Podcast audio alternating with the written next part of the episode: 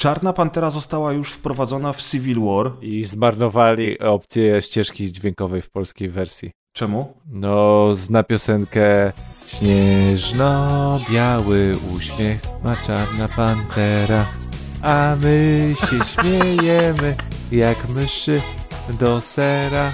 No pięknie, Amcio. Od tej strony cię nie znałem. Amcio wziął Pixa godzinę temu, wiesz? Aha, i zaczęła działać, okej. Mydło wszystko myje, nawet uszy i szyjemy. Mydło, Mydło pachnące jak kwiatki na łące. Mydło lubi zabawę chowanego pod wodą. Każda taka zabawa. On wziął dwie biksy. Witajcie w rozgrywce odcinek 257. Ja nazywam się Grzegorz Wojewoda, czyli Prez Perez, a ze mną są dzisiaj Amadeusz Łaszcz, czyli Deusz, Cześć. Maciek Ciepliński, czyli Razer Cześć. i Szymon Baliński, czyli Johokaru. Serwus. Witam Was wszystkich serdecznie. Dzisiaj, podobnie jak na poprzednim odcinku, zaczniemy od dyskusji tematycznej. Myślałem, że powiesz tak jak na ostatnim odcinku, pełny skład od zawsze na zawsze. To, to jest oczywista niezmienny. oczywistość. Tak. Jak zawsze, od zawsze w tym samym składzie. Także to się akurat tutaj nie zmienia. To jest nasz konstans już od dłuższego czasu. Tak naprawdę to od samego początku, prawda? No, W związku z czym. w ludzie na nas z czym polegają na tym, że Tak się jest. nie zmieni nic. Tyle E, lat. Tyle lat bez zmian, prawda? I wszyscy są już po prostu do tego konstansu przyzwyczajeni, e, Jak bezpiecznie się czują. Nas udowodnił po 10 latach czy 11 nawet poglądy w podcaście są dokładnie takie same. Dokładnie. Dziękujemy swoją drogą za tą przypominajkę sprzed 12 lat, e, w której Kaz e, mówił o tym, że jest przeciwny w ogóle cyfrze i grom w chmurze i tylko płyty. Także niektóre rzeczy Wiele się nie zmieniają. zmieni. No tak. tak samo będzie za 10 lat, zobaczycie. Także y, u nas, u nas bez zmian, kochani, mamy piękne deszczowo-burzowe lato, przynajmniej na, po, na północy y, jest, jest dość deszczowo i burzowo od Na kilku dni. też. Na południu Na, też, czyli na plażę nie ma co się teraz wybierać. nie ma, nie ma, czyli cała Polska świetnie się bawi jak zawsze latem. Elegancko. Poczekaj tydzień, zobaczysz, co będzie za tydzień. Za tydzień to my będziemy z Deuszem w Grecji, więc wiesz. A my będziemy mieć cieplej i tak. E, No. skry, te, śli screeny z, z, z aplikacji pogodowych. Dobra. Okej, kochani, słuchajcie, więc na początek krótka dyskusja y, tematyczna Call of Duty, dlatego że grałem ostatnio w Vanguard Kto wymyślił temat do O dyskusji? Boże, ciekawe. Jak myślisz, kto wymyślił temat do dyskusji? Y, Kto Generalnie rzecz biorąc, y, słuchajcie, grałem ostatnio w Vanguard i, i, i takie przemyślenia mnie naszły. Grałem też w Modern Warfare sobie z moim bratem. I generalnie rzecz biorąc, naszły mnie takie przemyślenia smutne, że jest bardzo dużo rzeczy, które w Call of Duty są złe. I to już od dłuższego czasu, ale w ogóle w grach, usługach e, i grach online e, też. Ale na przykładzie Call of Duty. Nie wiem, czy pamiętacie, kilka lat temu, kiedy wyszło e, Call of Duty WWI i była tam dyskusja na temat tego, że e, kampania single player była bardzo mocno osadzona w realiach historycznych, do tego stopnia, że pod koniec gry wyzwalaliśmy nawet jeden z obozów e, Koncentracyjny. koncentracyjnych, gdzieś tam bliżej wschodniej Europy i jakby to był bardzo mocny motyw, który do tej pory w tego typu grach się nie pojawiał i on był na tyle dobrze nakreślony, że rzeczywiście zapamiętaliśmy ten fragment. Mimo szkoda, że... był na samym końcu i że był taki krótki. Tak, ale, ale jednak był i to było bardzo ważne. Tymczasem e, multiplayer w WWI y, był taki, że mogliśmy grać na przykład czarnoskóry, czarnoskórymi nazistkami. I wtedy twórcy gry, znaczy oczywiście społeczność powiedziała, co to jest, rasizmu, no. Proszę. a to nie jest rasizm, wręcz przeciwnie. Mogą być każdego rodzaju skóry i przekonani. I wtedy twórcy, czy też PR-owcy, którzy to twórcom napisali, przekonali mnie do swojego podejścia. Mianowicie oni powiedzieli tak, słuchajcie, kampania single player to jest kampania single player, trzymamy się reali historycznych. Natomiast w multi mają bawić się wszyscy i wszyscy mają czuć się dobrze. Jeśli więc... ktoś się identyfikuje jako czarnoskóra nazistka, to powinien mieć Pro- opcję tak, proszę taką bardzo. postacią w Call of Duty. Otóż to. I mnie to na tyle przekonało, że stwierdziłem w sumie to faktycznie, co w tym złego, to jest multiplayer i tak zaraz będą jakieś dziwne skórki, chociaż akurat w World War Tych dziwnych skórek było nie tak dużo, jak w większości przypadków w tej serii. I mówię, a, każdy niech się bawi e, jak chce i w sumie to żaden problem, to i tak jest tylko gra. No i oszukali mnie, słuchajcie, oszukali nas wszystkich tak naprawdę, bo to była świetnie przemyślana e, ściema, którą Sledgehammer teraz jakby już ujawnił karty przy okazji Vanguard. No bo jak spojrzycie na Vanguard i na te screenshoty, które wam dzisiaj wysyłałem, i mamy grę o II wojnie światowej, w której to e, jest event walentynkowy. I nagle na, w menu głównym są czerwone i białe baloniki i napisy love dookoła. Potem Bo Snoop to jest Dogg stare święto walentynki, wiesz, wtedy, kiedy wtedy też obchodzili walentynki. tak jest. Potem, potem Snoop Dogg ląduje w Call of Duty. No to Snoopa już chyba Znany nie artysta, no. W, w, w najnowszym, s- czwartym sezonie Battle Passa pierwszą skórką do odblokowania jest jakiś haker w ogóle w bluzie z kapturem ze świecącą elektryczną twarzą. No to bardzo jest drugowojenne. Nie wspomnę już o skórkach King Konga, Godzilli i Mecha Godzilli. Ale- Jak patrzę... I patrzę teraz Tylko na te tę zostały y, z Fortnite'a. Odrzuty, tak? No, jak, jak patrzę po prostu na to, co się dzieje w tym multiplayer, to zastanawiam się, e, czy nie poszliśmy trochę za daleko. Ale już abstrahując od multi, bo możemy powiedzieć, dobrze, to jest, wiecie, to jest tylko zabawa, to jest multi, teraz są takie czasy, Fortnite i wszystkie inne tego typu gry mają Battle Passa, mają skórki, to musi być kolorowe, to musi być trochę z jajem, bo to się sprzedaje, więc robimy to samo w multiplayerze. No okej, ale jeżeli przypomnicie sobie moją recenzję gry i kampanii single player y, z czasów premiery Vanguard, to mówiłem tam głośno i wyraźnie, że ta kampania dla pojedynczego gracza również odeszła od realiów historycznych, robiąc rzeczy po swojemu, przekłamując historię, a na koniec to już nawet w ogóle wrzucili zombie do tego, bo okazało się, że w ostatniej misji, jak zdobyliśmy różne nazistowskie dokumenty, to jednym z tych dokumentów był tajny eksperyment zombie, który nawiązywał oczywiście do trybu zombie, tylko że mówimy o grze, która w teorii przedstawia nam hista- historyczne realia, a która jakby no, nagle wrzuca tam zombiaki. Więc y, do czego ja do- dążę? No. Y, Czy, czy waszym zdaniem to jest problem, czy to nie jest problem? Czy takie przekłamywanie historii w ramach roz, y, rozrywki, a zwłaszcza tak ważnej historii, która miała miejsce niecałe 100 lat temu i która zmieniła oblicze nie tylko Europy, ale i świata, i, i była po prostu tragedią dla milionów ludzi. A teraz możemy biegać King Kongiem i walczyć, kurczę, z, nawet chciałbym powiedzieć z nazistami, ale przecież w tej grze obie strony konfliktu są takie same. Mamy po prostu różne skórki po, postaci, których, którymi gramy i oczywiście są to hinduskie kobiety, kobiety z Ugandy, paru, paru Azjatów, ale takich, wiesz, typowo, y, nazwijmy, powiedzmy to po prostu szczerze, białych postaci europejskich, U. to tam za dużo nie ma w tej grze. A, to dobrze. Ale, ale, ale, to znaczy, co ty mówisz, że tam to nie jest tak, Dam że 400 są alian- złotych. alianci kontra naziści, nie ma takich meczy już?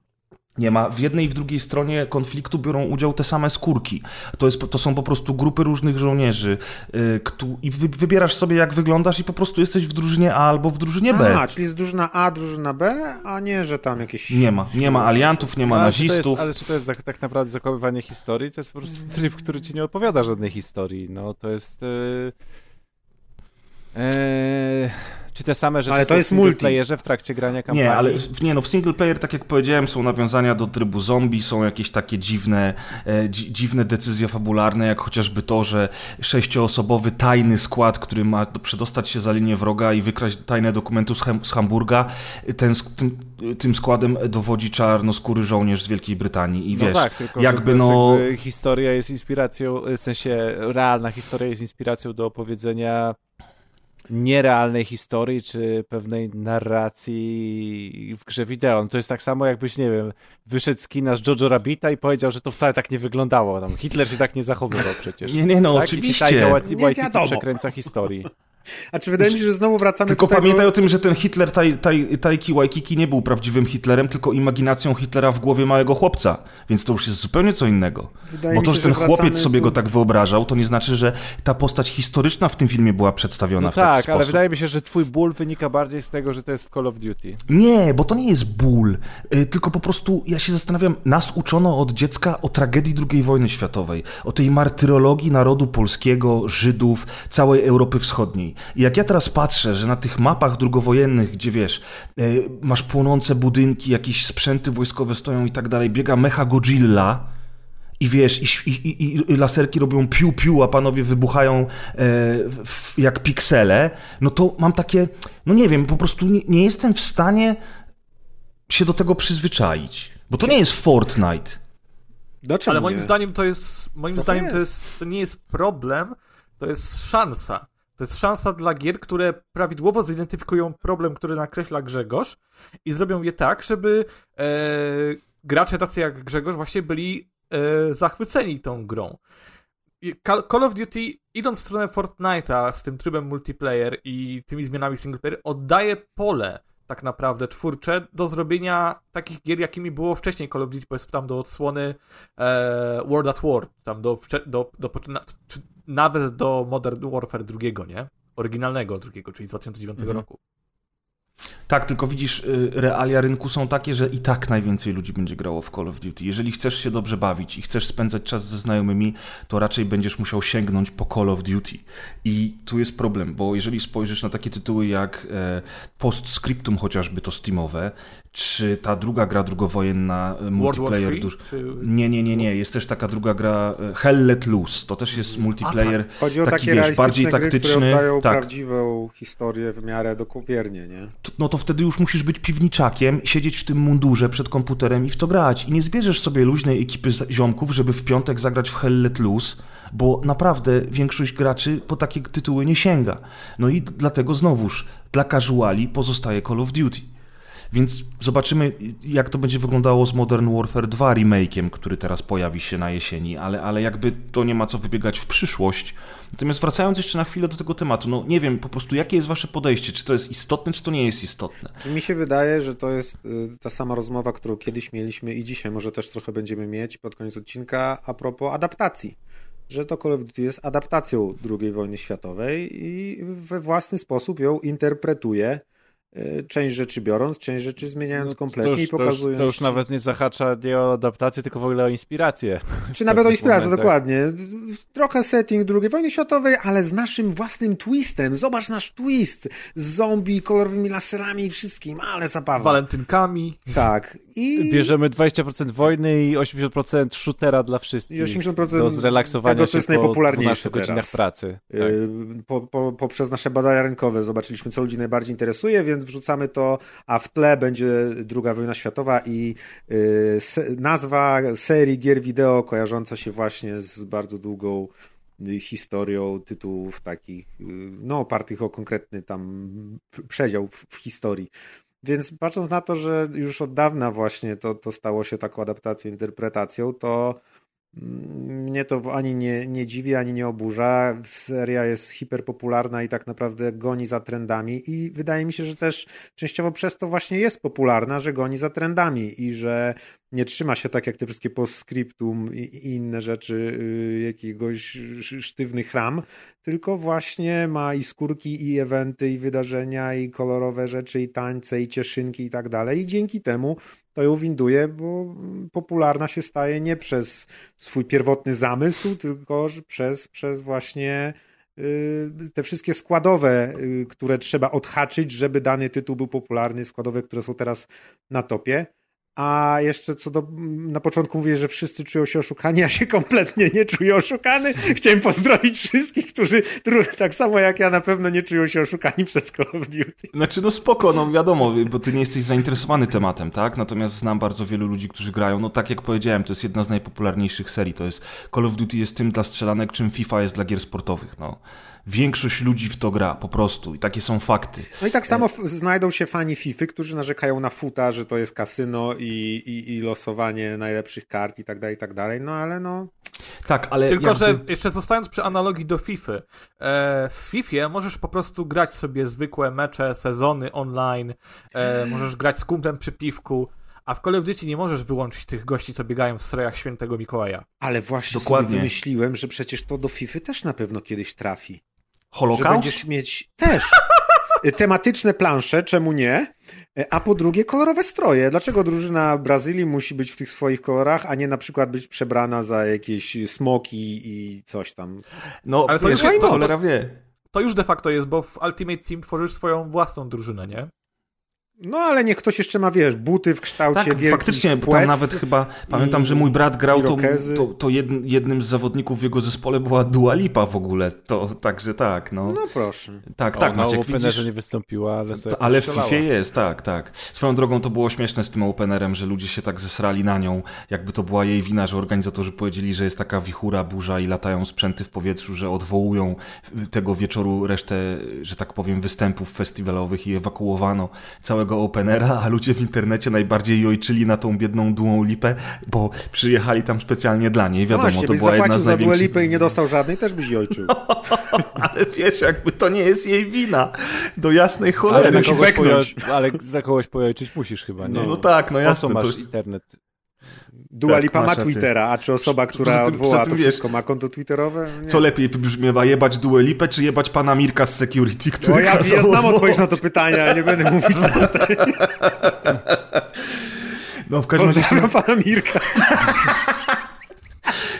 w każdym razie, w każdym razie wracając do tematu wyjściowego. Ja, mi chodzi o coś innego, O co chodzi w panowie. tym temacie? Mi Właśnie. chodzi o coś innego, panowie. Bo ja rozumiem, jak działają te mechaniki gier, gier usług, jak to wszystko teraz wygląda. W każdej grze musi być ten cholerny battle pass, te skórki, te zadanka i to maglowanie w kółko. E, tych wszystkich wyzwań, skórek i battle passów, żebyś jak najdłużej został w grze i wydawał tam pieniądze. To mamy już przegadane tyle razy. No, Czego nie nawet- rozumiesz? Dlaczego dalej grasz? czy, czy jeżeli chcemy robić taką grę, to czy jest to smaczne, że sięgamy po temat II wojny światowej? Nie można zrobić jakiegoś fikcyjnego konfliktu albo real, re, no, realistycznych, współczesnych czasów, tylko musimy akurat sięgnąć po tą II wojnę światową, bo wiesz, bo ty, wy mówicie o interpretacji i adaptacji, czyli co? Jeżeli w następnej części zrobimy y, z Holokaustu musical i pokażemy, jak więźniowie obozów koncentracyjnych tańczą w barwach LGBT i całują się ze sobą, to będzie spoko, bo to będzie interpretacja? No nie wiem, czy to będzie spoko. Właśnie o to mi chodzi. Że ja nie do końca się czuję spoko kompetencji z tym. pisaniu. To by wymagało kompetencji w pisaniu scenariuszy do gier, a tych Activision nie posiada zbytnio. No to inna sprawa, no.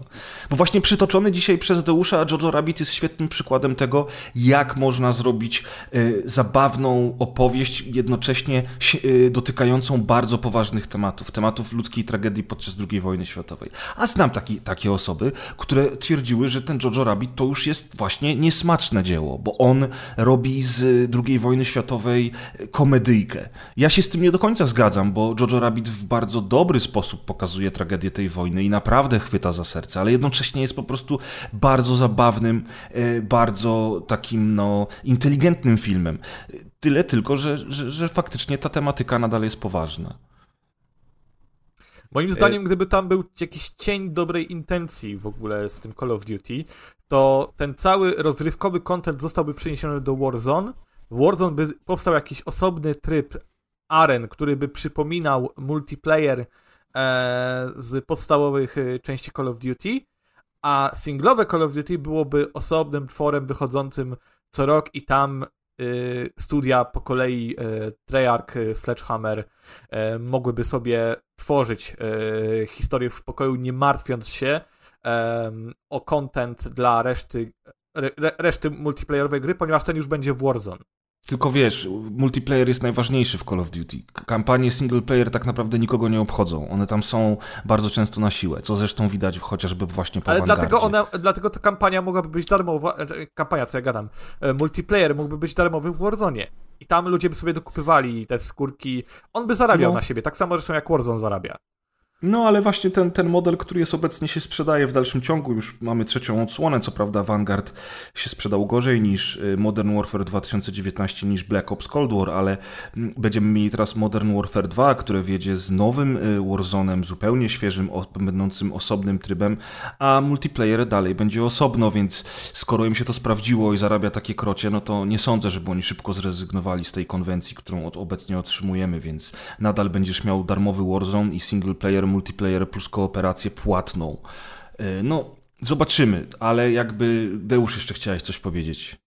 E, Nie, no. e, Ja chciałem tylko nadmienić to, że e, a propos tego później twojego rantu, że powstanie coś dotyczącego obozów koncentracyjnych, e, że wydaje mi się, że mm, już nawet powstawały w filmach, już powstawały komedie dziejące się w, na, na terenie obozów koncentracyjnych i jakby jest to temat, który na tyle dużo czasu minęło i na tyle dużo osób wie, e, o co chodziło, jaki był ich sens, jaka była ich tragedia, że przemielenie przez popkulturę, no prędzej czy później jest czymś naturalnym i będzie czymś naturalnym. Oczywiście tego nigdy nie zrobią, bo no, pokazałeś przykład przerysowany do ekstremum, bo czym innym jest śmianie się z, z, z pewnego zjawiska, a czym innym jest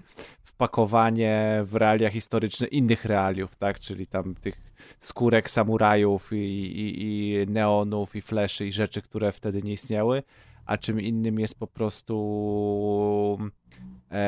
a czym innym jest po prostu na bazowanie na tragedii jakby konkretnej grupy grupy osób, więc to, co akurat powiedziałeś, to nigdy się nie wydarzy. Natomiast, no niestety, no, II wojna światowa jest już tak przemielonym tematem popkulturowym e, i raczej również jest y, tematem, y, y, z którym większość świata i jest pogodzona i, wie na czym to polegało, na czym to polegało, że nie wiem, czy takie czy takie dzieła kultury, czy, czy, czy, czy one mogą cokolwiek zmienić w percepcji, albo czy niszczą szacunek po kimkolwiek, albo po czymkolwiek. Rozumiem. No dobrze, chcecie coś jeszcze dodać w tym temacie?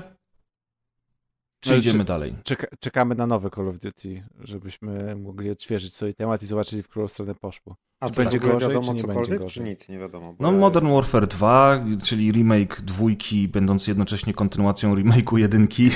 wow, Aha. ale powiedziałem. Potem I, Modern który Warfare będzie... 3.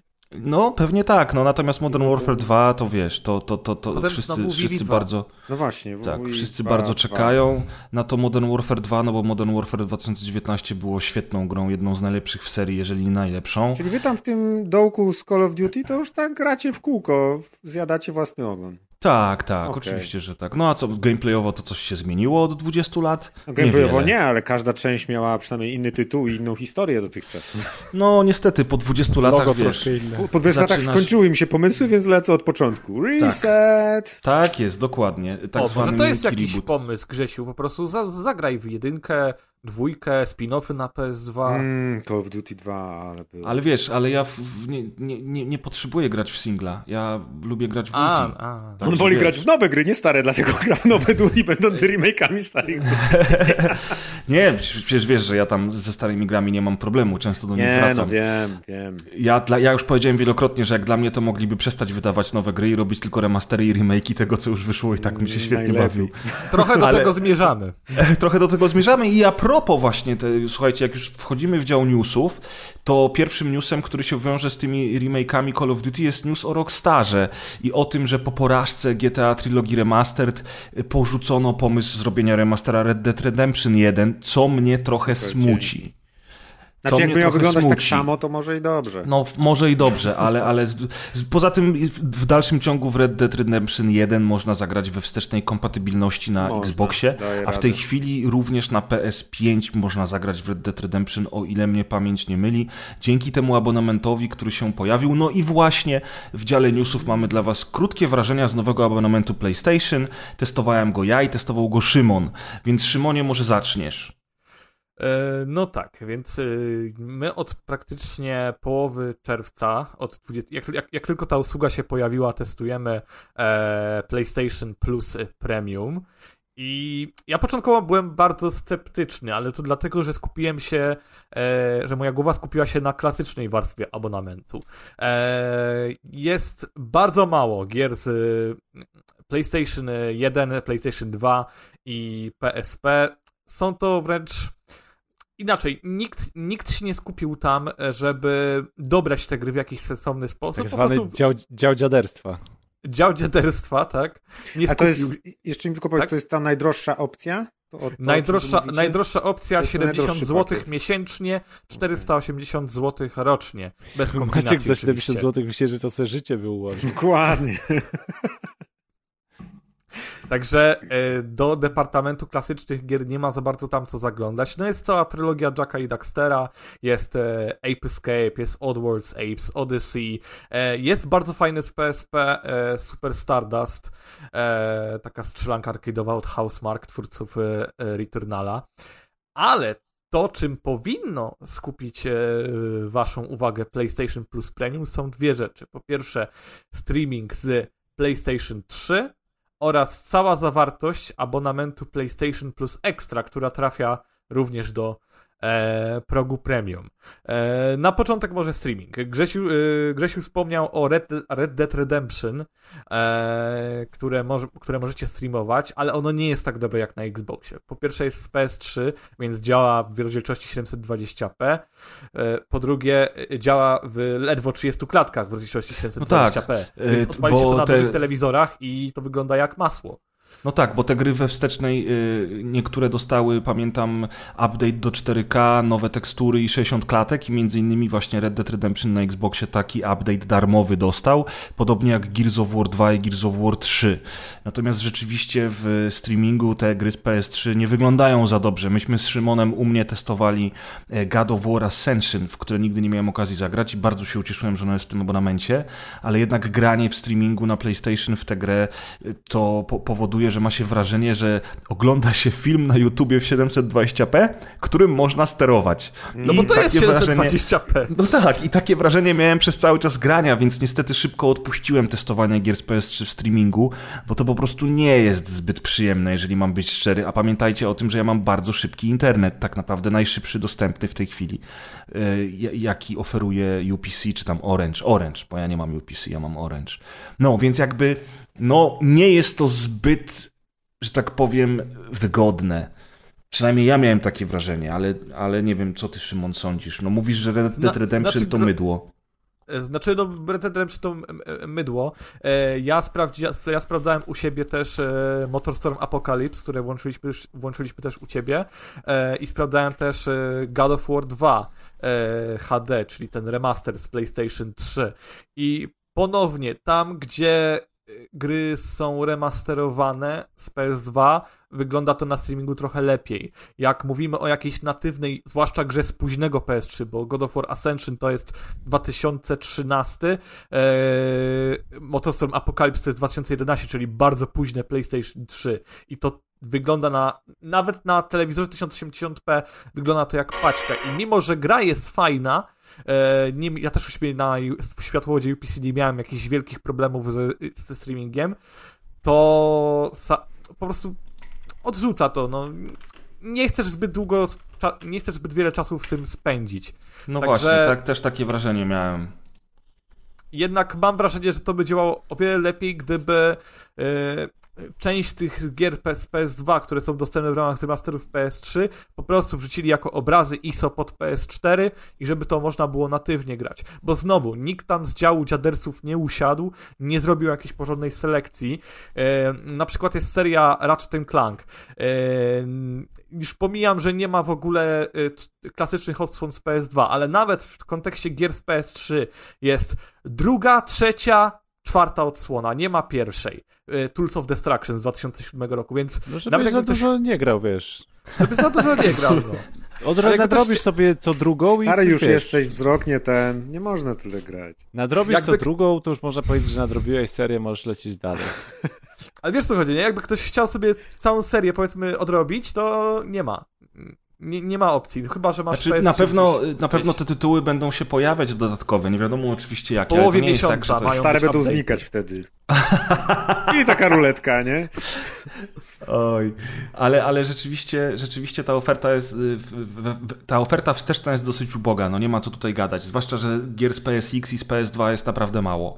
Y, a to chyba najciekawsze tytuły, które były, na które wszyscy czekali. No bo wiadomo, że gry z PS4, no to, to, to, to, to nikogo. nie bardzo, nikogo dokładnie, a ten PS3 w streamingu, no niestety, to mała przyjemność jest grania w te tytuły, więc, więc jakby... No ale pozostaje też katalog gier PS5, na przykład i tych gier zupgrade'owanych do wersji PS5, takich jak chociażby Spider-Man, yy, które są dostępne również w tej ofercie i dzięki tej ofercie na przykład można, możemy zagrać w lepszej wersji yy, w Death Stranding Director's Cut, Ghosts of Tsushima Director's Cut, Spider-Man, y, co tam jeszcze jest? Returnal. Returnal, właśnie, Returnal. Jest tych gier trochę i na przykład w moim przypadku, odkąd y, święty Łukasz pożyczył mi s- konsolę i dzięki niemu y, mogę ogrywać te tytuły, za co jestem bardzo zresztą wdzięczny, to, y, to, to ja się cieszę, że ja będę w ramach tego abonamentu w stanie właśnie przejść tą Tsushima w wersji Director's Cut, niedawno ją zacząłem, ale mam na razie trochę dość otwartych światów po Milesie Moralesie i po Horizon Forbidden West, o których będę dzisiaj opowiadał, że tam jest ten, y, że tam jest ten Dead Stranding, że tam jest na przykład Get Medieval, y, który był, który był na PS4 i teraz mogę sobie w niego zagrać, jeżeli będę miał ochotę i tak dalej, i tak dalej. No, to jest fajne, to jest najlepsze. Jeżeli ktoś nie miał na przykład PS4, albo nie zdążył ograć tych tytułów, albo tak jak ja y, uważa, że granie w 30 klatkach jest dla zwierząt, y, to może teraz zagrać jak człowiek. I to jest, y, i to jest bardzo fajna opcja, zwłaszcza, że w tym abonamencie też są oczywiście inne tytuły. Tylko na razie ta wsteczna to niestety nie jest zbyt, y, że tak powiem, obfita. Przynajmniej ja mam takie wrażenie, nie wiem jak ty, Szymon. No, nie jest to obfite, ale z drugiej strony, y, jeżeli zanurzymy się w katalogu gier z PS4 i PS5, to jest co odkrywać. Y, Nawet w ostatnim tygodniu y, my z moją Klaudią odpaliliśmy takie rzeczy jak Lumines, Lumines Remastered, Tetris Effect Connected. Ja grałem dużo w WRC 10, które jest y, dostępne te, w tej y, subskrypcji. Jest, Wspania- jest. Wspaniała gra. E, Klaudia dzisiaj próbowała odpalić Assassin's Creed Valhalla, ponieważ e, chciała sprawdzić e, po fascynacji e, God of War. E, ja dużo też. Znaczy, odpaliliśmy też Terraway Unfolded, Little Big Planet e, 3. Cały czas jakby znajdujemy coś dla siebie w tej e, usłudze. Przeszliśmy, o, w zeszłym tygodniu przeszliśmy taką małą platformówkę o nazwie Hue. E, graliśmy trochę też w Thomas Walks Alone, e, też taki indyk platformowy, bo jest w tej subskrypcji. I nagle jak się zaczniesz kopać, to okazuje się, że dla każdego coś miłego i nawet czuję, że na, to byłoby warte tych 70 zł miesięcznie, jeżeli masz taki e, gen odkrywcy w sobie, że lubisz grzebać w tych grach. Znaczy, y, tak, y, jeżeli chodzi o listę współczesnych gier, tych z PS4 i z PS5, to rzeczywiście jest ich na tyle dużo, zwłaszcza tych gier oczywiście third party, że każdy dla siebie coś znajdzie. I to faktycznie jako odpowiednik y, Game Passa daje radę. Bo są tam tytuły, w które można sobie pograć i na pewno, tak jak mówisz, każdy coś dla siebie znajdzie. Natomiast właśnie ta kwota trochę mnie zastanawia, powiem Ci szczerze, bo 7 dych miesięcznie to już jest trochę dużo. Jest trochę dużo, ale z drugiej strony, no wiesz, no, można poczarować trochę, yy, wybrać się na wycieczki Bo to, międzynarodowe. Bo, bo to ile jest? To jest 20 zł drożej niż Game Pass? Plus minus, tak, bo Plus Game Pass w, minus 20 tej, złotych, na, no, w tej 55. najdroższej ofercie kosztuje 55, ale to jest ten, który jest jednocześnie na PC i na konsolę. Mhm. Czyli ten najbardziej wypasiony Game Pass kosztuje 15 zł mniej. Nie wiem, no ja, ja wiem, że raczej jeszcze na miesiąc przedłużymy, żeby posprawdzać yy, i plus zobaczyć, co pojawi się yy, w nowym rzucie, w sensie tak, żeby wyrobić sobie jakiś obraz, co tam będzie się działo, ale miałbym opór jednak dać te 480 rocznie. No y, tak, tylko jeżeli będziesz z tego korzystał cały czas, to może być to opłacalne. Pytanie brzmi, jak często i jak bogato będą te oferty aktualizować, prawda? Czy to będzie tak jak w Game Passie, że co miesiąc będzie kolejne tam 10-20 gier dochodziło, czy to będzie jednak mniej? E, No, przede wszystkim na pewno będą to tytuły jednak third party, bo nawet teraz już po tej ofercie widzimy, że eksy konsolowe i i znaczy eksy PlayStation i przede wszystkim te najświeższe, najnowsze Niedawne. gry wcale się nie pojawiają w tej ofercie. I tak na przykład Uncharted w nowej wersji na PS5 w tej ofercie nie ma. Nie ma Gran Turismo 7 i tak dalej, więc tutaj akurat y, pod tym względem Game Pass nadal króluje y, tym, że premierowo wszystkie swoje eksy udostępnia. Ale No tak, tylko ty, właśnie ile tych premier jest, a dwa, że na przykład dokładnie. Stray, e, które wychodzi 19 lipca, też pojawi się w tym Extra i Premium. Ta gra z kotkiem.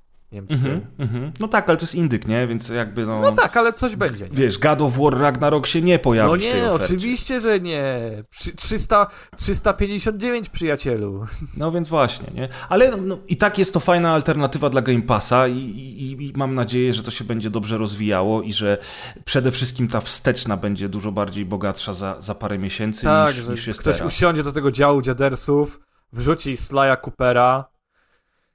Nie wiem, klasy, klasyczne raczety, jakieś, nie, no, bo Aiko jest, ale w streamingu. Mm, no ktoś usi- musi ktoś do tego usiąść, no po prostu. Dokładnie. E, no, a my lecimy dalej z tematami i następnym tematem, do którego siadamy jest afera z Blade Runnerem Enhanced Edition, która w sumie przeszła bez echa, bo i premiera przeszła bez echa i tylko dziadersi e, i, i grupa GKN Zap na Facebooku e, w ogóle zauważyli temat, no ale temat jest niestety smutny, bo bardzo dobre, sky, jak oni się nazywają? Skydive? Jak się Night nazywa Dive. Night Dive, okay. czyli ta firma, która robi e, remastery wszystkich staroci dla dziadersów i która robi je zawsze doskonale. Tym razem wydała e, remaster Blade Runnera, przygodówki e, z lat 90., która była przygodówką wybitną i do dziś jest jedną z najlepszych gier, w jakie kiedykolwiek w życiu grałem, więc bardzo się cieszyłem, że mogę sobie, y, będę mógł sobie zagrać znowu, tym bardziej, że jako posiadacz, e, posiadacz y, oryginału na Gogu miałem y, promocję na zakup tego remastera, więc czym prędzej to zrobiłem, a okazało się niestety, że wersja zremasterowana jest po prostu skopana i w wielu momentach wygląda gorzej niż wygląda oryginał, e, filmy się tną, jest cała masa problemów, bugów i nie tylko. Tak, wygląda gorzej gorzej, w sensie graficznie ona wygląda gorzej. Ta. Ona ma mniej szczegółów, ma gorsze oświetlenie, gorsze te efekty neonowe, yy, czasami ma gorsze odbicia nawet, bo widziałem też te porównania między tymi dwoma wersjami, więc to jest dla mnie w ogóle niepojęte. A to ciekawe, jak... czy oni robili to na jakimś innym silniku i nie potrafili tego ja yy, odwzorować? Ja czytałem, że oni nie mieli dostępu do kodu źródłowego oryginału i to był problem. No tak, bo to w ogóle był problem też przez to, że się ta gra nie ukazywała przez tyle lat, nie? Że, że, że nie było właśnie dostępu do, do oryginałów. Więc ciekawe, czy oni to odtwarzali, może wiesz, siedział tam typ i wszystko od zera rysował od nowa. Puścili przez, ogóle... te, puścili przez ten automat, jak y, w GTA, Co GTA robił. Trilogy. No, tak. Panie Grove Street, zrób pan.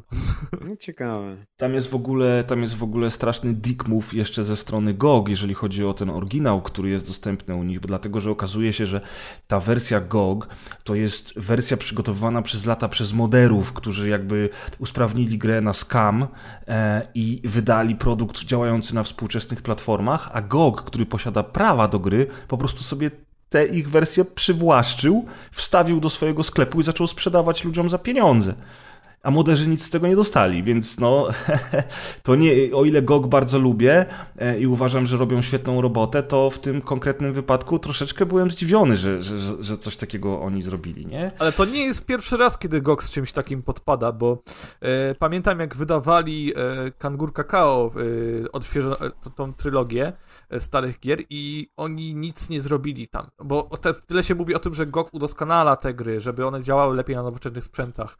Oni nic, z tym kangurkiem na przykład oni nic nie zrobili. Musiałem zastosować ten, sta, za, musiałem zastosować ten sam stary fix, który robiłem do wersji niegogowej, więc to nie jest tak Rozumiem. tak kolorowo czasami u nich. No, no jak widać, nikt nie jest doskonały. No, także to by było na tyle, jeżeli chodzi o Blade Runnera. Nie kupujcie, tak?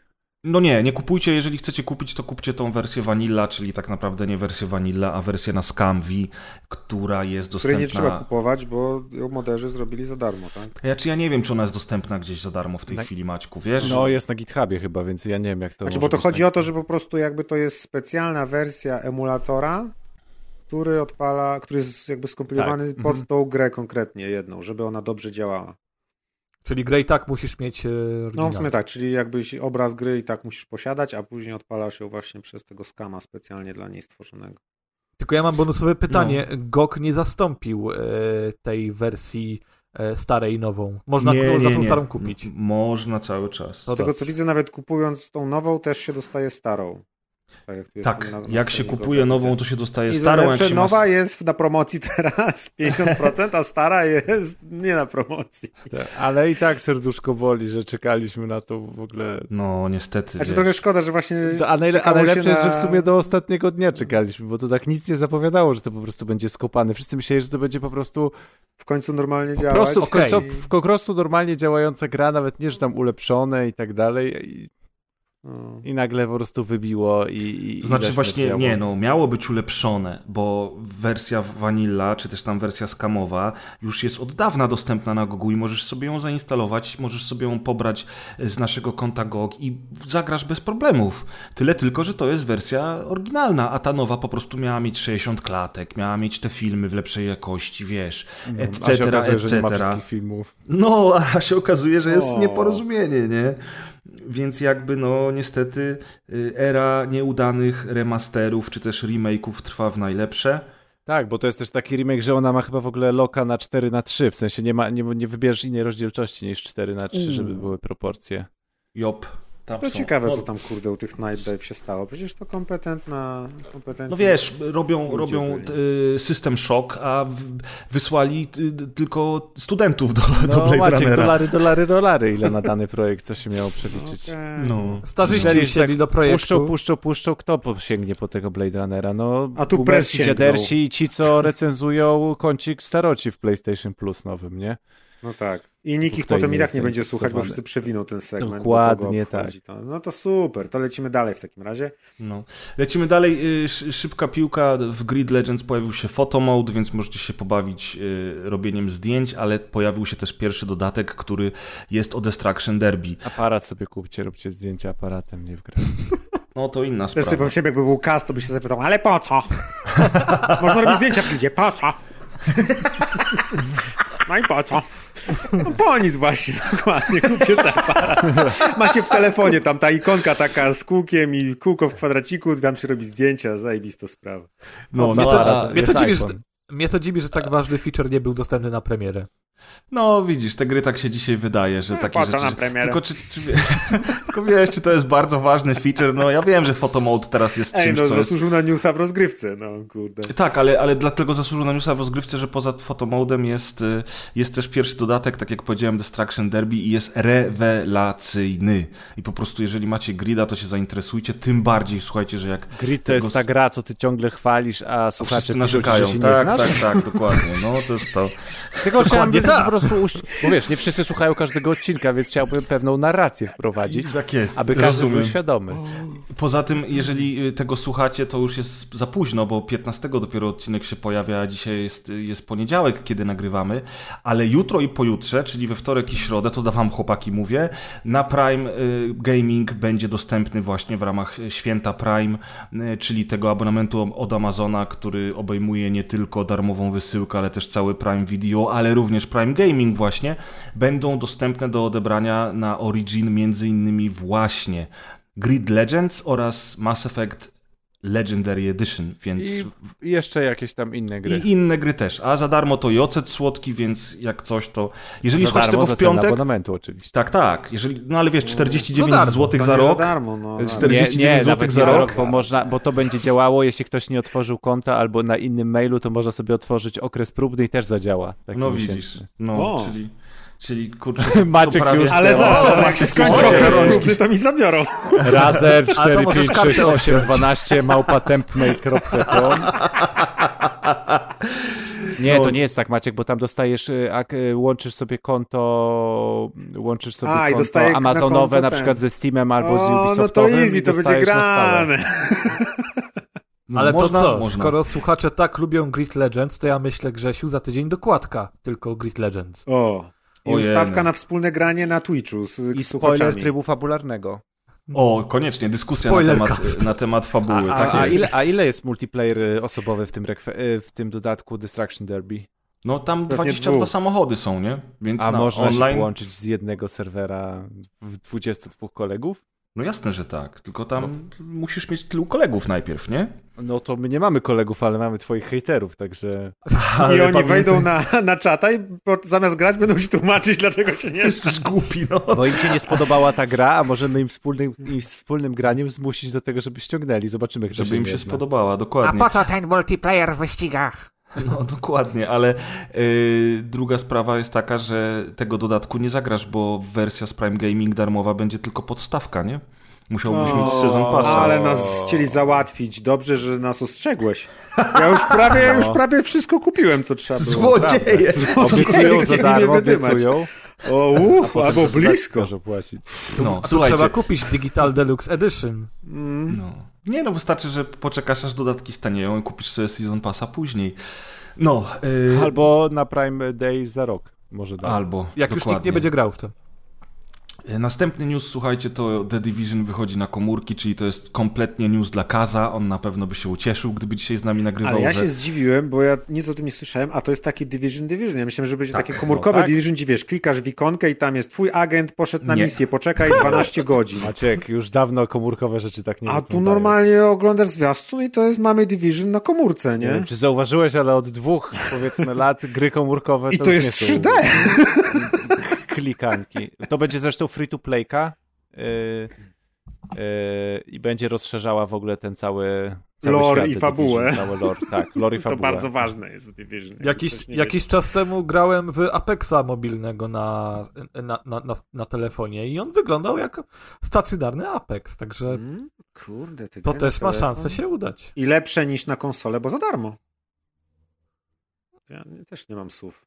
No, to znaczy to, że jest free to play, to nie znaczy, że za darmo macie. Na No komórkach jak, no akurat free free to play, play, no. free to play na mobilnych oznacza pay more Reklamy. than just one, just once. Aha. No i reklamy, kuźwa, po prostu. A tu by Coś zrobili tak na strasznego. przykład, że w tym, to się chyba będzie w Nowym Jorku działo, bo tu widzę statuę wolności, to zrobiliby, że na tych telebimach na Times Square się wyświetlają reklamy na przykład. Dobra, akurat, akurat w to zagram, to będę mógł wam O, powiedzieć. Ekstra, jeden się poświęcił. Take one for the Super. team, dzięki Deusz. Ale ja myślałem, że Kaz będzie recenzował. A Kaz będzie, tylko on jeszcze nie wie, ale mu załatwi, klucz mu załatwił od wydawcy. dokładnie. Powiedz, że dokładnie jest klucz, tak. musisz zagrać, no. Wersja przedpremierowa. No, słuchajcie, widzę, że następny news y, jest y, bardzo ważny, chociaż nie wiem, dlaczego ktoś napisał, że wygląda Dokładnie, jak gówno. kto to napisał, kurwa. Ja. Maciek. się. Ja to O, napisałem. Ty, ty No jakie szczylu. gówno, świetnie wygląda. Słuchajcie, słuchajcie, y, Tejon, czyli twórcy wspaniałego Rambo The Game oraz y, y, nowego Terminatora, który rzeczywiście jest udany i który zresztą chwaliliśmy nieraz na podcaście, nie, zresztą nie tylko my. Ogólnie, ogólnie opinia na temat Terminatora jest taka, że to udana gra. No i polskie Tejon robi kolejną grę na licencji, kolejną w, klimatach lat 80., co mi się strasznie podoba, Maćkowi też, bo jesteśmy starzy. To jest w ogóle skandal. Gameplay, gameplayowo też tak chyba Dla wygląda. mnie się, z całym Co szacunkiem ty dla... gadasz? Wiesz, to świetnie wygląda. Z całym szacunkiem dla Tejona, ale to, że takie studio musi się brać za markę Robocop, a nie, że to robi na przykład fu, Ubisoft albo jeszcze jakieś większe studio, to jest dla mnie skandal w ogóle. Ale, Ale to jest to dobrze, samo- że Polacy pokażą, że można i że trzeba.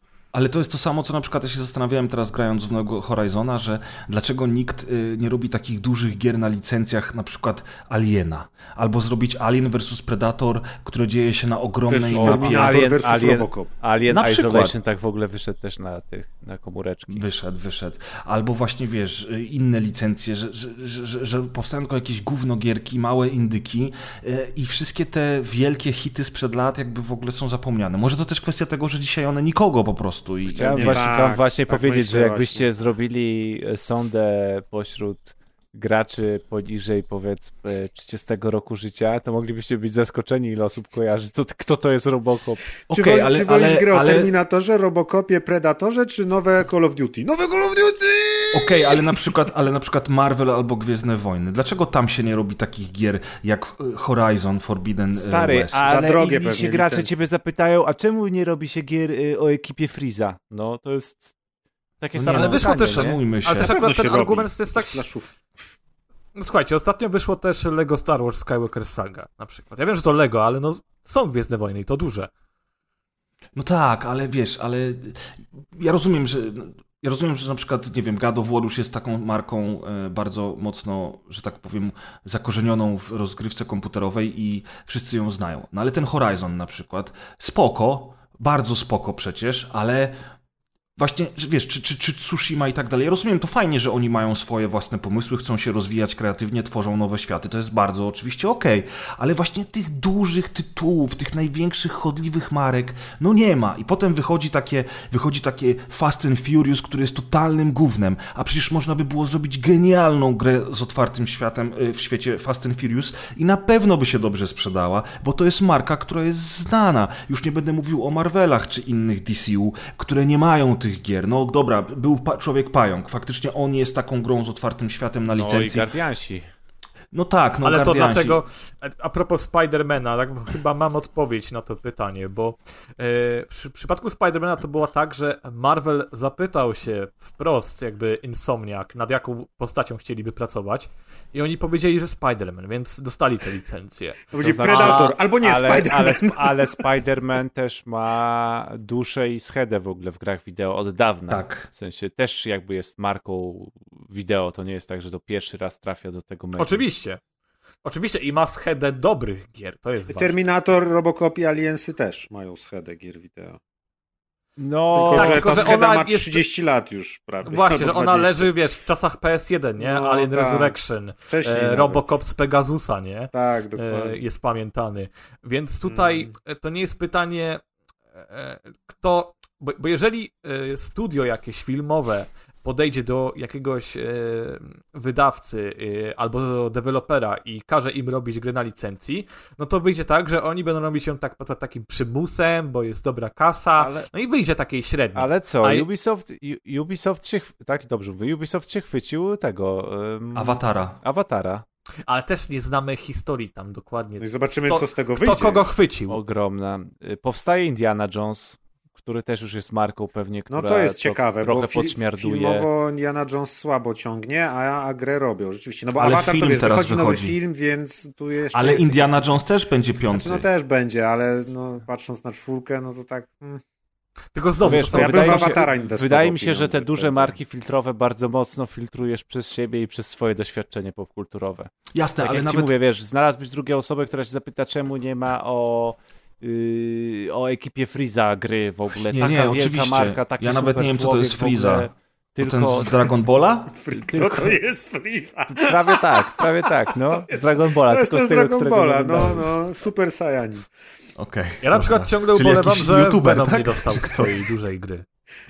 No nie, ale Venom i Spider-Man to jest prawie to samo, Ale ledwo Spider-Man no. dostał, to gdzie Venom? Stary, No. weź sobie obniż ten y, kontrast na telewizorze, byś miał wymowy.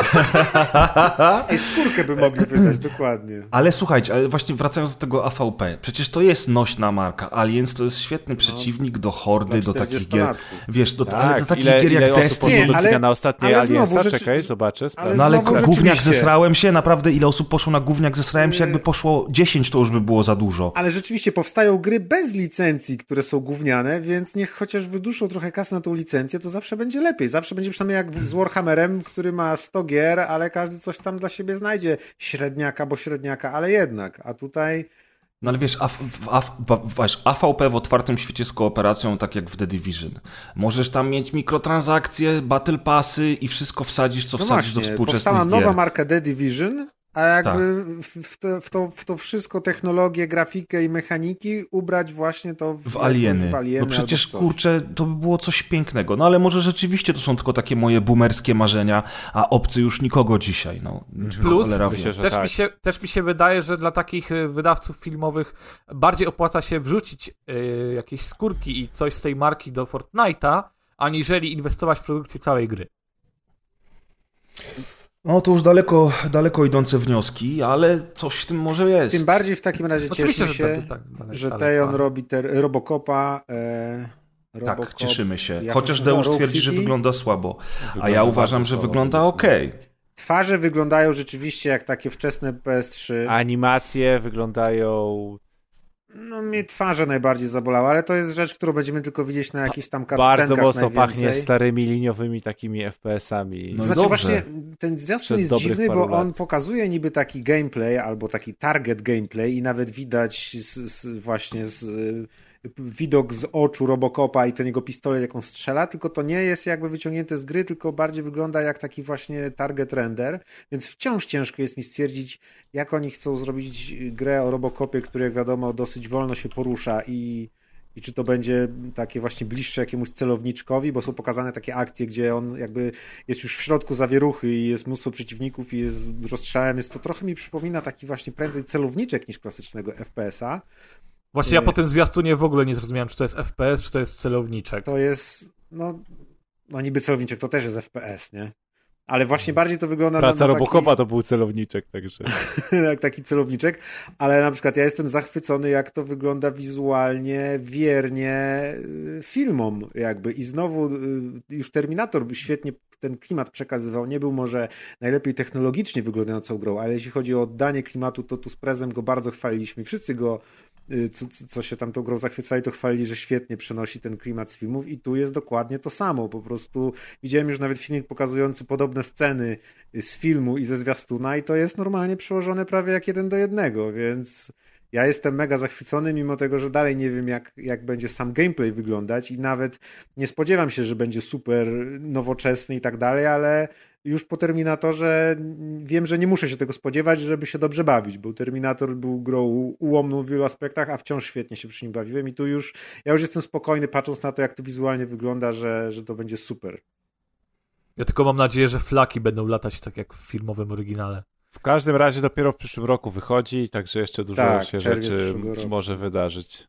Ja, Tak, tylko, ja y- tylko dodam od siebie, że e, ten Robocop był e, pokazany w ramach wydarzenia Nakon Connect i tam też e, pokazano chociażby Test Drive Unlimited e, Solar Crown, które chyba wygląda Mhm. gorzej niż na poprzednim teaserze, bo coś Weź mało pokaż. tej gry mają. Pierwsze słyszę, ty, dawaj. tego? Nie, to był taki teaser, w, taki fabularny, pokazujący bardziej e, lokacje aniżeli Ale CGI video czy gameplay? CGI. A, CGI. prawie nic Nie, CGI, to tam tak. CGI, to Parę screenów. Tak. No dobra, no to niestety test drive się nie zapowiada wybitnie, już tak długo powstaje, że chyba nic z tego nie będzie. Ale WRC nowe będzie w październiku. Tyle dobrego. WRC 11 będzie. E, e, WRC Generations. A, racja, WRC Generations, no to pięknie, no i jeszcze będzie now, nowa Forza Motorsport, więc na jesieni to będzie w co grać, jeżeli chodzi o samochodziki. E, Forza Motorsport wiosna 2023. A, faktycznie, przepraszam. Tak, bo oni chcą teraz Force wiosną wydawać, więc Forcy No poleciały i test drive też na w przyszłym roku dopiero niestety. Mm. No to będzie tylko WRC, ale to zawsze coś. Okej, słuchajcie, a czego nie będzie? W sklepie Ubisoftu nie będzie już można grać w trzy tytuły, cztery tytuły, a tak naprawdę jest ich więcej, bo widzę, że tutaj wpisaliście do rozpiski e, Assassin's Creed Liberation HD, Silent Hunter 5, Anno 2070 i Space Junkies, ale ja też wiem o Splinter Cell Blacklist i o czymś jeszcze. I to nie tyle, że ich nie będzie, tylko w teorii gry te nie będą już więcej wspierane, nie będzie można ich kupować w sklepie, ale będzie można je zainstalować tylko bez żadnych DLC, więc nawet jeżeli kupiliście do nich DLC, to już ich nigdy nie wykorzystacie. Tymczasem okazuje się, że przy AC Liberation i przy Silent Hunter 5 już widnieje informacja, że w momencie wejścia tej, tej rzeczy, tak, czy tam zdjęcia gry ze sklepu, nie będzie jej, jej też można w ogóle zainstalować. I teraz gdyby był kas, to co by powiedział Maćku? Tak, i Kiedyś jeszcze bardzo, lepiej. ist- bardzo istotna jest rzecz, żebyśmy nie rozsiewali fake Albo newsów, dobrze bo rozpocząłeś tak. sobie wypowiedź o sklepie Ubisoftu, a chodzi o gry Ubisoftu na Na Steam. Steamie, no właśnie. Nie wiemy, co będzie w sklepie Ubisoftu. Aha, no, No tak, też racja, warto to była ważna rzecz, żeby ją dodać. Ja te... Bo, bo może się okazać, że w sklepie Ubisoftu, jeśli ją masz, to wszystko będzie dalej super działać i hulać. Chodzi o wersje Steamowe. Tak. A Maćku, Ma- Kas by powiedział, dlatego tylko płyty. No to wiadomo. No. Znaczy ja do... No tak, ja... czyli, no. czyli mówimy o Steamie. No, no, no, no tak, sorry, sorry. Zapomniałem dodać. Co chciałeś powiedzieć, Szymonie? Tak, e, dwie rzeczy dołożę. Pierwsza, Assassin's Creed Liberation HD e, będzie dostępne dalej e, na, Ubis, na sklepie Ubisoftu, tylko że, jeże, tylko, je, tylko że jeżeli zakupicie e, Assassin's Creed 3 Remaster, czyli musicie kupić drugą grę, żeby zachować starą, którą macie. A No dwa, płaćcie tam Polacy. Bardzo fajnie. A dwa, że dosłownie chwilę przed nagraniem pojawiła się dodatkowa informacja od e, PR-u Ubisoftu, że e, pojawił się jakiś błąd, starzyści coś przekręcili i, i jednak e, jeżeli kupiłeś już te gry, to one zostaną w twojej bibliotece, więc A, no to spoko. Cały widzisz. czas będziesz mógł je ściągnąć i grać, tak? Ale bez Dokładnie. DLC. bez DLC, tak. Be- DLC dalej No. będzie niedostępne i nie będzie można ich kupić. To jest trochę problematyczne, szczerze mówiąc. No, ale rzeczywiście teraz wszyscy nasi słuchacze, którzy mówią tylko płyta, żadnej cyfry, a nie mówiłem, mieliśmy rację od samego początku, możecie Mieli poklepać się po plecach. Możecie się poklepać po plecach, natomiast y, nadal jebać płyty i plastik, więc, więc nie pozdrawiam. Ale No, z drugiej strony, ale z drugiej strony chyba jakby w regulaminie zakupu Steamowym chyba jakby jest Oczywiście. to przewidziane. To nie jest Oczywiście, tak, że, że jest przeciwko tak. regulaminowi. Więc... Nie, nie, oczywiście, że tak. Pamiętajcie, że żadna, żadna gra, którą posiadacie na w żadnej aplikacji growej na PC i na konsolach nie należy do was w, w każdym ogóle, regulaminie. w ogóle przy takim ogromie e, bazy danych tej Steamowej, to i tak się dziwię, że dopiero wiecie, że te- te gry Dopiero tylko znikają. rosną i to w tempie wykładniczym tak naprawdę, te biblioteki rosną w tempie wykładniczym, że i tak się, i, i, i tak tych dram związanych z usunięciem czegoś ze sklepu, z niemożnością ściągnięcia było, jest stosunkowo mało. Kurde, ciekawe jaki duży serwer ma Gaben wykupiony, że mu się te wszystkie gry mieszczą tam. Głównie z grami wyścigowymi są problemy tak. zawsze. Czemu? Bo muzyka. Bo muzyka i bo licencje na samochody są. E, No tak, czyli tam gdzie są kilkuletnie licencje, tylko. tam jest najgorzej. No, no, ale tak że jak, ale tak jak mówię, że i tak mi się wydaje, że i tak jakby ten problem to jeszcze jest oj raczkujący Przed i to nami. tak No. po- porządnie, porządnie raczkujący, bo przy przyroście tych, tej treści to w końcu mi się wydaje, że jednak yy, pewne rzeczy może, może zaczną być wygaszane. dlatego też jest niesamowicie. utrzymywać. Dlatego też niesamowicie ważna jest prezerwacja gier po prostu, niezależna prezerwacja gier. I no, jeżeli ktoś będzie chciał zagrać w Assassin's Creed Liberation HD i nie będzie mógł go legalnie kupić, to będzie miał tę możliwość. Także no, nie jest koniec niech świata. do nas napisze maila, a ja mu powiem skąd załatwić. Jest takie jedno miejsce w sieci. Ale z drugiej strony to też trudno mi sobie wyobrazić, że teraz dużo osób gra w to Assassin's Creed Liber- Liberation, także czy to jest wielka To jest- strata dla świata? Bo to jest w ogóle ta wersja z ten, z PSP, PSP. prawda? Z PS Vita. Czy z Vity? PS Vita, ty- tak. Z Vity?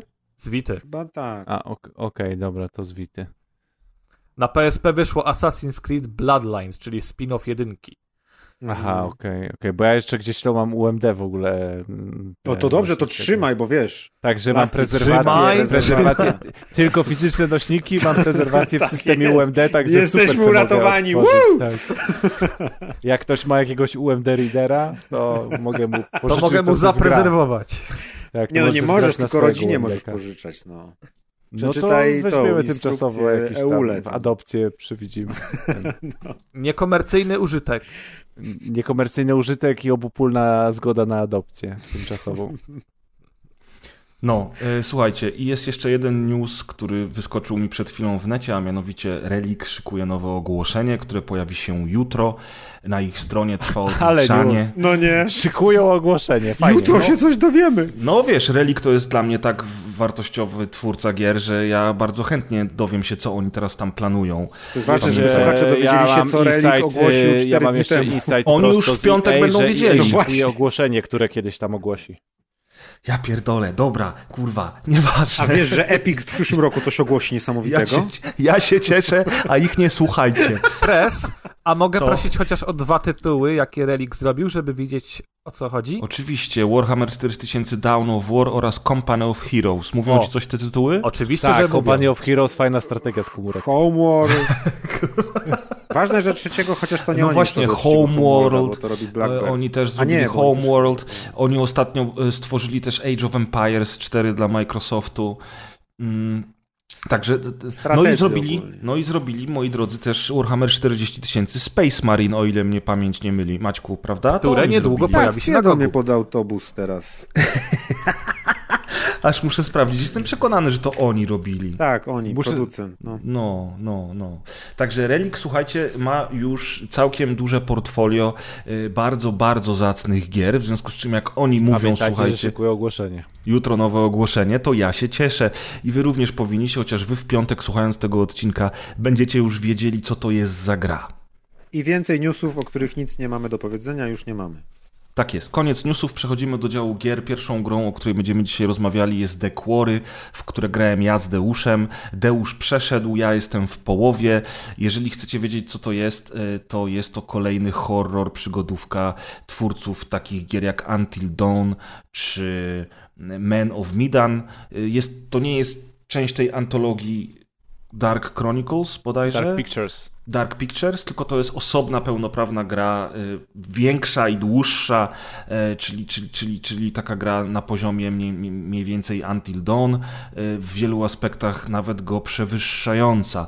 Y, Oczywiście zatrudniono tu parę gwiazd klasy B z Hollywood, które występują tutaj. Albo takich serialowych gwiazd. albo takich serialowych. Pojawiają w amerykańskich wszelakich serialach. Także mamy tutaj nie tylko ich wizerunek, ale również głosy. E, Jest to oczywiście zrobione na bardzo wysokim poziomie. Do tego stopnia, że ja mam wrażenie momentami, że oglądam serial TV, a nie gram w grę. Chociaż początek jest dosyć słaby pod tym względem, jeżeli chodzi o grafikę, dlatego że początek gry dzieje się za dnia i za dnia wszyscy wydają się troszeczkę bardziej drewniani, te animacje robią mniejsze wrażenie. Natomiast później zapada noc i reszt, przez resztę gry e, jest noc, w związku z czym zmienia się to oświetlenie, e, zmienia się kontrast i nagle te postaci zaczynają wyglądać, kurczę, tak realistycznie, że momentami miałem wrażenie, że oglądam tych prawdziwych aktorów nakręconych e, na wideo, a nie ich wizerunki z gier, prawda, Deusz? Tak, no bo jeśli w ogóle mówimy o grafice w The Quarry, która robi wrażenie jako taka, to musimy pamiętać, że to jest, tak jak wszystkie gry Supermassive, że to jest gra, film interaktywny. Więc y, i to na dodatek y, slasher horror, więc 80% jakikolwiek ujęć, to ujęć w tym w tej grze to są ujęcia osób, y, czy na zbliżeniach, czy w dialogach, czy w planach amerykańskich. Więc jeśli mamy 80% y, scen i kadrów, gdzie mamy osoby, no to wiadomo, że cała para poszła w gwizdek, nie w otoczenie. I to tak naprawdę widać, no bo postacie są zrobione niesamowicie, szczególnie na takich bardzo dużych zbliżeniach. W niektórych filmikach to jest, y, też wysyłałem wam screeny nawet tam parę dni temu z grania. E, To naprawdę jest bliskie realizmowi, bo, realizmowi, bo nie wiem, czy widziałem jakąkolwiek grę wideo z tak dobrymi oczami, z głębią w oczach, z... A ty jeszcze masz ray tracing, prawda? E, tak, tak, tak. Z głębią w oczach, z, z, z jakby z głębią, e, z, z nawet zębów, tak? Czyli usta, tekstury na ustach, tekstury skóry, pory, mikrowłoski wystające z, z tej skóry, przebarwienia i tak dalej, i tak dalej. To, to na zbliżeniach wygląda niesamowicie. Tylko tak jak mówisz, jak już są gdzieś takie otoczenia, no to otoczenie już nie robi takiego wrażenia. Ono trochę odstaje od, nie jest brzydkie, e, ale odstaje jakby od tych postaci. Eee, szczególnie, e, nie wiem, czy doszedłeś z fragmentami, gdzie jest woda. Mhm, tak, woda jest No woda tragiczna. wygląda jak z PlayStation 1, więc Jest taki motyw, jak, jak parka p- pływa sobie w jeziorku po ciemku i ja myślałem, że jest glitch jakiś w ogóle, że się mi Tak! coś nie doczytało. Jest taki motyw, że wystaje kolesiowi, wiesz, szyja, głowa ponad wodę i on niby pływa i widać, że ten obiekt po prostu się porusza tak, jakby tej wody w ogóle nie było. On tak se jeździ w tej wodzie. Ti, ti, ti, ta głowa jego wystaje tylko nad wodę.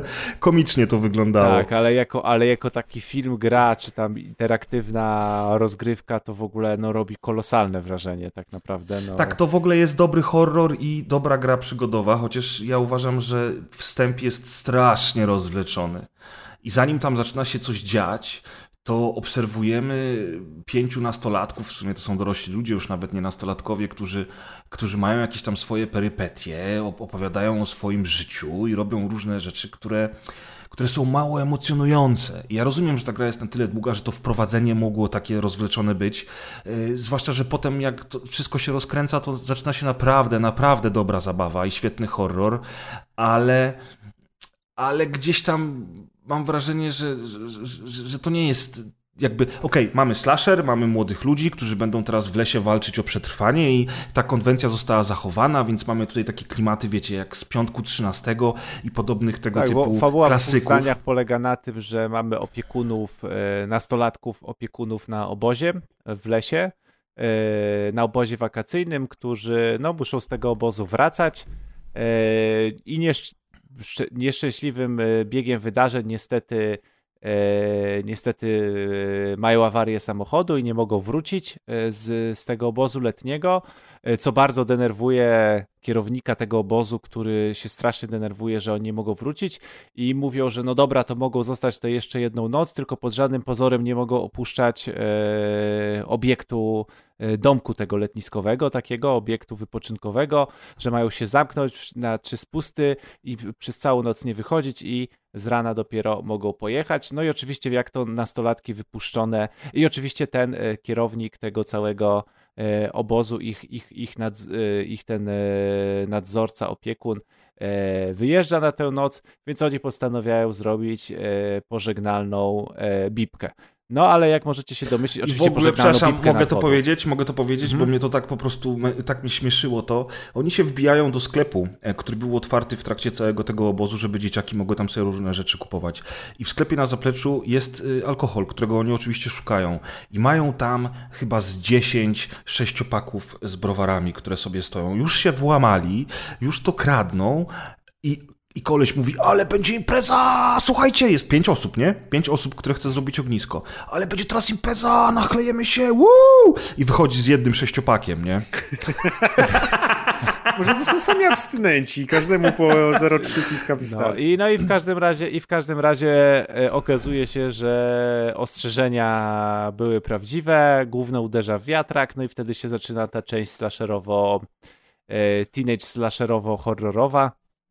E, no i wtedy się tak naprawdę e, zaczyna dziać, więc to jest taka e, typowy, typowy, nawiązujący do tych wszystkich e, nastolet, e, slasherów z nastolatkami w, w opuszczonym w opuszczonym lesie. To wszystko nawiązuje do najlepszych produkcji tego typu.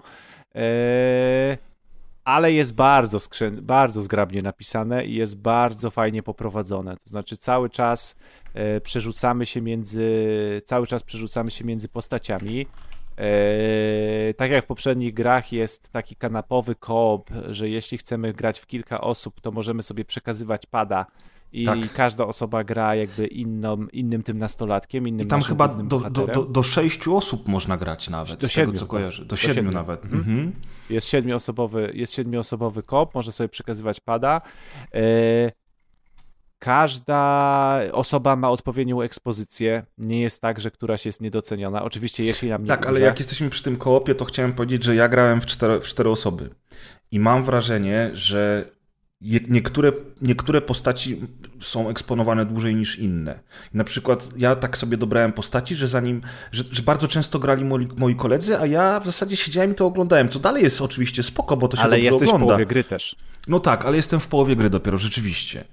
Czyli mówisz, że potem jakby to jest Więc rozkładane. wydaje mi się, że w kontekście całej gry na szali, oczywiście jeśli ktoś, e, jeśli ktoś nie umrze, bo jak sobie możecie, jak, jeśli, jeśli graliście w, W inne gry tego albo, studia. al- albo wiecie na czym to polega, to wiecie, że e, tutaj nasze wybory i nasze decyzje no jakby mają wpływ na bieg wydarzeń e, i poszczególne postacie mogą nam ginąć, mogą przeżyć, no i na sam koniec gry może, może przeżyć albo całe towarzystwo, albo całe towarzystwo może zginąć, albo w zależności od tego, co się wydarzyło w trakcie gry, e, poszczególne osoby mogą zginąć. No i oczywiście, jeśli dana osoba zginie, to już jej ścieżki w trakcie gry nie będziemy e, widzieli.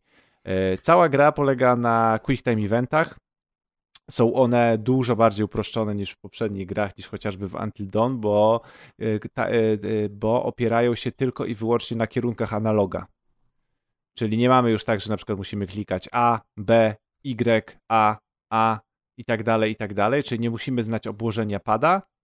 E, Wystarczy, że y, quick time eventy polegają na tym, że mamy wychylić drążek w lewo, wychylić drążek w górę, w dół albo w prawo i jeszcze to okno, kiedy mamy to zrobić jest na tyle duże, że nawet osoba niezaznajomiona w ogóle z padem nie będzie miała e, problemów z tymi quick time eventami. Tak, mam wrażenie, że są dużo prostsze niż do tej pory Tak, były. tak, tak. No mówię, no, no, mamy tylko wychylenie analoga. Jeśli chodzi o użycie przycisków, to tylko mamy szybkie klikanie A, jeśli coś musimy robić bardzo dynamicznie, ale to mówię, nawet osoba, która nie, nie zna obłożenia pada, można jej wytłumaczyć jeden przycisk i kierunek analoga. E, Dodatkowo w Until Dawn było tak, że e, była mechanika wstrzymywania powietrza, żeby się nie ruszać i wtedy nie można było ruszać padem. Tak. Mi to nigdy nie działało i zawsze przegrywałem. Natomiast tutaj już nie musimy tego robić, wystarczy przytrzymać przycisk. Znaczy i... jest podobna mechanika z tym, Tak, z podobna tym mechanika, wstrzymywaniem ale jest powietrza, łatwiejsza, ale bo nie musimy tak. trzymać pada nieruchomo, tylko, tylko wystarczy, że e, wciśniemy przycisk. I w sumie to wszystko. Do tego dochodzą wybory, które musimy podjąć w trakcie gry. E, co nasza postać ma zrobić, czy co nam ma postać, e, co nasza ma postać odpowiedzieć. No i fabuła się i fabuła się e, dzieje. Nowym elementem jest e, tak zwany Death Rewind, e, którego nie było wcześniej. Czyli jeśli już raz przeszliśmy grę, albo jeśli kupiliśmy grę w wersji Deluxe, A, E, czyli to tylko ma- dla Bogoli. To, to, to jest opcja tylko dla Bogoli, ewentualnie dla osób, które raz przeszły grę. Trzy razy w ciągu gry, jeśli nasza postać ginie, pojawia nam się na ekranie opcja, czy chcemy wrócić do wyboru, który spowodował to, że nasza postać ginie. I teoretycznie nie wiemy, do jakiego elementu gry wrócimy, i teoretycznie może się okazać, że albo nas cofnie 15 sekund, Albo bo wybór, godzinę. który ostatnio podjęliśmy, spowodował śmierć tej postaci, albo nas cofnie cały rozdział do tyłu. Bo się okazuje, że jakaś decyzja na początku tego rozdziału spowodowała e, śmierć naszej, naszej e, postaci. Tak, bo tam jest generalnie bardzo nieliniowo, z tego co ja rozumiem i z tego, czym oni się reklamowali. Nie jest może to y, poziom nieliniowości z Detroit Become Human, który był po prostu niesamowity, ale jest też dużo mniej liniowo niż do tej pory w ich grach Tak. było. I to Death Rewind brzmi fajnie. E, Raz tego użyłem, było fajne, i następne dwa razy, jak to spróbowałem użyć, to już się Cofnęło się na początek delikatnie gry. w, nie, w, w, delikatnie się mówiąc wkurzyłem, bo ewidentnie jest to mechanika, która nie jest przemyślana z dwóch względów. E, Po pierwsze, e, jak cofnęło mnie praktycznie, nie wiem, o 20-25 minut grania do wyboru, e, to po pierwsze, jak się cofnąłem i zobaczyłem, który wybór doprowadza do śmierci tego bohatera, to był to wybór tak naprawdę, no gracz w żaden sposób nie mógł się domyśleć, że jego wybór jest cokolwiek bar- zły albo dobry. Czyli jakby ten wybór bezpośrednio w ogóle się nie można było domyśleć, że ma jakikolwiek wpływ na dalsze losy, ale co gorsza, spowodowało to to, że znów musiałem przez te 25 minut grać, nie licząc tego jednego wyboru, dokładnie tą samą scenę, te same sceny, które już grałem. Bo ten wybór nie wpłynął na te następne 25 minut grania, tylko dopiero na prze, przerzucenie się między tymi postaciami. Czyli musiałem pół rozdziału, tak jak mówię, 20-25 minut grać i jeszcze raz zagrać te same quick time eventy, wysłuchać tych samych dialogów, ponieważ nie było żadnego opcji pominięcia rzeczy, które już zagrałem. Więc najpierw to mnie y, dwa razy granie po, po 20 parę minut tych samych dialogów, gdzie akurat to był dość statyczny moment, gdzie się w sumie nic nie robiło, tylko wybierało odpowiedzi albo oglądało dialog, było dość y, irytujące. I druga sprawa była taka, że wykorzystałem tą opcję w momencie i cofnęło mnie dosłownie o, nie wiem, minutę czy dwie, ale okazało się, że y, moment tej decyzji, w której ginie ta postać, to był moment, y, w którym doprowadziłem grę do takiego momentu, że musiałem zdecydować, że tak naprawdę decydowałem, czy ginie jedna postać, czy druga. Czyli tak naprawdę te cofnięcie nie pozwoliło mi zaoszczędzić życia tej postaci, tylko pozwoliło mi wymienić te jedno życie na życie innej postaci. Czyli gra nie widzi tego, że a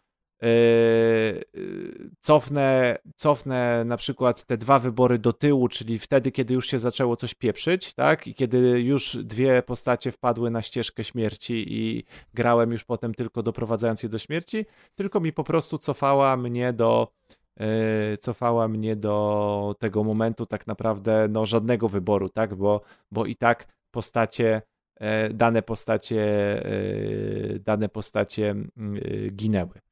Więc, więc ten Death Rewind może brzmi fajnie, ale tak jak mówię, jest e, no trochę dziwnie jest zrobiony i jeszcze wyda, wydaje mi się, że powinien zostać bardziej przemyślane to wracanie do, do tych ścieżek, żeby łatwiej można było manipulować tymi ścieżkami i tymi rozgałęzieniami jako gracz. Poza tym umówmy się, że jakby największą atrakcją tych horrorów jest właśnie to, że jeżeli popełnisz błąd albo podejmiesz złą decyzję, to ta postać ginie. To powoduje jakieś emocje.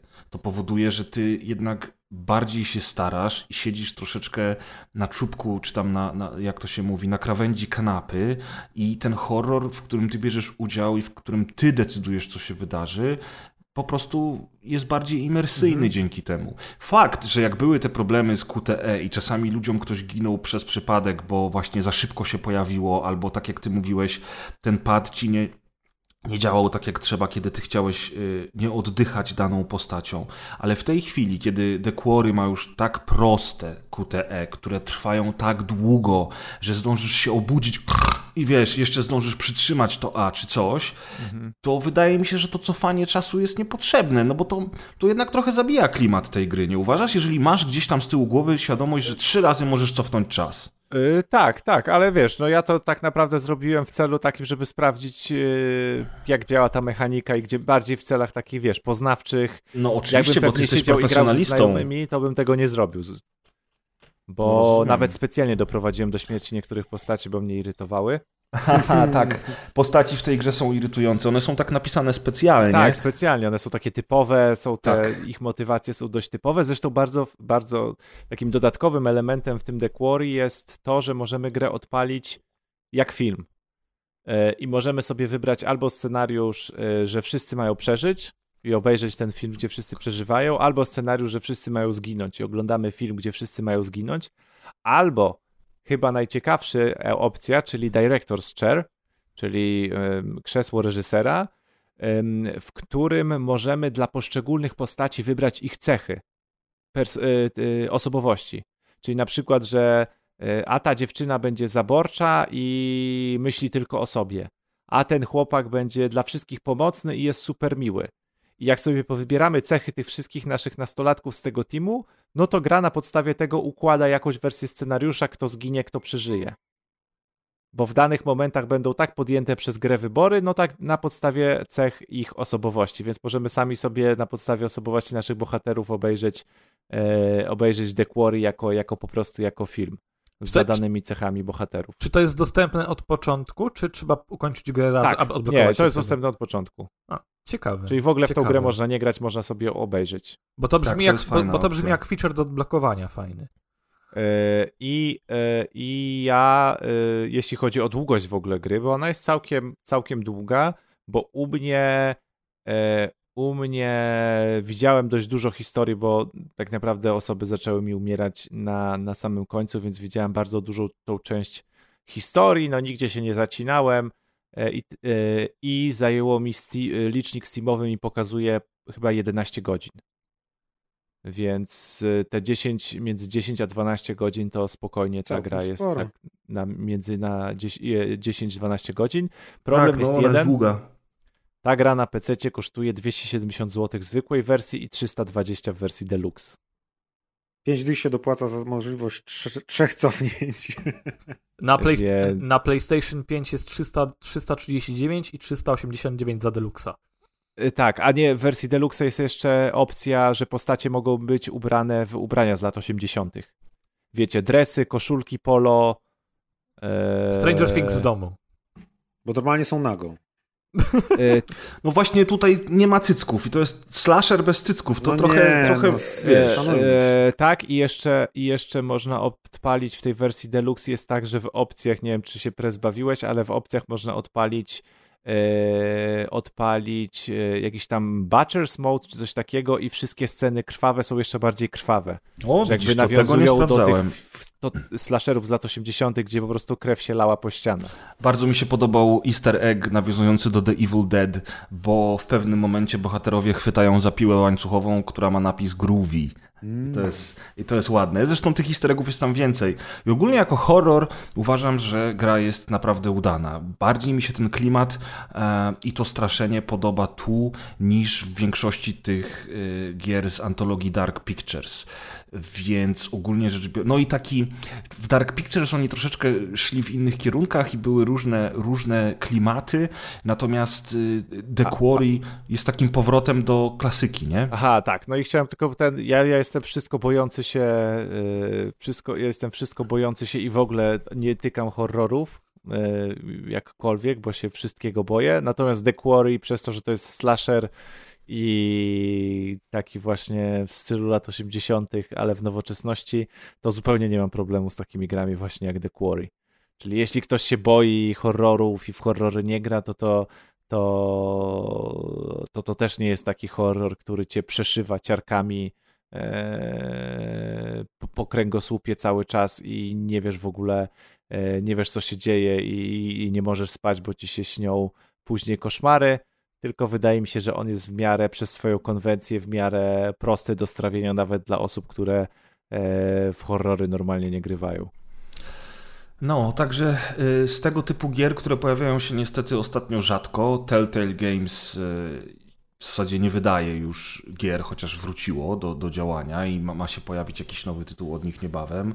I tak naprawdę konkurencji na tym polu nie ma, więc y, The Quarry jest bardzo przyjemną grą fabularną, no bo ciężko to nazwać przygodówkami w takim e, e, znaczeniu per se, jednak, jednak to, to, to, to ze starymi klasycznymi przygodówkami niewiele ma wspólnego, ale Mhm. jeżeli macie ochotę dla fabuły zagrać w pojedynkę, czy dla frajdy zagrać z, ze swoimi znajomymi, to jest to w tej chwili Tak, bo to na kanapowy koop to jest w ogóle super. Super sprawa. opcja. Mhm. Bardzo, bardzo dobra e, zabawa, więc my polecamy. Deusz przeszedł całość, ja jestem w trakcie, bo właśnie. No tu jest ten problem, że jak grasz ze znajomymi, nie? I umówiliśmy się w cztery osoby i przeszliśmy pół gry, no to teraz musimy znaleźć drugi termin, żeby drugie pół gry razem zagrać w tym samym składzie, w którym, w którym zaczęliśmy, nie? A y, online chyba też to się da zrobić, o ile, o ile pamiętam. Nie? Nie, Nie, nie ma ma online? No widzisz, Nie ma więc. online. Więc y, pod tym względem możecie, chociaż ja pamiętam, że już w przypadku poprzedniej gry y, tego studia, Dark Pictures, y, tej, która działa się w tych, na pustyni tam, chyba w Iraku, bardzo fajna zresztą gra, nie pamiętam tytułu teraz, ale to była najnowsza odsłona, ostatnia odsłona Dark Pictures. Pamiętam, że też tak grałem, że zaczęliśmy w kilka osób, a później po prostu grałem sam i jedyna różnica jest taka, że mamy cały czas, bo już nie możemy, nie możemy tego trybu, jeżeli, o co mi chodzi, jeżeli zaczniemy grać w kooperacji, to musimy y, kampanię dokończyć w tej kooperacji. Jeżeli na przykład znajomi nie będą mieli czasu przyjść na drugą sesję i będziecie musieli grać w pojedynkę resztę gry, to jedyna różnica jest taka, że będziecie mieli cały czas te ekrany informujące cię, że teraz przekaż pada, bo teraz będzie grała osoba, która steruje Johnem albo inną Kate. No i w tym wypadku te ekrany ładowania to jest po prostu, znaczy nie ładowania, tylko informujące, to jest po prostu konieczność wciśnięcia klawisza A i gramy dalej, więc nawet jeżeli w połowie gry będziecie chcieli dalej grać sami, to bez problemu zagracie sami. Y, Jedyne co będzie to te ekrany właśnie. Także tak, y, Quarry. A jak już przy horrorach jesteśmy, to Yohokaru opowie nam kilka słów o MX vs ATV Legends, w które grał i w które grał razem ze mną również i które przetestowaliśmy, ale, ale Yohokaru y, zbadał temat dogłębniej, także opowiadaj. Co tu dużo mówić? Yy, Na początek mały rys historyczny. Rainbow Studios. M- Nazwa, która może nie mówić zbyt wiele, ale śmiem założyć, że graliście kiedyś na pewno w przynajmniej jedną ich grę. Nieważne, czy to, czy to jest legendarne już Motocross Madness e, na komputerach e, PC od, e, wydane pod egidą Microsoftu, czy Aż się łezka wokół kręci. Mm, E, Na pewno wszyscy pamiętają te katapulty, e, jakie gra tworzyła, gdy wyjechaliśmy poza mapę. E, Drugą pozycją było ATV Offroad Fury na PlayStation 2. e, Chociaż tutaj już jedynie połowa serii, e, połowa serii stworzona pod egidą Rainbow Studios, ponieważ później markę przejął Climax. E, No i jesteśmy w 2022 roku, a Rainbow Studios z jakiegoś powodu dalej klepie swoje e, motorkowe, e, motorkowo-kładowe fantazje. No, no, pasjonaci lubią motorki. No, tylko właśnie tej pasji coś brakuje, ponieważ nie, niecałe 20 gier później MX vs ATV Legends jest jedną z gorszych gier wyścigowych, w jakie grałem e, od lat, a przebrnąłem przez takie rzeczy jak e, Sebastian Loeb Rally Evo, Gravel. Ej, Sebastian Lepra Ej. i Ewo był spoko. Był super, ale właśnie pod względem Świetny tego, że jest był. super. E, po, e, tak tytuły z głowy wymieniam, żeby e, re, reszta miała e, obraz. W, Rajda grałem e, dwójkę, bardzo fajny też. E, ale no niestety MXTV Legends zawodzi. E, nawet ostatnie motocross, nie, e, Monster Supercross e, Legends piątka jest tytułem znacznie lepszym. E, A to nawet ja recenzowałem i to było niezłe. W sensie jest niezłe. Jest w porównaniu do MXATV Legends jest niezłe. E, co zawodzi? Znaczy- E, Może od... Powiedzmy najpierw może tak, że jakby ta seria MX versus ATV to jest taka seria bardziej zręcznościowa, nastawiona na właśnie motocykle i bagi, którymi się ścigamy i, i w różnych trybach. E, Stawiona na bugi to nie brzmi jak... tym razem jest nastawiona na bugi. Tak, no i generalnie rzecz biorąc, jakby y, to jest taka seria mniej realistyczna, więc ona nie jest taką mordęgą, jaką jest właśnie chociażby Supercross, o którym wspomnieli panowie, czy MXGP, które ja bardzo lubię, ale które no, jest też bardziej wymagające.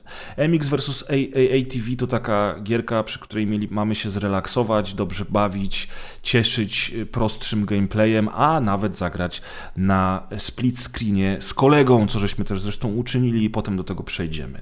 Także to tyle w ramach wyjaśnienia.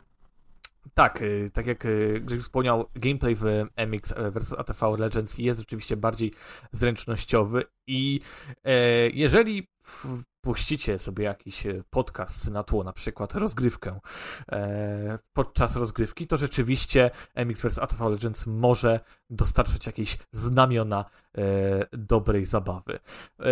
Problemem jest jednak cała obudowa gry. Ja powiem szczerze, że już odinstalowałem tytuł, więc od okienka recenzenckiego nie miałem okazji rzucić okiem na aktualizację, e, ale problemy, z jakimi ja się napotkałem, to na przykład e, znikająca mapa w trakcie wyścigów, e, bardzo wolne filmiki FMV, które leciały E, między poszczególnymi wyścigami.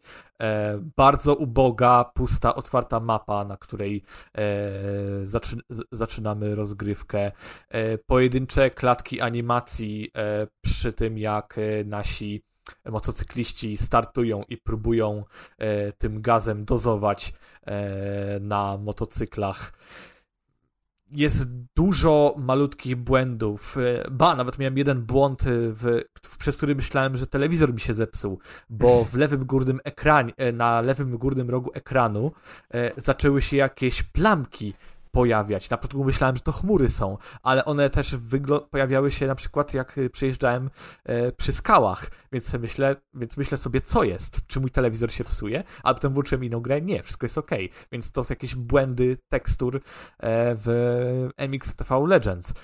Mm, to są te bugi, które są to, w tytule. To są te bugi, ale też y, jest, jest kategoria pojazdów UTV, e, która prowadzi się jak kartony. To są takie też pojazdy bugi, pseudosamochody, którymi można sobie jeździć, ale e, pro, pro, największym, tak naprawdę funda, fundamentalnym problemem MXTV Legends jest sam system kariery.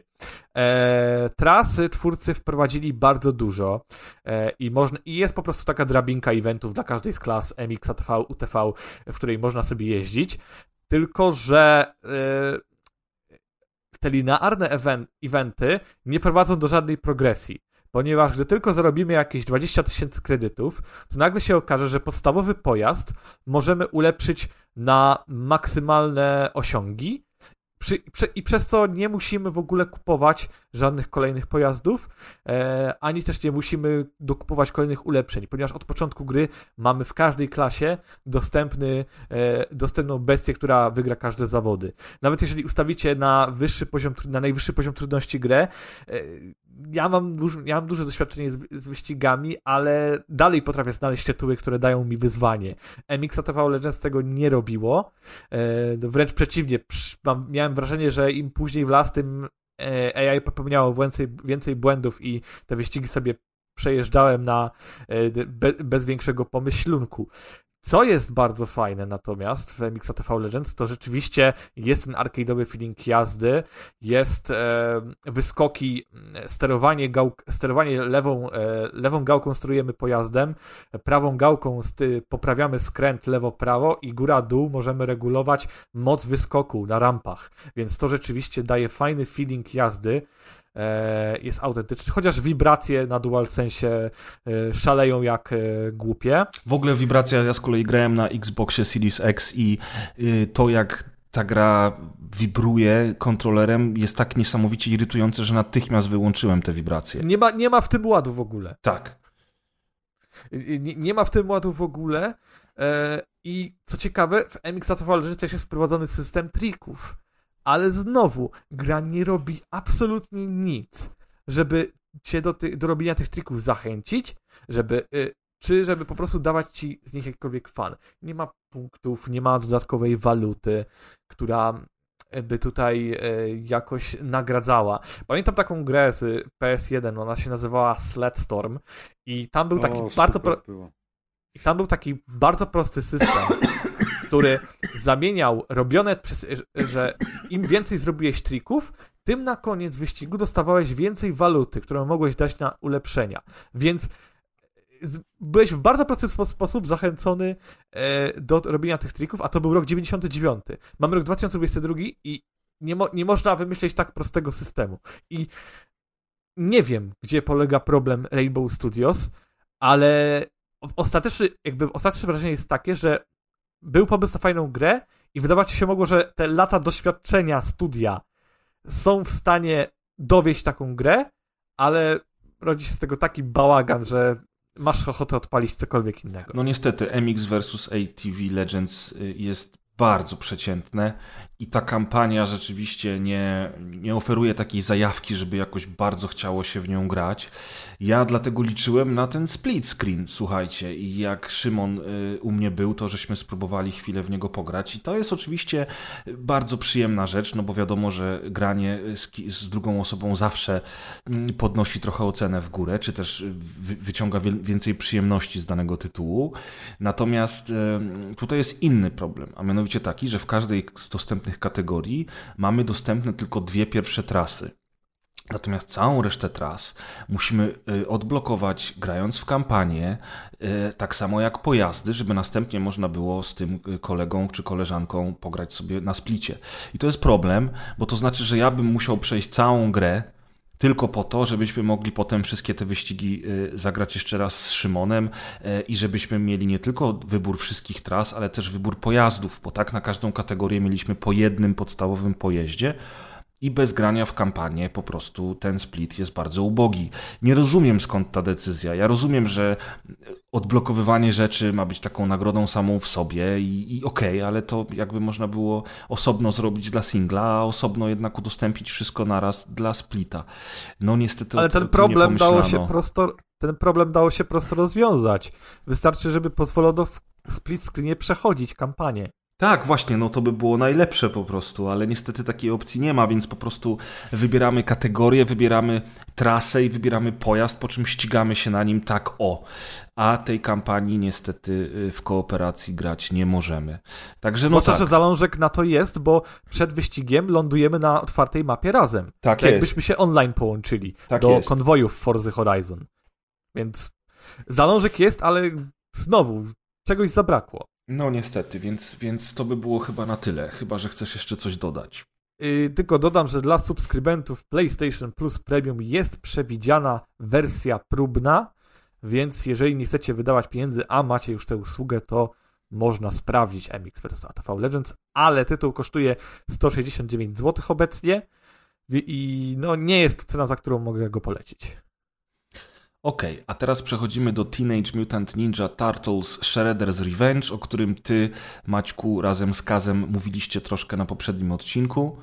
Natomiast y, myśmy we dwójkę na kanapie z Szymonem grę przeszli, a Szymon to przeszedł już ją w ogóle chyba czwarty raz, prawda? Bo ty, Szymon, w ramach recenzji pisanej przechodziłeś ten tytuł, więc jak pojawiłeś się u mnie, to już był to któryś raz z kolei, kiedy kampanię przechodziłeś i pamiętam, że bawiłeś się tak samo jak za pierwszym razem. Oczywiście, jakby to pra- mm, może to będzie stwierdzenie na wyrost, ale na pewno Teenage Mutant Ninja Turtles Shredder's Revenge będzie wysoko w końcowym zestawieniu e, gier e, tego roku. To jest, mówię, ja już przechodziłem ją, teraz tak, ra, raz przechodziłem ją samodzielnie na potrzeby recenzji, drugi raz przechodziłem ją sam, ponieważ chciałem zrobić osiągnięcie e, za osiągnięcie za przejście, e, przejście na jednej monecie e, w trybie easy. Potem wpadł do mnie przyjaciel, więc znowu on uwielbia bitemapy, więc odpaliliśmy żółwie i prawie przeszliśmy. No i potem przeszedłem z, z tobą, więc Tak. cztery razy I to i jest... jeszcze trochę, jeszcze trochę to sam grałem, więc ponad cztery razy już przeszedłem I to jest kampania na 2-3 godzinki. Niecałe dwie. Nawet niecałe dwie. Jeżeli będziecie się chcieli napocić i, i grać na wyższych poziomach trudności, to zajmie to wam więcej czasu. Myśmy grali na najłatwiejszym poziomie trudności, dlatego że w zupełności to wystarczy do tego, żeby się dobrze bawić, żeby przejść te wszystkie lokacje, zobaczyć bossów i po prostu czerpać radość ze wspólnego grania. Przepięknie zrobiona gra, bardzo, bardzo ładna. Ta pikseloza w ogóle mi tam nie przeszkadzała, bo pamiętam, że Kaz mówił, że on by wolał, żeby te postacie były jednak bardziej rysowane, tak jak w kreskówkach, a nie takie pikselowe, ale ale ten art jest tak piękny, że, że, że, że ta, ta pikselowość w ogóle tutaj nie przeszkadza. Jest to prosto, dosyć prosta gra. E, Nie ma tu jakichś specjalnie dodatkowych sekwencji, takich jak chociażby w tych grach o żabach Microsoftu. Przypomnijcie mi nazwę teraz. Battletoads. Battletoads. Tutaj jest dosyć prosto. No, mamy sekwencje chodzone, gdzie się kopiemy i mamy sekwencje na latających deskach y, na, w, w powietrzu i tam też się kopiemy i tak naprawdę do tego sprowadza się cała gra. Mamy kilka rodzajów ataku plus atak specjalny, też y, podzielony na trzy rodzaje i to wszystko po drodze grając po prostu będziemy odblokowywać, bo nasze postaci levelują.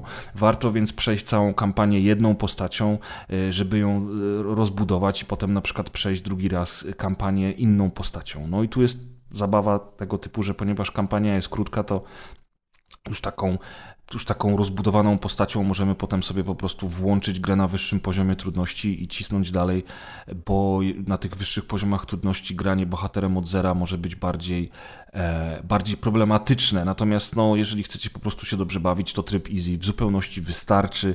Walki z bossami są dosyć ciekawe, bo tych bossów jest wielu, chociaż one też jakby mm, są dosyć powtarzalne, tak samo jak, jak wszystkie sekwencje chodzone y, są powtarzalne i nie, nie, nie ma tu się spo, co spodziewać jakiejś wielkiej różnorodności, ale to w ogóle nie przeszkadza, bo ta gra jakby sa, samym wyglądem i, i frajdą, którą daje, mi przypomina najlepsze chodzone bijatyki z automatów z czasów Punishera i Alien vs Predator, czy Cadillacy i Dinozaurzy, a to jest, y, a to jest naprawdę, naprawdę duży komplement dla żółwi że one, że one rzeczywiście taką frajdę dają.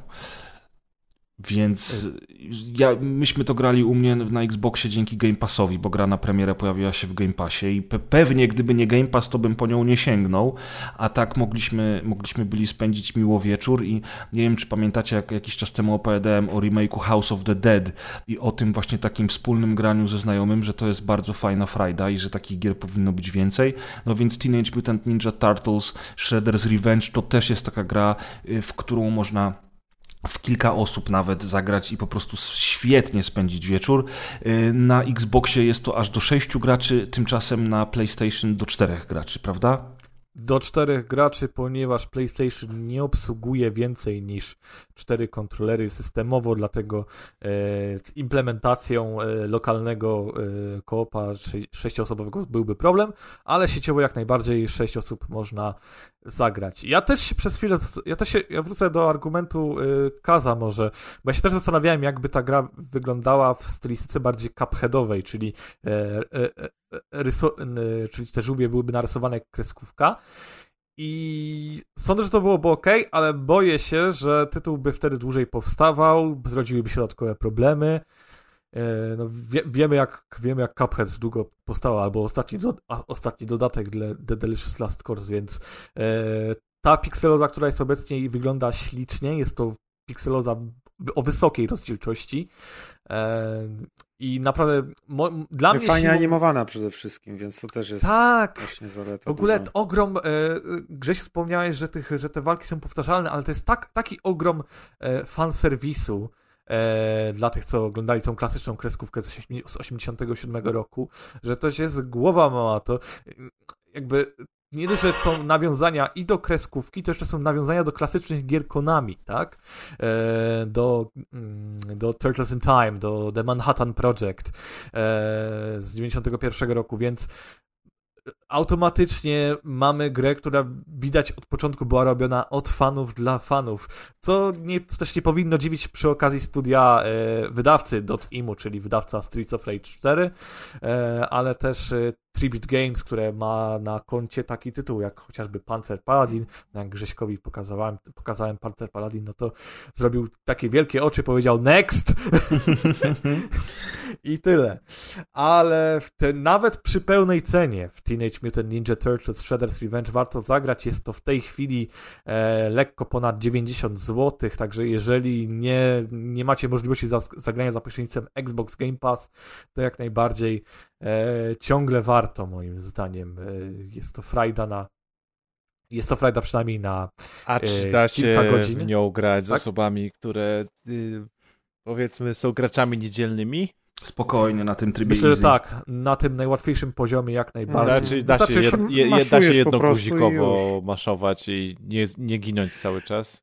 Nie, wystarczy chodzić, wciskać kwadrat i jako, tak po- podstawową, podstawową uwagę na grę Właśnie ja mam do was pytanie, bo już kilka osób gdzieś widziałem, że miało uwagi do tego systemu walki, że jest zbyt prosty i że nie ma tam jakichś zaawansowanych kombosów i tak dalej. I ja się trochę zdziwiłem, bo nie wiem jak wy, jestem wa- waszej metody grania, ale dla mnie zawsze yy, te bitemapy i brawlery kojarzyły się praktycznie tylko ze skokiem i z ciosem. I ja po prostu klepałem tylko jeden przycisk, co najwyżej tam było jeszcze bieganie, cio, cios właśnie z rozbiegu albo coś ale nawet nie kojarzę, yy, żeby były jakieś, żebym w jakichś bitemapach stosował jakieś kombinacje, jakieś kombosy czy coś, tylko zawsze to było po prostu podbiec do typa, klepać, klepać, klepać, dobra, podbiec do drugiego, klepać, klepać. I wy kojarzycie jakieś takie bardziej no no- zaawansowane systemy z bitemapów? Z grubsza tak jest, jak ty mówisz, tylko po prostu, wiesz, mamy 22 rok i fajnie by było, gdyby troszeczkę to mo może dało się rozbudować, nie? Aha, no bo to jest niby unik i coś tam, jakaś Są tam dro- unik, są trzy ataki specjalne, Właśnie jakiś e, taki są- uppercut jest nawet wbijający w powietrze. e, jest, właśnie jest uppercut, są rodzaje rzut, są trzy rodzaje rzutów, w tym, w tym jeden w ekran. I mam wrażenie, że lu ludziom, tak teraz pomyślałem sobie, że ludziom może chodzić o to, że nie ma zbyt wielu, że nie ma w ogóle przedmiotów do podnoszenia. Mhm. No tak. Że Znaczy, na podnosi przykład- się żyćko przecież i te specjalne power-upy ale się podnosi. przedmioty, ale Żebyś przedmioty, beczkę którymi podniósł albo krzesło. A, dobra, okej, okej, okej. kij Mhm. baseballowy, takie rzeczy. Rzut baseballowy, ba bazukę, bazukę jak w Cadillacach, czy coś takiego, wiesz? Okej. On, myślę, że, myślę, że tutaj. Yy, No może. Myślę, że to ludzie mylą z tym zarzutem o Bo, kombosy. bo, bo mi właśnie jakby w ogóle tego nie brakowało. Jakby ten system walki był na tyle fajny i tam ja wciskam przycisk, a na ekranie dzieją się rzeczy i mi to absolutnie wystarcza przy, przy takich grach.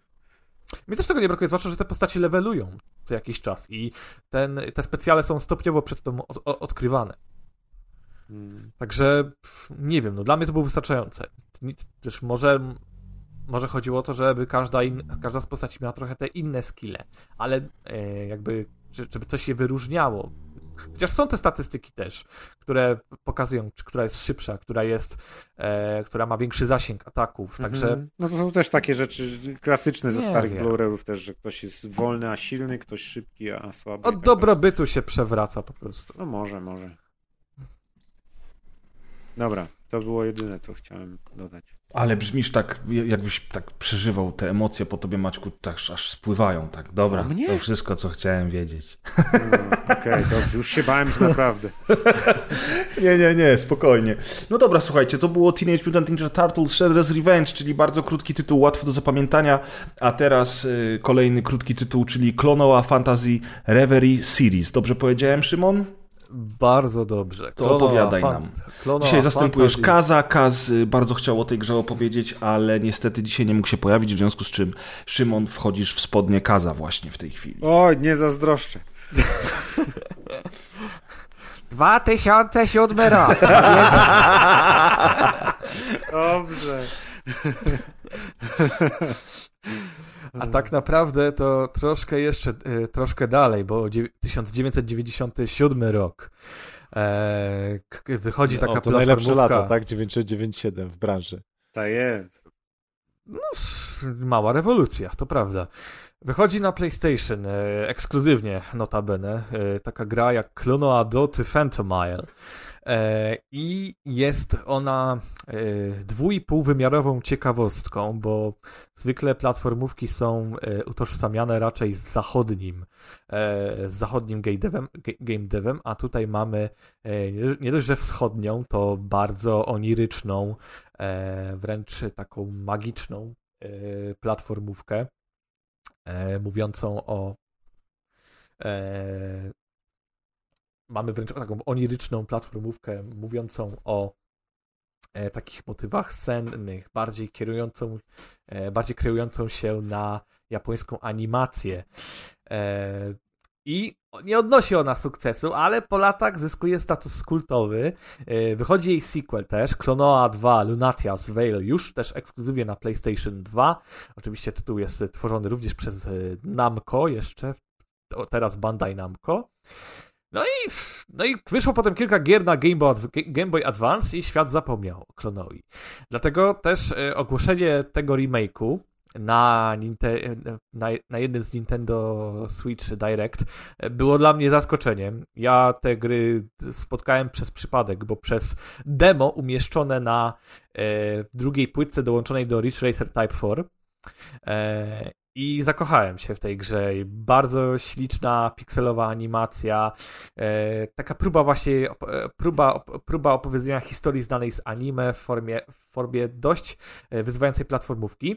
Jakie, ale o, e, na spokojnie, jaki jest główny motyw? Główny motyw w Door to Phantom oraz sequelu jest taki, że aby pokonywać kolejne wysokości, e, Klonoa musi łapać różnych wrogów e, łapać różnych wrogów, a następnie na nich się odbijać. Ma do, taki, ma, ma do, ma, do tego taki specjalny pierścień, e, e, który wykorzystuje do e, chwytania i odbijania się na wrogach. To oczywiście rodzi garść nowych e, zagadek, e, które można zaimplementować w takiej platformówce, ponieważ e, tych wrogów są różne typy. Jedne na przykład e, jeden na przykład jeden na przykład e, wznoszą klonoe na dodatkowe wysokości.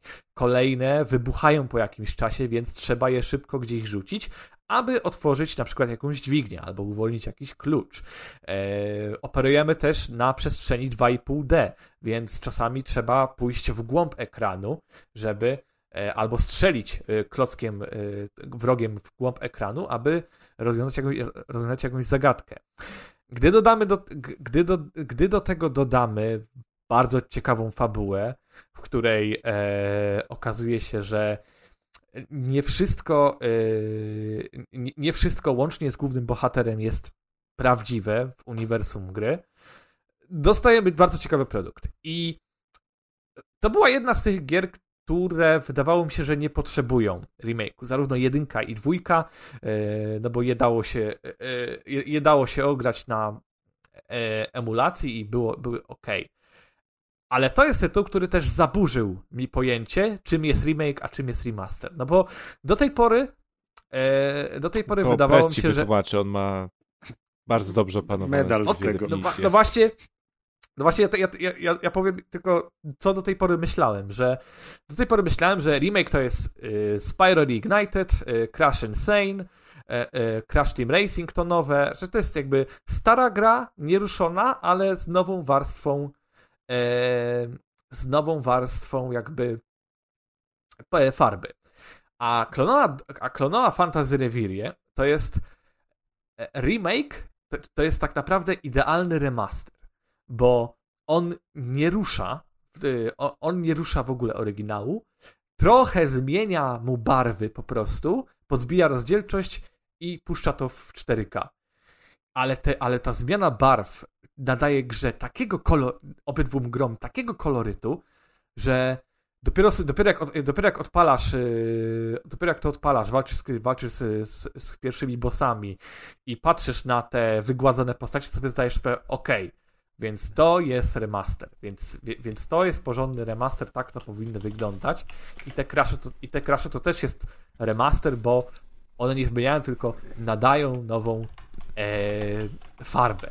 A remake zaczyna się wtedy, gdy zaczynasz coś zmieniać e, celem usprawnienia rozgrywki dla nowych graczy, bo to jest problem. Czyli gameplayowo, w sensie sterowanie z- z- z- jest Tak. dokładnie takie samo jak lata temu, tak? w tych Jak- oryginałach, w tych oryginałach, dokładnie. Czyli ta I- fizyka skoków, to co jest platformówką To jest ważne, nieruszone. To jest wszystko klasyczne. Ojeju, to my tu musimy tego króla zaprosić, żeby Mhm, on się do koniecznie. tego odniósł. Jego zdanie. Kaskad- bo jeśli, bo jeśli, kaskad myślę, by bo, coś jeśli, bo jeśli to jest mądrego. prawda, to będzie, piał z zachwytu po prostu, że Myślę, że Kaja, zarówno Kac, jak i Kaskad by tutaj piali z zachwytu.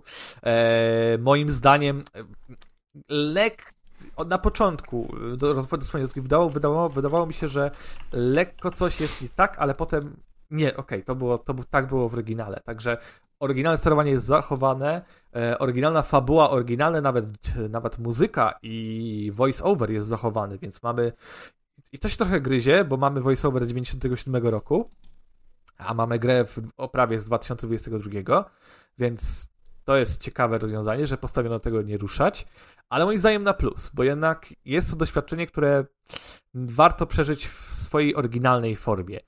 I tylko znowu mam tutaj zarzut jedynie do, stu, do studia, bo znowu Namco nie zrobiło nic, żeby zareklamować Klonoe bardziej e, na zachodzie, bo myślę, że w Japonii to się sprzeda świetnie.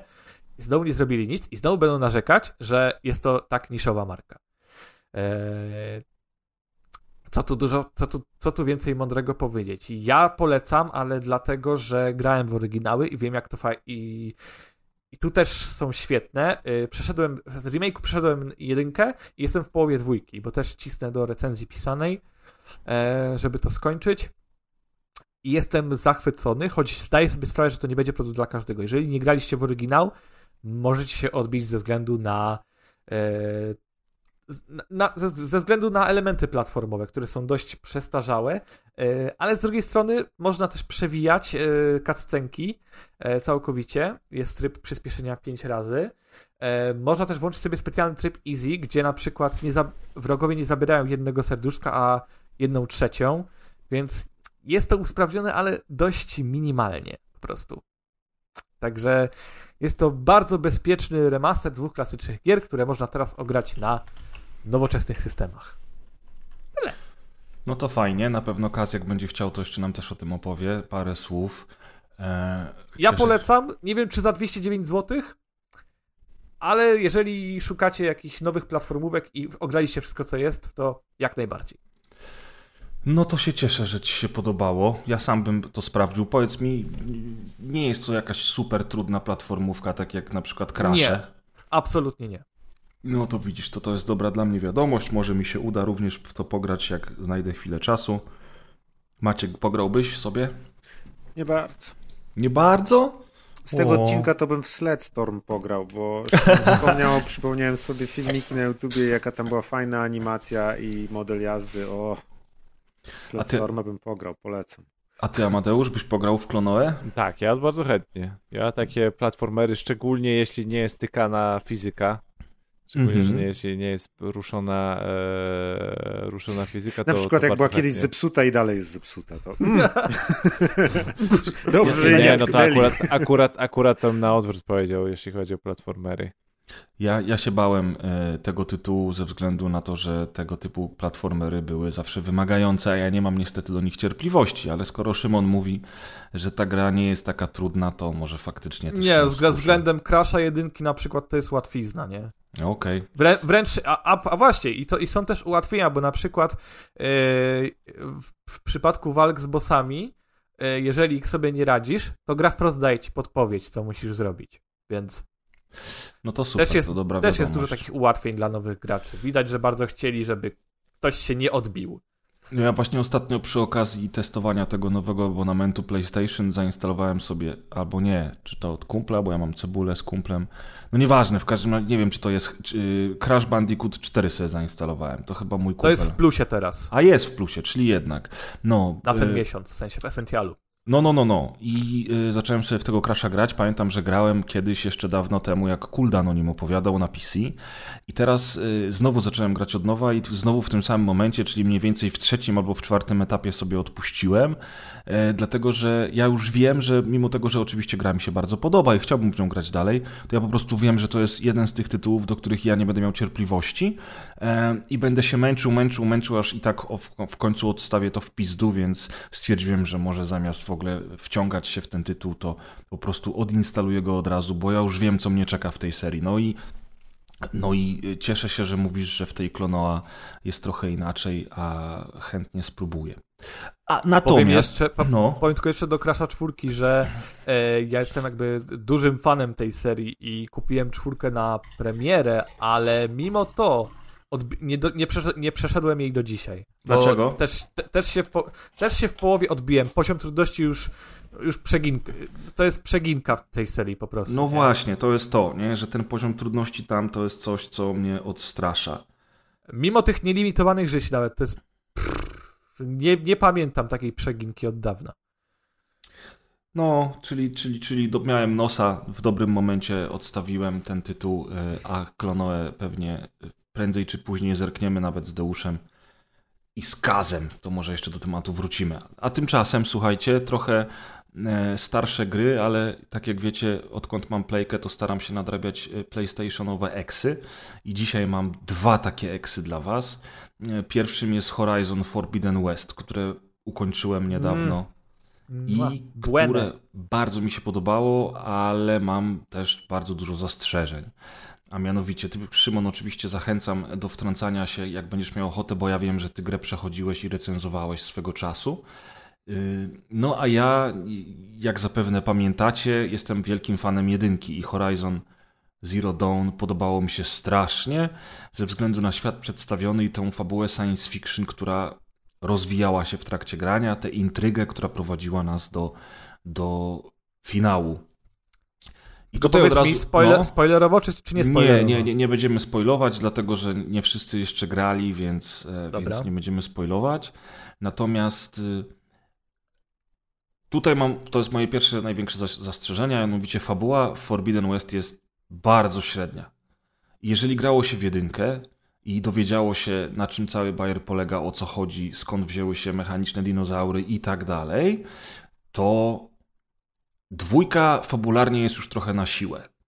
Oczywiście dzieją się nowe rzeczy, wprowadzony jest nowy wątek, ale to wszystko nie dorasta do pięt temu, co działo się fabularnie w pierwszej części gry.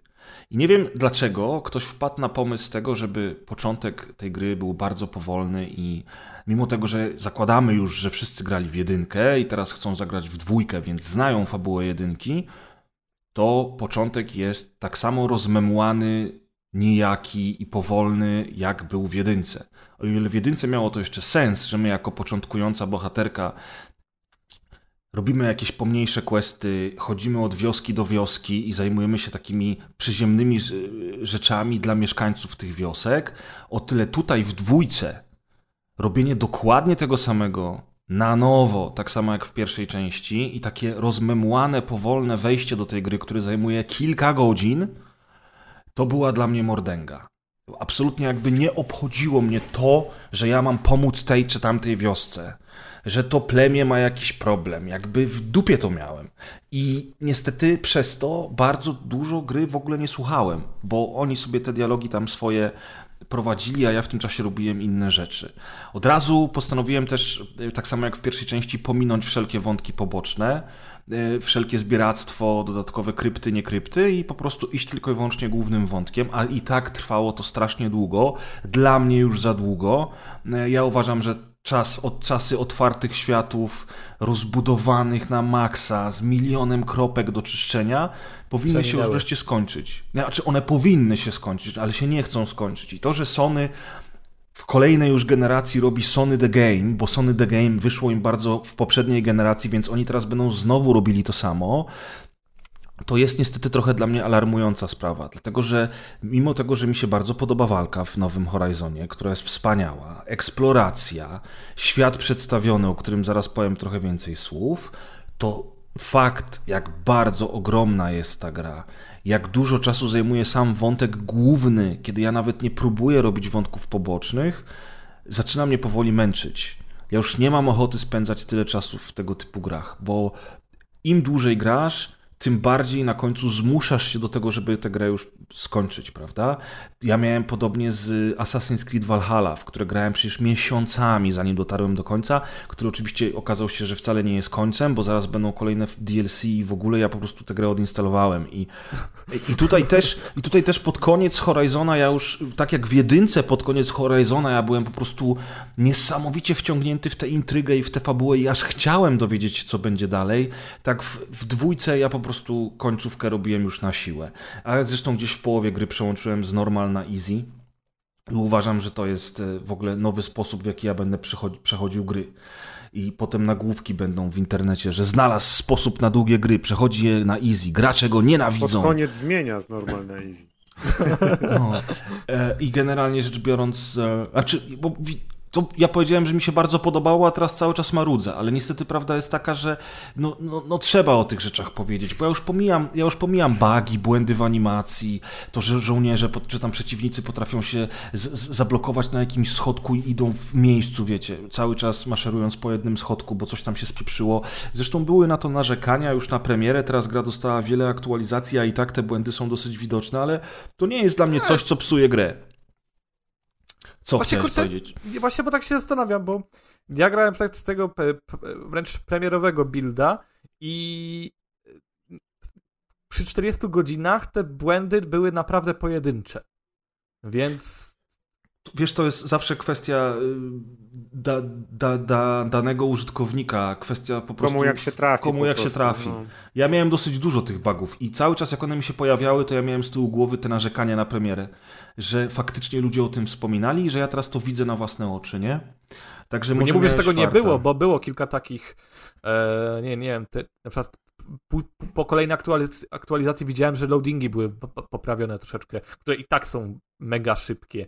Ale no, mówię, nie, nie mówię, że tych błędów nie było, tylko mówię, że sam ich nie doświadczyłem na tyle w Mhm. tym jakby 40-godzinnym okienku, w którym grałem, żeby aż tak to zauważyć, nie? Mhm, mhm. No w każdym razie, w każdym razie yy, tak, yy, gameplayowo to jest naprawdę cukiereczek, bo ta walka jest bardzo przyjemna, jest bardziej rozbudowana niż w jedynce, przeciwników jest dużo więcej, jeżeli chodzi o rodzaje przeciwników. E, dzięki- Jest żywiołów bardzo dużo. Mi się bardzo też Tak. podobało, jak gra mnie zachęca, żebym tych, tych żywiołów miał w swoim e, portfolio, w kole broni jak najwięcej, bo nigdy nie wiem, na jaką słabość mogę trafić.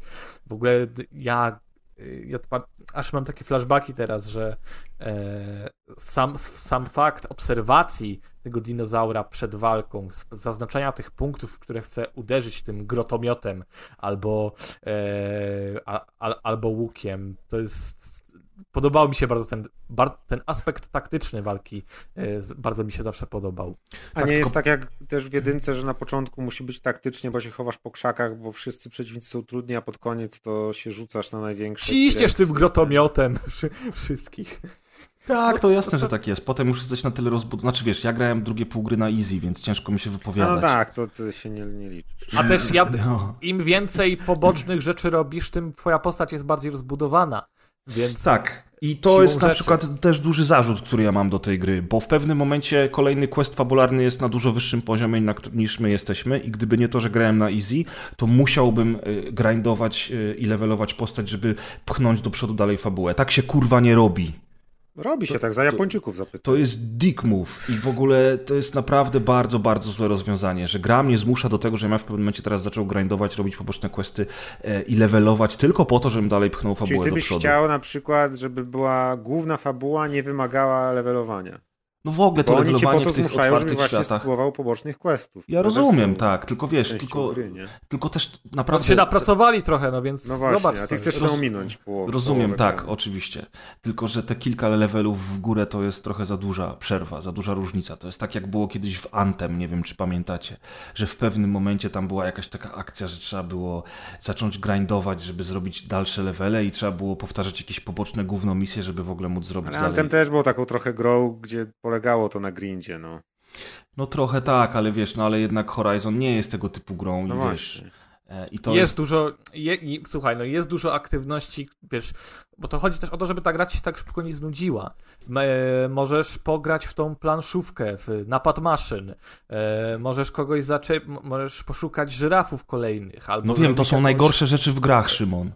ruinę, To są no. najgorsze rzeczy w tego typu grach właśnie. Nie, Może właśnie dlatego, że ja rzadko gram w open worldy, naprawdę Mhm. jakby rzadko, dla mnie to był fan przy tym Horizonie, bo e, czułem, No że i przede wszystkim- ten wielki, zakazany zachód pozwiedzać, tak. No i przede wszystkim to był twój pierwszy Horizon, bo w jedynkę nie grałeś, tak, więc mogłeś nie- też tak, nie grałem. Mogłeś też jakby nie mieć tego uczucia zmęczenia, materiału, które wielu graczy, w tym ja, w pewnym momencie miało. E, No ale właśnie o tej eksploracji, o której ty wspomniałeś, to, to, to chciałem powiedzieć, że tak, po pierwsze, to jest chyba najładniejsza gra, w jaką kiedykolwiek w życiu grałem. Jest to, jest to jedna z najlepszych na- na- opraw graficznych, jakie widziałem w grach. E, Do tego świat przedstawiony jest niesamowicie różnorodny, dlatego że na tej całkiem dużej mapie udało się wiele różnorodnych lokacji wcisnąć. Mamy więc lasy, mamy dżungle, mamy ośnieżone szczyty górskie, mamy pustynie. Zatopione miasta. I to, jak to wygląda, jaki tam jest w ogóle zasięg rysowania tego wszystkiego. Sam fakt, że jak wespniesz się na najwyższy szczyt i spojrzysz dookoła, to wszędzie możesz się dostać i wszystko jest w zasięgu twojej ręki. To, jak te lokacje się często zmieniają, to jest po prostu coś niesamowitego. Bo... Potem z tego najwyższego punktu możesz sobie zeskoczyć i przeglajdować. Tak, bo masz taki, ta, taki kurczę glider, na którym możesz się poruszać. Potem, może to jest spoiler, ale pod sam koniec gry dostajesz latającą maszynę i możesz latać po całej tej mapie i to też... Ja o tym rob... napisałem w recenzji, bo stwierdziłem, że pff, Zresztą oni chyba to, reklamowali to, feature, to nawet, to oni chyba to reklamowali nawet w trailerach, natomiast to latanie na tym ptaku też jest niesamowite. E, cytujcie Preza, latanie na ptaku jest niesamowite. I, ten, i, i generalnie rzecz biorąc, i generalnie rzecz biorąc, e, no ten świat sam w sobie to jest taki cukiereczek, że możliwość jego zwiedzania to już jest po prostu radość sama w sobie. Do tego dodali pływanie w tej grze. A ja w grach pływanie kocham od pierwszego Tomb Raider z 96 roku. Jeżeli Boże, tego typu... teraz, ale teraz ja widzę te obrazy w głowie, ja mam ochotę tam wrócić. Dokładnie. I, I wiesz, i to pływanie jest przepiękne, eksploracja jest bardzo udana, walka jest naprawdę intensywna, emocjonująca i po prostu sprawia frajdę. Chociaż nie wiem, czy gdybym dostał trzecią część z takim samym systemem walki, to bym się ba bardzo z tego cieszył. Ale po latach przerwy od grania w jedynkę, ta walka w dwójce, przez to, że jest trochę bardziej rozbudowana, i różnorodna, po prostu sprawiała mi mnóstwo, mnóstwo radości. Więc ogólnie... Ten cykl, produkcy... Ten cykl produkcyjny gier jest teraz tak długi, że ja nie wiem, czy dostaniesz trzecią. No, zobaczymy, prawda? Fabularnie jakby bardzo mocno się zanosi na to, żeby była trzecia część. Więc, y, więc to jest jedna rzecz. Natomiast jest, jest bardzo dużo, ma... niestety jest bardzo dużo małych rzeczy, które są irytujące. Ta długość gry jest irytująca. Ta nie, nieinteresująca fabuła, mimo tego, że zaproszono e, znowu do nagrania parę takich dosyć znanych aktorskich twarzy. Między innymi jest Carrie Moss, którą znamy wszyscy jako Trinity z Matrixa wraca Lance Reddick e, też do swojej roli i nie tylko, i to jest oczywiście spoko. Wszystko jest całkiem spoko zagrane, natomiast ani te dialogi, ani te fabuła nie są, nie są wciągające. Mamy bazę, do której sprowadzamy kolejne postaci, które pomagają nam w naszej przygodzie i w teorii twórcy chcieli, żebyśmy robili tak jak chociażby w Mass Effectie, że pomiędzy głównymi misjami lądujemy w tej bazie i możemy pogadać z tym czy z tamtą. Ale te wszystkie postaci i ich problemy są tak mało interesujące, że ja po prostu tego nie robiłem. E, więc są tam różne tego typu opcje w grze, ale, ale, ale e, mnie to nie, nie zachęciło. I to jest mój największy problem z tą grą, bo ten świat przedstawiony jest tak niesamowity, tak żywy, tak przepiękny i tak szczegółowy, że aż chciałoby się, e, żeby ta fabuła również nas pchała do przodu, a w tej części niestety ona do przodu nie pcha w ogóle, bo jest niestety byle jaka. Ale to jest oczywiście moje są zdanie. bardzo rozgałęzione, więc nawet jak chcesz ich słuchać, to już wiesz, siedzisz na tej jednej konwersacji i to trwa pół godziny, to już tak, no dobra. No, no, no, trochę tak jest. I, I, przez to też jakby ten attention span się skraca i człowiek w pewnym momencie zaczyna gapić się na komórkę albo, nie wiem, myśleć o, o niebieskich migdałach zamiast wciągać się w to, o czym oni mówią. No, Rzadko kiedy mam tak w grach, że, że, że, że, ta fabuła i te dialogi są na tyle mdłe, żebym kompletnie y, przez większość czasu je ignorował, a tutaj tak było. Ja miałem ten, ja miałem ten dodatkowy problem, że nie grałem w jedynkę, a nie miałem też czasu, żeby zagrać w jedynkę, więc yy, ten filmik, który leci na początku, to zupełnie nie wystarcza. Jak obejrzałem sobie na YouTubie taki, takie większe godzinne podsumowanie, to już tak okej, okay, okej, okay, już wiem chyba, gdzie jesteśmy.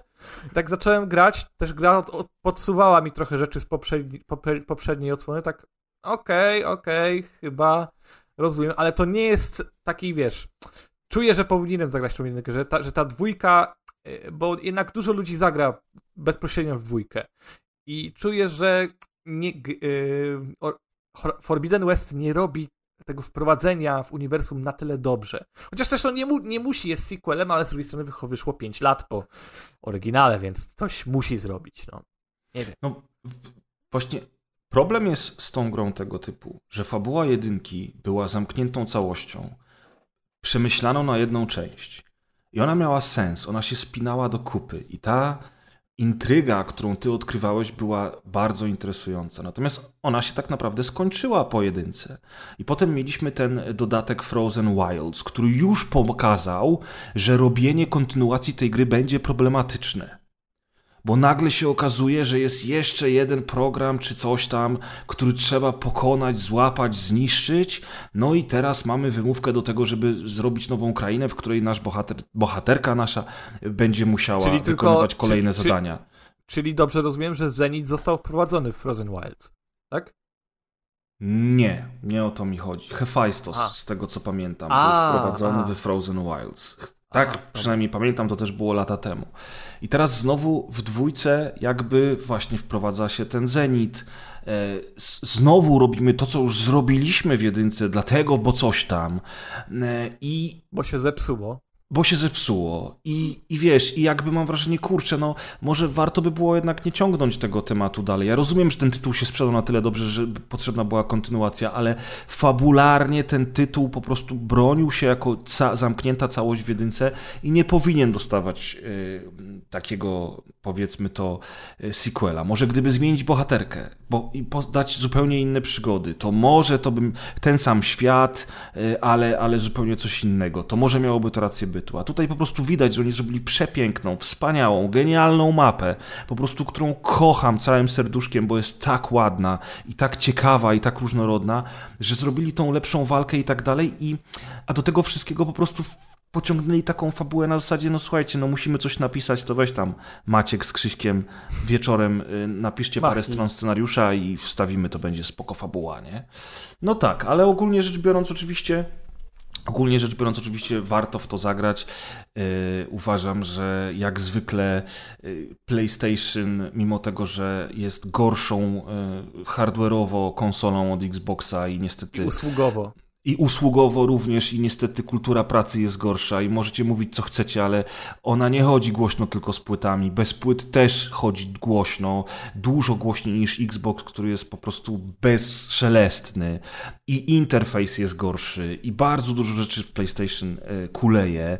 Tak jak powiedziałeś Szymon, usługi przede wszystkim, ale to jakie oni mają eksy fabularne dla jednego gracza, to się dalej nie zmieniło od PS4. Nadal eksy PlayStation rządzą.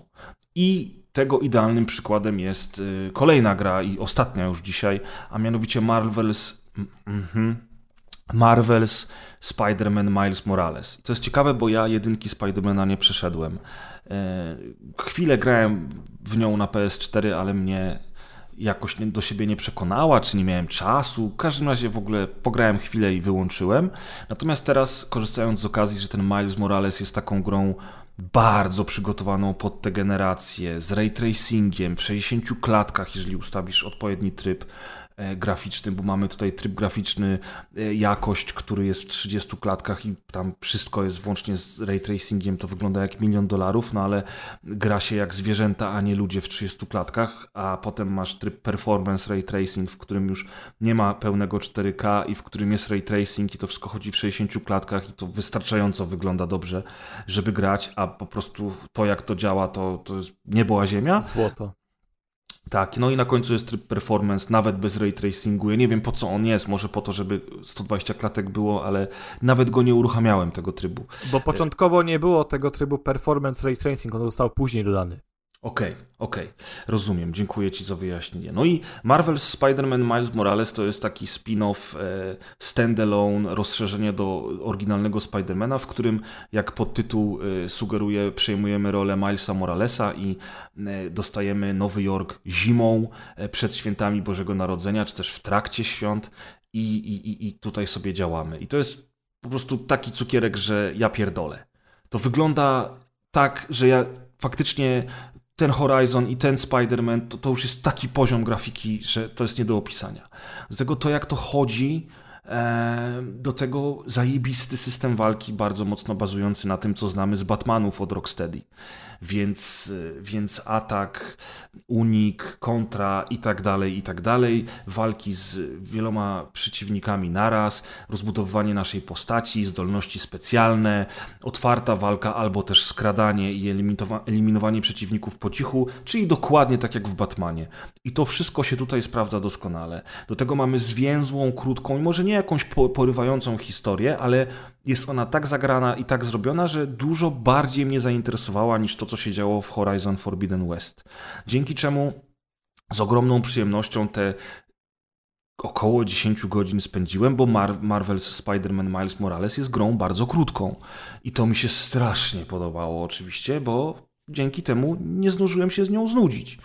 I teraz z przyjemnością dzięki temu abonamentowi PlayStation siądę do oryginalnego Spidermana, który, który wyszedł nieco wcześniej. Chociaż z tego co wiem, Szymon, ty pewnie grałeś, to mi powiesz, chyba Deusz też grał. To jest jednak już taki typowy open world, bardzo rozbudowany i dosyć rozciągnięty. Tak czy nie? No to już jest 20 parę godzin. No ale No wiesz, tak, 20 parę 20 godzin. Go, 20 godzin, nie? Na No przejście. to nie jest źle, wiesz.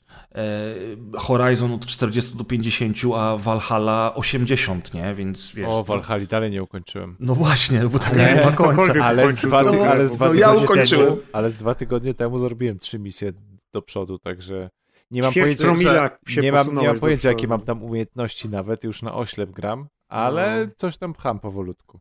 No tak, no tym, że właśnie. Dwie Jeszcze ważne 5-7 lat i będzie skończone. No- Normalnie aż mam, aż mam kurwa flashbacki z, z Midgardu, jak ty o tym mówisz. No jak, ja, jak, jak się dowiadujesz po kolei, że są jeszcze kolejne światy tam, jestem, Jezu, Tak. nie! Kolejna mapa. A na końcu się okazuje, że nic nie zrozumiałeś, bo nie, nie, nie grałeś we wszystkie 60 poprzednich odsłon. I wiesz, a zaraz będą DLC i one ci dalej mają pchać fabułę do przodu, a ty masz takie, ale ja już nie chcę, dziękuję. Już mi Lekcją- wystarczy. Więc taki Lekcją była droga, którą przebyłeś. No więc taki. Spider-Man na 20 godzin to u, akurat. Nie, no to jeżeli Spider-Man jest na 20 godzin, to ja zaraz go zainstaluję, bo... I przejdę do jutra. Ta, ta, nie, bo po prostu Miles Morales to, to, to, to była tak wspaniała zabawa, e, że to się w głowie nie mieści, jaka to jest dobra gra. Tylko, że y, Press, zanim go zainstalujesz, może mu, mu- musisz przemyśleć swoje wybory, ponieważ znaczy, pi- pierwsza rzecz, poruszanie się w Spider-Manie, zarówno w oryginalnym, jak i Miles, Milesie, to jest niesamowite cudo, system dopracowywany w ogóle na wzór tego ze Spider-Mana 2 z 2004 roku konsolowego. E, tra- tra- Tego, który jest uznawany za jeden z najlepszych. Tak, tego treyarchowego. E, I ten system został dopracowany do perfekcji, więc nawet robienie takich podstawowych kropek, tak, zbieranie plecaków Petera rozsiane po mapie, to jest taka przyjemność. No nie no, wszyscy dobrze wiemy, że nie będę zbierał żadnych plecaków. nie ma mowy nawet. Ale dla, sam, ale dla samego fanu poruszania się po mieście, ja, ja, mi się to podobało. Dalej, e, możesz przemyśleć swoje wybory, ponieważ jeżeli zauważysz dobrze, w menu Milesa Moralesa masz opcję zakupu Marvel Spider-Man Remastered za, Remastered za 89 zł. I to jest, Spider, to jest remaster Spider-Mana, który, ten sam, który wyjdzie na PC-ty. Czyli ma 60 klatek 4K, yy, ten tryb RT Performance, ta, ta sama śpiewka co przy Milesie. Bo jak odpalisz oryginał teraz Okej. yy, z plusa, to będziesz miał 30 klatek i ch- checkerboard yy, i yy, 4K na szachownicy, więc yy, przemyśl Czyli, wybory. czyli to, co jest w abonamencie, to nie jest wersja dostosowana do PlayStation 5, tak? Dokładnie. To nie ma bata, żebym grał w 30 klatkach. Więc 89 zł i remaster jest twój z poziomu. A jak już odinstalowałem Milesa Moralesa, to mogę w sklepie go kupić za 89 zł, czy tam będzie drożej? Nie, w sklepie go nie ma w ogóle. Musisz zainstalować Milesa. O Jezu, co za rozwiązanie. No i właśnie to jest kurwa PlayStation, nie? Co to jest za pomysł? jest ja teraz musiał instalować z płyty jeszcze raz Milesa Moralesa, żebym mógł sobie kupić Spidermana. Znaczy dziękuję ci bardzo za ten protip, on jest świetny i chętnie się tym zainteresuję, no ale kurwa. Znaczy, przez to, że jest w plusie, to jest spoko, ale. e, No tak, ale nie będę w 30 klatkach grał, nie? no, ale e, też chodzi o to, że przez to, że w Miles jest w plusie, możesz ten remaster w ogóle kupić normalnie. Bo tak to. Aha, czyli, czyli mogę sobie Milesa z plusa zainstalować zamiast z płyty, to będzie szybciej, masz rację. Odpalić grę w- i tam mówisz, że jest gdzieś opcja kup remaster. Tak. Bo ja tej opcji nie widziałem, jak grałem w Spidermana Milesa Moralesa. E, Na, w głównym menu musisz sprawdzić. Bo też, jeżeli, dobrze. jeżeli usunęli te opcje w wersji plusowej, to będzie bardzo śmiesznie, ale. No, jestem ciekaw, to aż przetestuję. Ale to no, sprawdź Co koniecznie, to bo- jest za rozwiązanie? To jest po prostu dla mnie niezrozumiałe. Bo chodziło o to, że ten remaster to był dodatek do edycji Ultimate. Okej. I gracze piali, że nie da się tego kupić osobno, więc zrobili opcję. Kup osobno, ale mając Milesa. No Okej, okej. No to sprawdzę, dziękuję. No ja ba- bardzo chętnie zobaczę. Ja byłem przekonany, że ta wersja, która jest w abonamencie, będzie działać w 60 klatkach, no ale to nie jest Musisz Xbox. y, patrzeć na oznaczenia przy ikonkach gier, bo jak jest oznaczenie PS5, to znaczy, że jest gra PS5. Jak jest oznaczenie PS4, to ściągasz wersję PS4. Ja rozumiem to, to ja rozumiem, No. tylko mm, na przykład The Last of Us 2, które nie ma wersji PS5, na PS5 chodzi w 60 tak, klatkach. Bo ma, bo ma update, tak, masz rację, no. No, także wiesz, y, to różnie bywa, no ale trudno. No i to słuchajcie, by było na tyle. Myślę, że nie ma co tam się dalej już rozwodzić na temat tego Milesa Moralesa. Ja bardzo, bardzo polecam, nawet jak nie graliście w podstawkę, tak jak ja nie grałem w podstawkę, bez problemu odnajdziecie się w tej grze i, i spędzicie miło czas. Ja tylko wtrącę trzy grosze jeszcze.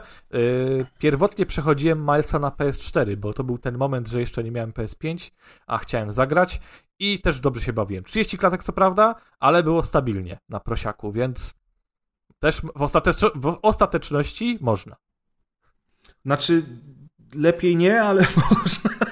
Ale wiesz o co chodzi, no nie wszyscy jeszcze Wiem. mają PS5, nie? Jasne, że tak. tak samo Forbidden tak. West też można zagrać na PS4 i będziecie się bawić dobrze. W 30 klatkach, ale dobrze.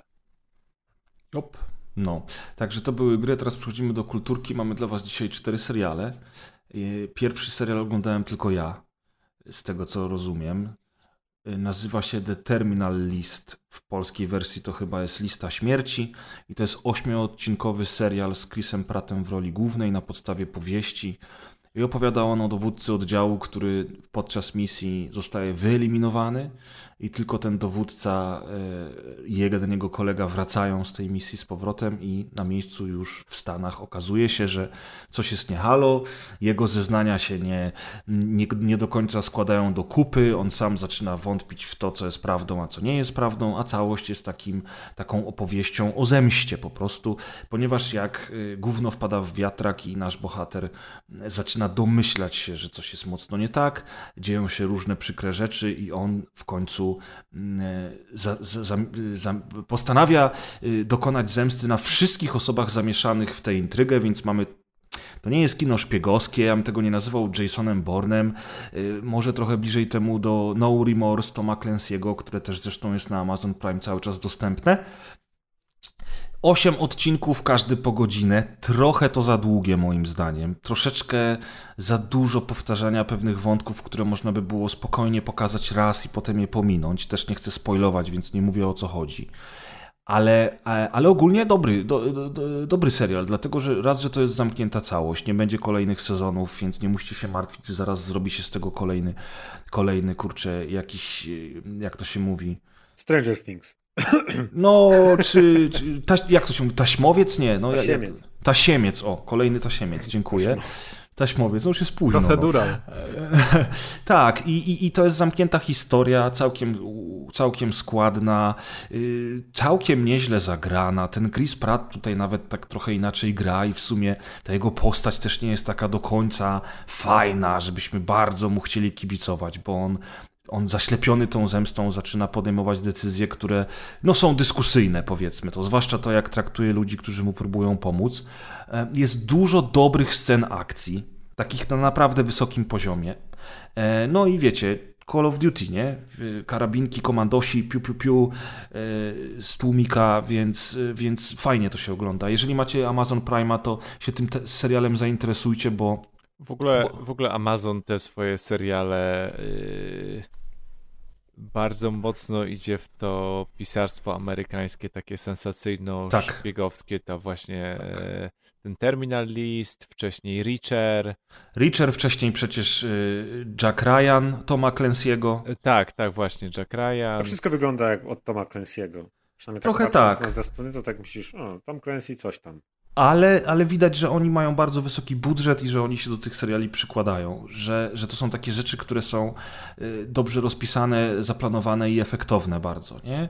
Więc w tym momencie już, już dawno zachwalałem y, Amazon Prime, a w tej chwili to przy tym, co serwuje ostatnio Netflix, to, to ten Amazon w ogóle wybił się na czołówkę, pomijając oczywiście HBO, bo oni zawsze mieli bardzo, bardzo dobre seriale, nadal mają. Ale tak, jeżeli takie klimaty właśnie w stylu Jacka Ryana, czy nawet Richera, choć których co prawda jest trochę inny, ale jednak was kręcą, to ten terminal list wpada właśnie do, do, do tej samej kategorii e, i po prostu moim zdaniem, jeżeli lubicie takie kino akcji, którego teraz niestety brakuje w kinach, bo poza Top Gun Maverick oczywiście mamy głównie pelerynki, to powinniście sięgnąć po The Terminal List. To jest taki, taki właśnie serial bardzo mocno nawiązujący tym wszystkim do, do klasyki lat 90. i nie tylko, kiedy, kiedy jeszcze zamiast pelerynek po ekranie biegał Arnold i Sylvester Stallone. I Harrison Ford oczywiście również. Także to jest The Terminal List. A teraz przejdziemy do Stranger Things sezon czwarty, który obejrzałem ja, Maciek i ktoś jeszcze obejrzał? A tak urywkami, bo Klaudia oglądała. Ja pierwszy odcinek. Ale po pierwszym odcinku, jak zauważyłem, że minęła godzina 30 i zobaczyłem, że każdy kolejny odcinek tyle ma, finał ma 2.20, to sobie powiedziałem, aha, dobra, to chyba grudzień w takim razie mnie czeka z, Ja z powiem- Stranger Things z tym sezonem. Ja powiem tak, obejrzałem pierwszy odcinek, potem obejrzałem siódmy i nie czułem się, że straciłem wiele. Wow. Aha, no to nieźle. Trochę straciłeś, co prawda, ale. No. Ale okej. Okay, domyślam się, pięć ale- odcinków. Ja jestem w ogóle w szoku, że oni tak dziwnie podzielili ten, ten sezon. Raz, że podzielili go na dwie części i ta druga pojawiła się dopiero na początku lipca, ale druga część miała tylko dwa odcinki, a poprzednia miała siedem odcinków. No i każdy ten odcinek ma inną długość. Większość jest całkiem długa, a ten ostatni finałowy odcinek to już jest I długi jak film. odcinki się dzielą, to też nie jest napisane, że to jest odcinek, tylko że to jest tam chapter, rozdział, nie? Każdy, Tak, każda tak. ta część jest No, no ale tam rozdziałem, czyli, oszukują, że to jest jakiś TV series. czyli nie mówisz, że to jest 10 odcinków, tylko to jest dziesięciorozdziałowy, czy tam No, to jest ten movies. Tak. Ale w poprzednich, tak. sezonach, w poprzednich sezonach też były oznaczone jako rozdziały, tylko teraz jakoś zasz, zaszaleli z Aha, długością. To nawet nie pamiętam. Tak, A- oni zaszaleli z długością, to tak, tak na maksa nawet bym powiedział, nie? Jest to bardzo dziwna decyzja, chociaż ja akurat go zbingowałem w dwa dni i tak naprawdę mi to ryba, czy obejrzeć Jezu. 30 odcinków, czy dwa, nie? Więc... Maciek jest stary. On Maciek jest stary, nie śpi w nocy. Stranger Things dwa dni. No, no bo, Bo nie tak robią starzy ludzie, prawda? Na siku chodzisz co ja, chwilę. Ja mówię, zobaczyłem długości odcinków i pomyślałem, aha, może grudzień. Szczególnie, że no, nałożyła się na to premiera Disneya, więc ja już chyba nic więcej oprócz Disneya, jeśli mam jakiś wolny czas albo po nocach nie oglądam. Także A Dla to też, dla jak mnie będziecie była- mieli coś z Disneya, to mnie wołajcie, a jeśli nie, to, to ja nadrabiam wszystko, przez co y, nasz region świata cierpiał i wszystkie seriale, o których świat mówił od dwóch i pół roku, to ja dopiero teraz nadrabiam. Dla mnie była chyba też za długa przerwa z tym Stranger Things, bo jak był sezon trzeci, to ja autentycznie nie poszedłem do pracy tego dnia, żeby oglądać. A ja- jak wyszedł sezon trzeci, a teraz było to tak obojętne dla mnie, że tak, tak oglądam pierwszy odcinek, no go obejrzmy, dobra, To tak, starość No to nazywa. ciekawe. tak zobaczyłem pierwszy i nagle. tak, tak, nie, Ja nawet nie pamiętam, o czym był trzeci sezon. Pamiętam pierwszy to, Centrum że zniknął. Centrum handlowym i jakiś tam duch. Coś To w ogóle tego nie, w ogóle tego nie komuniści. A, no tak, bo w pierwszym, w pierwszym y, Will zniknął, w drugim był y, sam Wise Gamgee z y, tego, z Władcy Pierścieni i on bzykał Winona Ryder. A O tym to był cały pamiętam. drugi sezon. Tak, dokładnie. dokładnie. A i jak dochodził, to krzyczał Mr. Frodo! Jezus. A potem trzeciego w ogóle nie pamiętam. Faktycznie tam byli Rosjanie, to tylko tyle. No ten czwarty powiem wam tak, że już trochę jest zmęczenie materiału. Ja uważam, że główna bohaterka, czyli jedenastka, jest w zasadzie już tak przemaglowana, że no nie obchodzi mnie to, co się z nią dzieje, bo ja i tak wiem, że ona na końcu przyjdzie, użyje supermocy i wszystkich pokona. Jedenastka. Jedenastka. Jedenastka. Okej. Eleven. Więc ona mnie zupełnie nie obchodzi. Ten Will i ten drugi się nazywa Mike. Ten Will zakochany w tym Mike'u, już trzeci sezon o tym samym, że on go kocha, ale boi się mu to powiedzieć. Sama i... Tak, tak, tak, tak. Taki trochę smutny, wiecznie ten Will z tą fryzurą na garnek, no kurczę, nie wiem, jakby go on, może pokażcie coś nowego. No i przede wszystkim, znaczy oczywiście wątek, wątek tego go, gościa w więzieniu, jak on się nazywa? Ho, Hoppera. Y, Wątek Hoppera jak zwykle super, Hopper jak zwykle super, Winona Tak? Ryder A to super. był dla mnie najbardziej nudny wątek. Ten, właśnie. ten kolega nudny. Hoppera, który pomaga cały czas Winonie Rider jest po prostu mega. E, I te nowe postaci są bardzo fajne. Ten chłopak e, od nich, co gra z nimi w Dungeons and Dragons. I kurwa, chłopak od pizzy, ten Argyle, to jest po prostu złoto. To jest mistrz świata ten koleś. Wow, serio? Serio, Argyle jest kurwa genialny po prostu, nie? Te jego piękne, długie włosy i wiecznie zjarany z tą pizzą, no po prostu coś nie mi się strasznie podobał. Ale ogólnie, to ja wam powiem, że ja obejrzałem te wszystkie dziewięć odcinków i ja nic kurwa z tego nie zrozumiałem, nie? Ja... Może Do, ja jestem do zobaczenia za głupi. dwa lata, przyjaciele. Wiesz, no, no nie, jakby okej, teraz się okazuje, że to wszystko, co się działo do tej pory, to jest z tego i z tamtego wynika i za tym wszystkim stoi ten czy tamten. Okej, ale tak naprawdę tego właśnie głównego przeciwnika, tego wszystkiego, co się z nim dzieje, e, tego całego klimatu, jakoś tego nie załapałem. Nie wiem, czy to kwestia tego, że, że, że, że nie byłem wys- wystarczająco skoncentrowany, czy właśnie tego, że te odcinki są takie długie i w końcu jak już oglądasz ten dziewiąty odcinek, który trwa 2 godziny 20 minut, to ty już nie pamiętasz, co się działo w czwartym czy piątym. Ale ostatecznie, ostatecznie tak wizualnie super, muzyka super, żarty super, ale nie wiem z czego to wynika, że ja na końcu obejrzałem to wszystko i miałem takie, no dobra, no obejrzałem, no już widać pod, pod koniec, że będą robili piąty sezon, ale w sumie to po co i dlaczego, to ja nawet nie wiem. Trudno nie odnieść wrażenia, że to jakby pierwszy sezon się udał, więc potem musieli dobudować całe lore jakby tego uniwersum i tu się zaczy... i im dalej w las, tym większe schody się robią.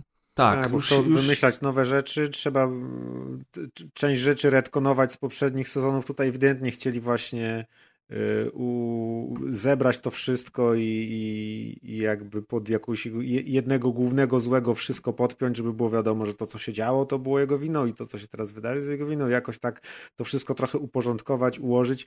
Tych postaci też jest taka y, wielki natłok, dlatego one są teraz podzielone, jakby wpadli na ten pomysł, że część postaci jest w jednym miejscu, część w drugim, część w trzecim, część w czwartym i tak przeskakują między nimi, ale też są takie grupy, że ja momentami się już gubiłem, kto jest z kim, ten jest z nimi, czy ten jest z tamtymi, to też tak naprawdę już nie ma znaczenia, bo te rzeczy się dzieją i to jest tak jakby śledzisz te wątki, część właśnie tych wątków te, tego Hoppera, na przykład to mnie w ogóle prawie nie interesowało, to co się tam działo w tych tam mm, klimatach mroźnych, że tak powiem. Tutaj jak E, rozmawialiśmy z Lubą, pojawiła się sugestia, że przez covidowe restrykcje też te grupki mogły tak zostać podzielone. Że wokół tego scenariusz mógł być może, budowany, może, nie? Może też tak, no, ale, ale to znowu też tych grupek jest kilka, nie? I tak naprawdę część postaci w ogóle prawie nic nie robi w tym, w, w tym sezonie. Jest tak tylko na doczepkę, gdzieś tam biegają z jakimś innym, potakując tylko i tak dalej. Więc ja też tu, to co mi się najbardziej podobało, to były urywki takie, niektóre sceny. Bardzo mi się akurat teraz sprawdziłem i to akurat był pierwszy odcinek. E, Ten taki montaż przebitkowy między grą w Dungeons and Dragons a grą w koszykówkę w szkole. I oczywiście tam była muzyka w tle i tak dalej. To było naprawdę fajnie zrobione teledyskowo. Y, Później prawie, prawie, że nie ma takich scen. Są tam potem jeszcze ze dwie sceny takie, które naprawdę są za, zapamiętywalne, a to mi się naprawdę bardzo podobało. I tak naprawdę to też właśnie mm, ten, ten główny zły został według mnie za szybko pokazany w pełnej okazałości i powinien być bardziej jako gdzieś tam w tle majaczyć i do, dopiero pod koniec się pokazywać. Tak naprawdę on już gdzieś tam, nie wiem, w którym tam w, w, w jednej czwartej yy, tego całego sezonu już go widzieliśmy całego i wiemy jak wygląda i nie jest jakiś taki w ogóle straszny, ani przerażającą, nie jest jakąś taką, nie jest takim zagrożeniem, przynajmniej mi się tak wydawał. I też tak naprawdę na końcu też stwierdziłem, że no właśnie tak obejrzałem i były, był to taki zbitek fajnych scen. Bardzo mi się podoba to ich odwzorowanie epoki, która y, może i znowu jest interpretacją i nie jest idealnym odwzorowaniem, jak to wyglądało w, w tamtych latach, ale jakby ten świat, który sobie stworzyli, jest dla mnie po prostu bardzo ładnie ujęty wizualnie i oglądanie tego jest taką przyjemnością. Wydaje mi się też, że ten sezon, ja już też tyle czasu minęło od poprzednich, że już nie pamiętam, ale wydaje mi się, że był lepszy niż ten, niż ten trzeci, bo wydaje mi się, że właśnie ja też Stranger Things wtedy jak obejrzałem, to, to jakby mój ostatnie zetknięcie się z tą serią to pozostawiło już taki niesmak, że właśnie a, Już widać, że to już jest taka forma z, z, zniżkowa. A tutaj jakby ani nie byłem zachwycony, ale w sumie nie żałuję, nie? Jakby ten, ten czas był taki, no spoko, to było takie letnie, przygodowe kino ze swoimi momentami, z tymi takimi scenami z muzyką, które od razu później wszędzie po internecie memy krążyły i zachwyty ludzi i tak dalej. Ale, ale też mam nadzieję, że na przykład piątka już będzie, że piąty sezon będzie już tym ostatnim, że oni to w jakiś w miarę logiczny, ciekawy, emocjonalny sposób zamkną. Aktorzy im dorastają i uciekają, więc To też inna No. sprawa. Czy ja bardzo lubię w ogóle ten serial. Ja byłem zachwycony pierwszym sezonem, jak większość z nas. Yy, Drugi sezon był też spoko, trzeci faktycznie może i tak sobie, ale ja już w zasadzie, tak jak powiedziałem, tego drugiego i trzecie, trzeciego sezonu to za, za bardzo nie pamiętam. Natomiast wyszedł teraz ten czwarty i on był takim fajnym, letnim blockbusterem. Mie- Miał kilka naprawdę ładnych scen, w ogóle ten serial zawsze jest ładny, ma świetną muzykę, jest dużo humoru, trochę akcji i to wszystko powoduje, że, że to się po prostu dobrze ogląda. Rzeczywiście na koniec, na koniec to ja już w sumie nie wiedziałem o co chodzi, ale, ale może to jest moja wina, może ja jestem za głupi po prostu, a, mm, ale całość ogólnie, całość ogólnie oglądało mi się całkiem dobrze, chociaż Chociaż faktycznie to wszystko trochę za długie. Y, Natomiast y, ja jestem w ogóle w szoku, że początek te, tego sezonu jest taki naprawdę mocno horrorowaty i mocno brutalny. I, i te sceny, jak ci, na, ci nastolatkowie zaczynają ginąć w taki grusom sposób, były no dosyć mocne jak dla mnie. I zawsze się zastanawiałem, że Netflix u siebie w takim popularnym serialu pozwolił sobie aż tak mocno e, pokazać brutalne sceny. No dla mnie spoko. Chociaż byłem trochę zaskoczony. A ty, Maćku? Yy, znaczy już słyszałem, że, że to jest najbardziej krwawy i, i straszny sezon i teraz ten, no wiadomo, że pewnie yy, muszą sobie znaleźć coś, co, co, co będzie wyróżniać kolejny nowy sezon, żeby ludzi przyciągnąć. Mi się też to podobało. Było takie nieprzesadzone, ale takie też miałem wrażenie, że wow, jak na taki jakby mm, właśnie film powiedzmy familijny, nie? To, to, to rzeczywiście to było fajne. Bardzo miałem mocne skojarzenia z Koszmarem z ulicy Wiązów. Również później były jeszcze mocniejsze z wiadomego względu. Ale jakby właśnie to, to takie straszenie w snach i że każdy miał tam jakiś własny rodzaj horroru, który go przerażał i coś tam bał się czegoś i ten. I, I właśnie miałem wiele, wiele takich skojarzeń i stwierdziłem, że nie pamiętam jak były poprzednie sezony, ale ten był naprawdę taki, kojarzył mi się właśnie z horrorami lat 80., gdzie były podobne triki, podobne tropy stosowane i to, to mi się podobało. To taki, taki trochę był ten ho, homasz dla, y, dla tego kina y, horrorowego, więc to akurat Mhm. też było dla mnie zaletą. Dlatego właśnie też żałuję, że ten główny zły był tak szybko pokazany, odkryty, jak on wygląda, bo, bo wiele fajniej by było, gdyby to zagrożenie było mniej y, oczywiste. No ale, no, nie wiem, no, nie, nie najgorzej, no. Stranger Things wydaje mi się, że już jest taką marką, którą jakby, to jest super taka po, po, popowa marka, nie? Jakby wszyscy to oglądają. Zapytasz się mamy, to pewnie będzie wiedziała. Zapytasz się cioci, pani w sklepie, yy, to wydaje mi się, że to wszyscy kojarzą i jak dla mnie, jak na taką mega popularność, to i tak jest całkiem nieźle, że ja nie jestem zażenowany, kiedy to oglądam i nie stwierdzam, że o Jezus, co oni z tym zrobili po trzech sezonach i tak dalej, nie? To jak No on tak. trzyma taki poziom, to jest dla mnie i tak sukces. To jeszcze jest nadzieja w popkulturze, tak?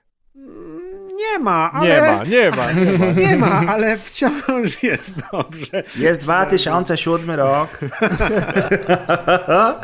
Ale też z drugiej strony, wiesz, oni nie mają żadnej telewizji nad sobą, nie? Która by ich tam jakoś cenzorowała, ograniczała. Nie mają też za bardzo ratingów, tak, agencji, przy którymi musieliby odpowiadać. Tak mi się wydaje przynajmniej, więc no, mogą sobie ta, trochę tego goru pozwolić, nie?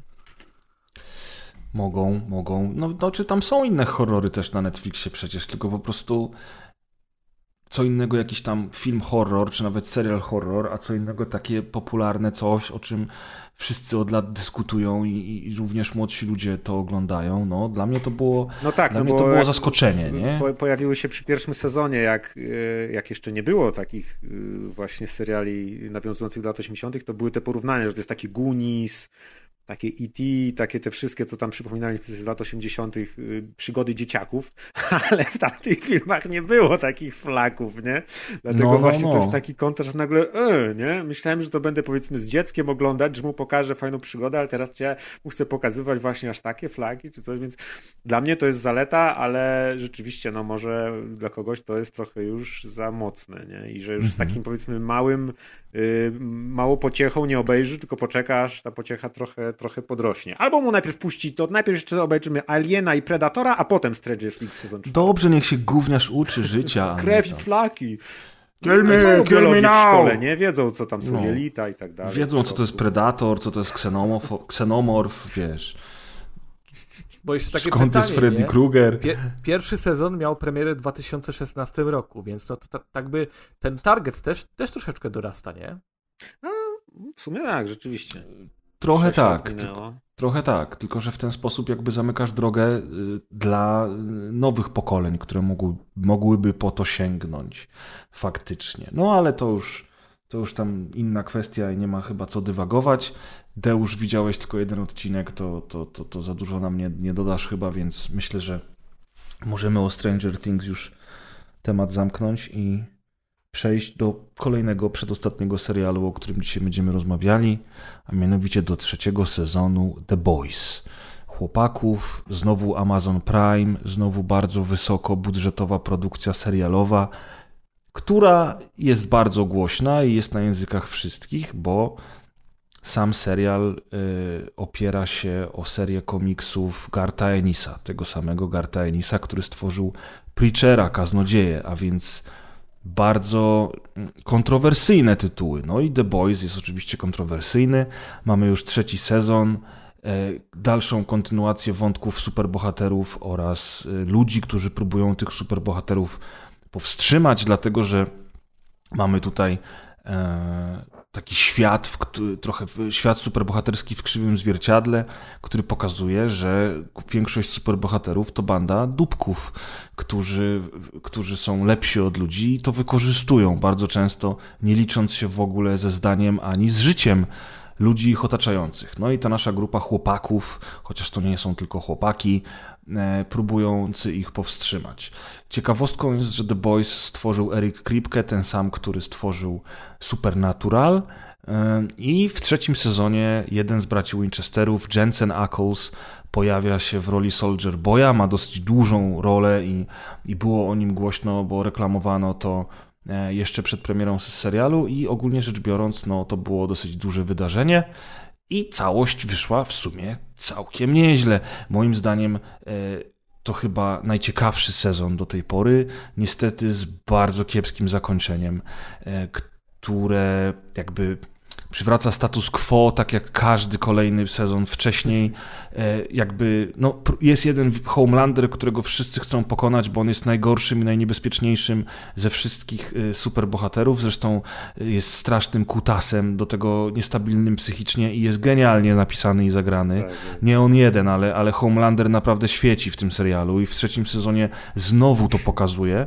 Ale niestety to status quo jest takie, że zawsze na koniec po prostu e, wracamy do punktu wyjścia Dokładnie. i tak naprawdę kolejny sezon znowu będzie o tych zmaganiach i co teraz tam sobie wymyślimy. To, co mi się strasznie podoba w tym serialu, to są nawiązania do rzeczywistości. Do, tego, do, tych, do tych protestów, kiedy Trump przegrał e, wybory, do tego, jak działa e, polityka, jak działają media, jak działają social media, do tej histerii na temat celebrytów, która powoduje, że bardzo często życie potrafi wywrócić się do góry nogami. I to wszystko tutaj jest. I te takie nawiązania do rzeczywistego świata to jest moim zdaniem najlepsza część y, Boysów. No a druga sprawa jest taka, że ten serial jest po prostu zajebiście dobrze zagrany. I większość aktorów, która w tym serialu gra, staje naprawdę na wyżynach aktorstwa telewizyjnego, bo pamiętajcie, to nie jest film, to jednak jest telewizja, chociaż no VOD ciężko nazywać typową, standardową telewizją. Jest to serial. I jest to serial świetnie nakręcony i świetnie zagrany. Maćku. Mm, A propos tych nawiązań, to ja tutaj po raz pierwszy odczułem, że te nawiązania są zbyt oczywiste. No trochę są jakby To łopatologiczne. nawiązanie, że ewidentnie widać, że to są Trumpowcy kontra Clintonowcy, czy tam liberałowie, czy coś, ale jakby wcześniej te, te, różne inne komentarze społeczne dotyczące właśnie social mediów i tak dalej były bardziej takie ogólne i komentowały samą ideę czy, czy, czy coś w tym stylu. A tutaj jakby mam wrażenie, że to jest aż za mocne i takie, nie wiem, przez to, że to jest za mocne, wydaje mi się, że to jest za proste, że jakby za łatwo jest w tak oczywisty sposób skomentować y, jakieś wydarzenia i że trochę jakby poszli na łatwiznę i wolałbym, żeby to było, no ale też ciężko, rozumiem, że chcą się bawić ideą wyborów i, i wszystkich tych rzeczy, które się dzieją wokół wyborów, więc ciężko tego nie porównać aż tak bardzo z tym, co się działo w Ameryce, bo, bo było to też takie atrakcyjne. Y, i, i całkiem się działo niedawno, więc y, jest to najbliższe jakby skojarzenie, ale jakby pośród tych wszystkich rzeczy, które mi się właśnie też podobają i tych wszystkich nawiązań i, i, i, i pokazywania w krzywym zwierciadle, czy może wcale nie w takim krzywym y, tych rzeczy z naszego prawdziwego życia, to akurat ten wątek wyborczy wydaje mi się taki najbardziej prostacki, taki banalny powiedzmy, nie? Chociaż i tak no znowu, to są bojsi, więc to, co oni robią prostacko i banalnie, wciąż jest na świetnym poziomie. Mm-hmm. E, tutaj, w przeciwieństwie do Stranger Things, jakby każdy wątek mi się podoba. To jest niesamowite i to jest chyba właśnie dowód na to, że to jest dobrze napisane, że zazwyczaj jak się w serialach gdzieś pojawia jakiś nowy wątek, to człowiek już jest powiedzmy zaznajomiony ze starymi postaciami i starymi wątkami i sobie myśli, o nie, nowa postać, nowy wątek, pewnie nie będzie nic ciekawego i co mnie to interesuje. A w Bo Boysi podsuwają nowe rzeczy i one są naprawdę świetne i właśnie tutaj każdy z tych wątków i nawet poboczny wątek pobocznego wątku, jak się gdzieś tam przewija, to ja się ani minuty nie nudziłem. E, te postacie rzeczywiście są świetne. E, u mnie e, poza oczywiście ojczyznosławem, czy Homelanderem, nieodżałowanym ojczyznosławem, Y, który jest świetnie zagrany, jest naprawdę rewelacyjną postacią, to moim faworytem jest Frenchy i y, Kimiko, czy, czy, czy, mhm. czy sam Frenchy, czy ich związek. Po prostu jest dla mnie tak y, świetnie zrobiony, bo jest napisany tak niewinnie, tak jakby też nie pasuje do tego świata, który tam jest dookoła, jest szalony, a on jest tak poprowadzony, nie wiem, delikatnie właśnie, czy coś, że po prostu uwielbiam patrzeć na tą parę. E, ale to, ja nie wiem, to jest taki też serial, gdzie nawet osoby, które są właśnie złe, Yy, czy, czy którym nie mamy sympatyzować, yy, to się ogląda z, z fascynacją. Jest to strasznie przekręcone, jakby właśnie to, to zwierciadło rzeczywistości. Yy, nie wiem, czasami ja się zastanawiam, czy, czy to nie jest właśnie jakiś taki sprytny sposób, że ktoś miał pomysł na kolejny serial o superbohaterach, ale sobie pomyślał, odwróćmy to i będziemy teraz oryginalni, nie? I że to jest jakby taki prosty myk, na który my wszyscy zachwyceni tym serialem daliśmy się nabrać, ale wydaje mi się, że jednak... To znaczy to pamiętaj, że to myk... bazuje na komiksach, nie? Wiem, I... tylko te, to, to też za chwilę, ale wydaje mi się, że, że taki prosty myk jednak i tak by nas znudził po jakimś czasie, a tu nawet mimo tego, że tak jak sam stwierdzasz, znowu jest ten status quo, i znowu jakby lądujemy w tym samym miejscu, to jednak ta podróż, którą przeżyliśmy, te rzeczy, które się tam działy, tak. były tak niesamowite. Ja pamiętam jak, bodajże to był chyba trzeci odcinek, ten sezon miał, yy, nie pamiętam ile tam, z 10 odcinków znowu, to już w trzecim odcinku chyba działy się rzeczy, które ja myślałem, że, że to już będzie finałowy odcinek, nie? I sobie myślę, wow, robią taką akcję, a to jest dopiero trzeci odcinek, to co się będzie działo dalej? I dalej działo się w piątym i w kolejnym i ten, więc, więc oni tam sobie nie, nie, nie odkładają tych najlepszych rzeczy na koniec, tylko naprawdę tam się może, wy, może jebnąć w każdym momencie. I więc to, to jest super. Eee, e, a propos tego komiksu, bo coś innego chciałem powiedzieć, ale mi wyleciało z głowy, to czytałem, że są duże różnice mm, tak, między, są, między są. komiksem i ten. Ja komiksu niestety nie czytałem.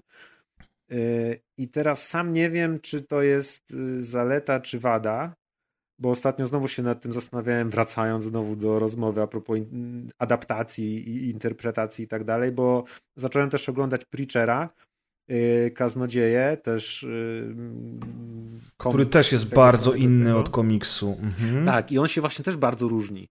Yy, I ja już komiksu za bardzo nie pamiętam, ale, ale pamiętam go na tyle, żeby wiedzieć te różnice i mm, po jakimś, po kilku odcinkach tam się oczywiście przyzwyczaiłem do tego, I traktuje to jako równie ciekawą historię, taką czy alternatywną, czy coś. No nie, nie przeszkadza mi to tak bardzo, ale na początku trochę mi przeszkadzało i znowu mi się przypomniał ten przykład yy, filmów Sin City, yy, gdzie obie dwa filmy były jakby Jota w jotę, taki Jota w jotę, kadr w kadr, dialog w dialog adaptacją i były świetne.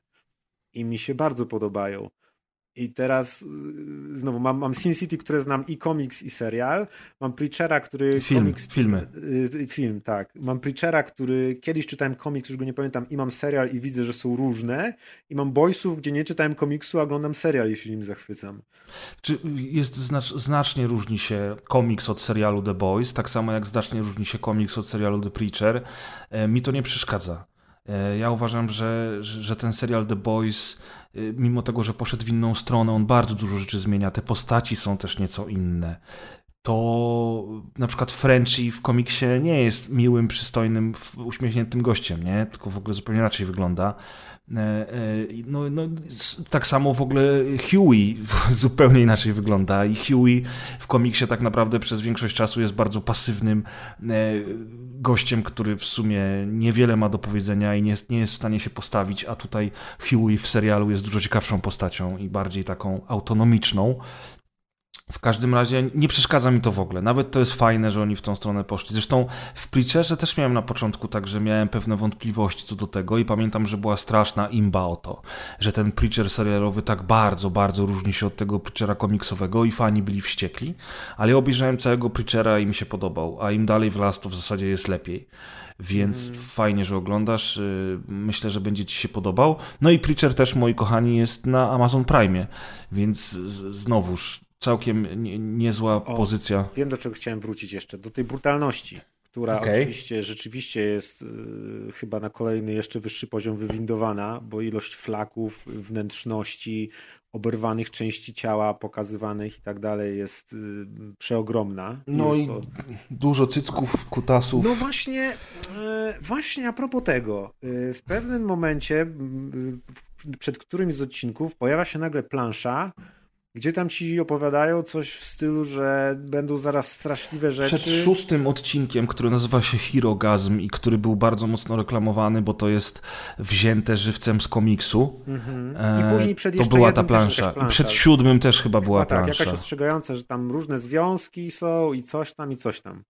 I no, kiedy ja coś takiego widzę w serialu The Boys, to sobie myślę, okej, jeśli oni po tym wszystkim dają mi odcinek, gdzie muszą dać, albo czują się w obowiązku dać planszę, nawet jeśli to jest dla jaj, ale jednak ostrzegają, że słuchajcie, oglądaliście sobie The Boysów, były flaki, wszystko było fajnie, straszliwe rzeczy były, ale w tym odcinku, no to już naprawdę, no naprawdę, no już ostrzegamy, że nikt go nie powinien oglądać. Ale to właśnie był, to był moim zdaniem marketingowy zabieg. Ja w ogóle się, ja pisałem o tym na grupie i tam część ludzi e, zaczęła się nabijać, że ja to jestem, wiesz, on, on, bo ja mówię o tym, że ten serial ma tyle nawiązań do rzeczywistości i ciekawych zagadnień, chociażby właśnie ta polityka, media czy social media, a reklamuje się go sceną orgii.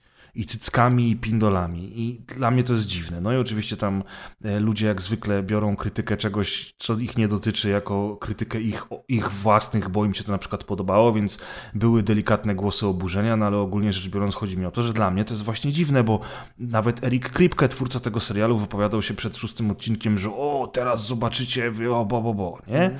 No i w tym, w tym szóstym odcinku jest też świetna sekwencja walki pod koniec odcinka.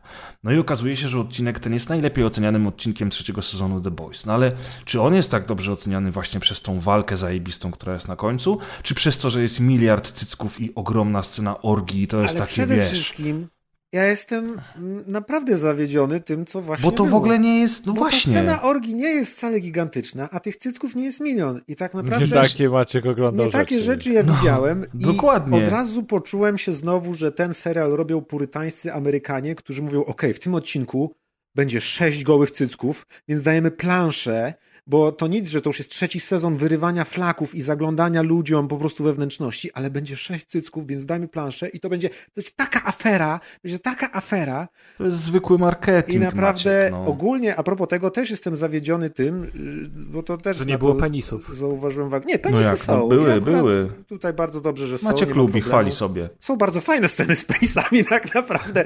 Może dwie albo trzy mogę z pamięci wymienić, które były naprawdę dobre, ale to jest coś, co zauważam trochę w Preacherze też było to samo, chociaż tam akurat chyba te cycki nie były takie ważne, a tutaj bym je bardziej widział, że jednak właśnie wychodzi ta purytańskość, gdzie y, były nawet sceny seksu przed tą orgią jeszcze i jakby były okazje, żeby pokazać kawałek cycka i ani piksela nie było widać cycka. Wszystko było sprytnie schowane.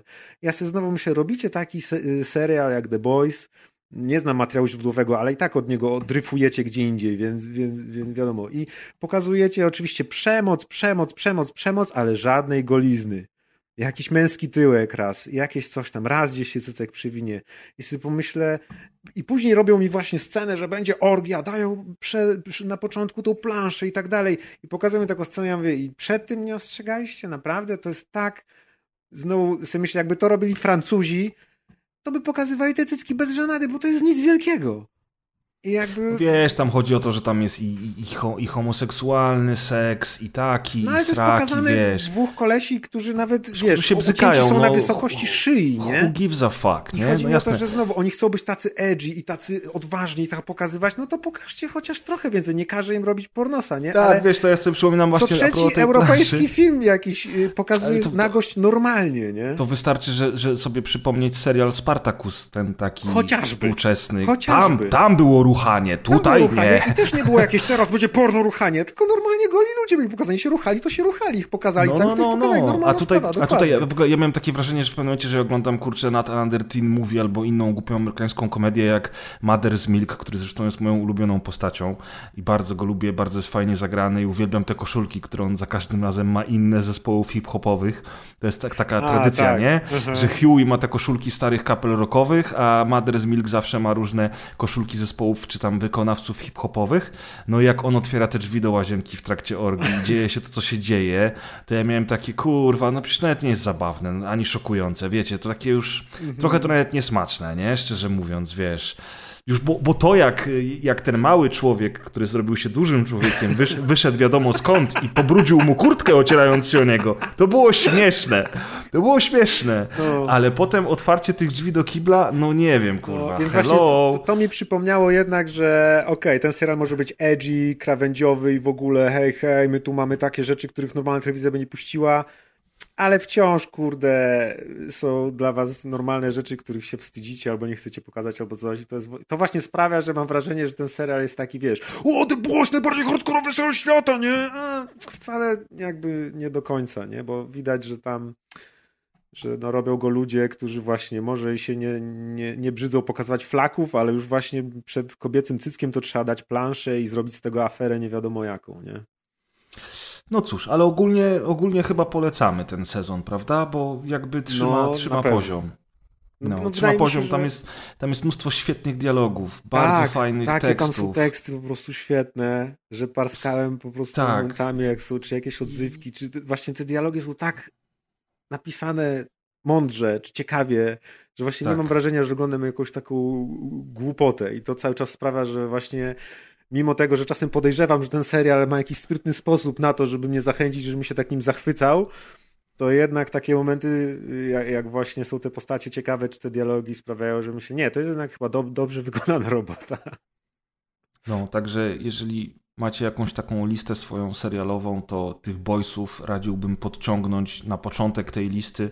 Jeżeli nie mieliście jeszcze okazji, to się zaznajomcie z tym serialem, bo, bo naprawdę warto. No. I jest też świetnie zagrany, widać wysoki budżet, świetne dialogi, dużo humoru, dużo akcji, dużo szokujących scen, ale faktycznie chyba już przy trzecim sezonie to to szokowanie już jakby tak nie robi, nie? To już jest takie trochę na zasadzie, no okej. Znaczy, może nie szokują same flaki, ale wiesz, są tutaj wciąż właśnie też ten serial potrafi mnie zaskoczyć momentem, że mówię, no, no tego to się nie spodziewałem, że się nagle wydarzy. Nie? Eksplodujący pindol. Tak, i to też jest fajne, że właśnie tam są te postacie, które są złe. Większość tam postaci jest y, zła, Zła. albo ma przynajmniej swoją złą stronę. Y, i że jakby jak ktoś nagle coś zrobi złego, to nie masz wrażenia, że to jest wymuszone, że teraz musimy zrobić kontrowersję, więc nagle ten zrobi coś złego, tylko nie, bo on jest po prostu chujem i po prostu mu się przelała już czara i, i coś zrobił złego. I to jest, to, jest, to jest wspaniałe. Więc na pewno polecamy, chociaż trzeba sobie zdać sprawę, że jak ktoś nic nie wiedział o Boysach wcześniej, no to musi się na trochę hardcore y, przygotować, bo to jest jednak taki powiedzmy y, znowu, to jest chyba bardzo popularny serial, ale wydaje mi się, że on jest taki kontrkulturalny. I mo może nawet mimo tego, że jest w, w, płynie z nurtem kultury popularnej serialowej, to jednak wszędzie na prawo i lewo wykrzykuje o swojej kontrkulturalności mimo wszystko. No, także. Deusz, widziałeś Boysów jakiś sezon? Pierwsze dwa sezony widziałem. No to na co czekasz, kolego? No, już tłumaczyłem 20 minut temu, że jestem dwa lata do tyłu z popkulturą disneyową. Więc... No jasne, jasne, ale Boysów mimo wszystko warto. Zrób na chwilę przerwę z tym Disneyem, bo ten Disney to niestety, jeżeli chodzi o ich autorskie seriale... Stary, ja tego Disneya do 2027 będę nadrabiał. No ja tam ostatnio, ostatnio przeglądałem właśnie filmy, które są, w, bo, bo wiesz, patrzyłem na te seriale, patrzyłem, zacząłem sobie robić rewatch niektórych wybranych filmów Marvela, zacząłem oglądać Clone Wars, y, które ma mam, ale lepiej mi się ogląda na Disneyu, bo jest lepsza jakość, nie muszę zmieniać płyt co chwilę. Mm, ale w końcu wszedłem w zakładkę filmy. Tak po prostu wszystkie filmy. I wybrałem sobie zakładkę akcja i przygoda, czy jakkolwiek ona tam się nazywa.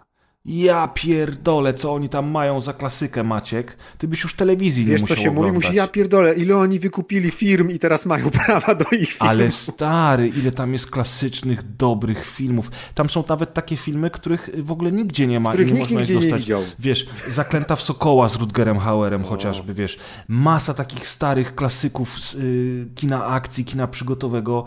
Y, pełno filmów z Nicolasem Cage'em, jakieś takie filmy z lat 80., o których w ogóle zapomniałeś i masz nagle takie wow, oni to mają, przecież tego nigdzie nie ma. Mieszka Naprawdę. wszystko kupiła, spokojna głowa. Naprawdę, ale stary, tam jest taki wybór, że to się w głowie nie mieści. Niedługo no wejdzie, i... że tam będą odcinki rozgrywki normalnie.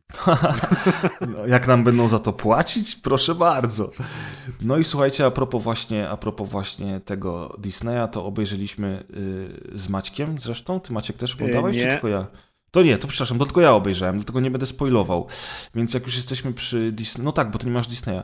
Jak jesteśmy już przy Disneyu, tak to ja obejrzałem, słuchajcie, serial, nowy serial Star Wars, a mianowicie Obi-Wan Pierogi, czyli Star Wars Obi-Wan Kenobi, e, serial, o którym było teraz dość głośno, sześcioodcinkowy, o ile mnie pamięć nie myli. Ale za to po 8 godzin na odcinek. Nie, on, ale nie, ale one mają tak po godzinę te, te, te odcinki, więc, więc jest trochę oglądania i no cóż, co mogę powiedzieć? To znaczy, od razu powiem, że nawet mi się to podobało. Ja miałem radochę, bo powracają zarówno e, Iwan McGregor w roli Obi-Wana, jak i Hayden Christensen w roli Darta Vadera. E, powracają też inni e, aktorzy, którzy występowali w prequelach od Lucasa. Jest tutaj parę fajnych sekwencji, świetna muzyka, zupełnie nie Star Warsowa, za co jestem im mega wdzięczny, bo jakaś ekipa nagrała, młodych ludzi nagrała soundtrack do tego serialu i poza motywem przewodnim Obi-Wana, który nagrał John Williams, cała, całą resztę zrobili inni ludzie i to jest zupełnie niegwiezdnowojenne. Chłopaki z Just Five to zrobili. to jest, to jest zu, zupełnie, zupełnie niegwiezdnowojenne i to, jest, i to jest po prostu największa zaleta tego wszystkiego, bo jednak no, w serialu... gdybyśmy... Five to też po 40 coś. No kurwa, raczej. W każdym razie, w każdym razie. A to właśnie... w Mandalorianie też ta, ta muzyka była inna i to też ludzie, wszyscy, większość przynajmniej uznawała za zaletę. Tak, bo wiesz, jakbyś miał zapętlone te motywy z Gwiezdnych Wojen słuchać w każdym odcinku, to, to, to byś po prostu się zżygał, nie?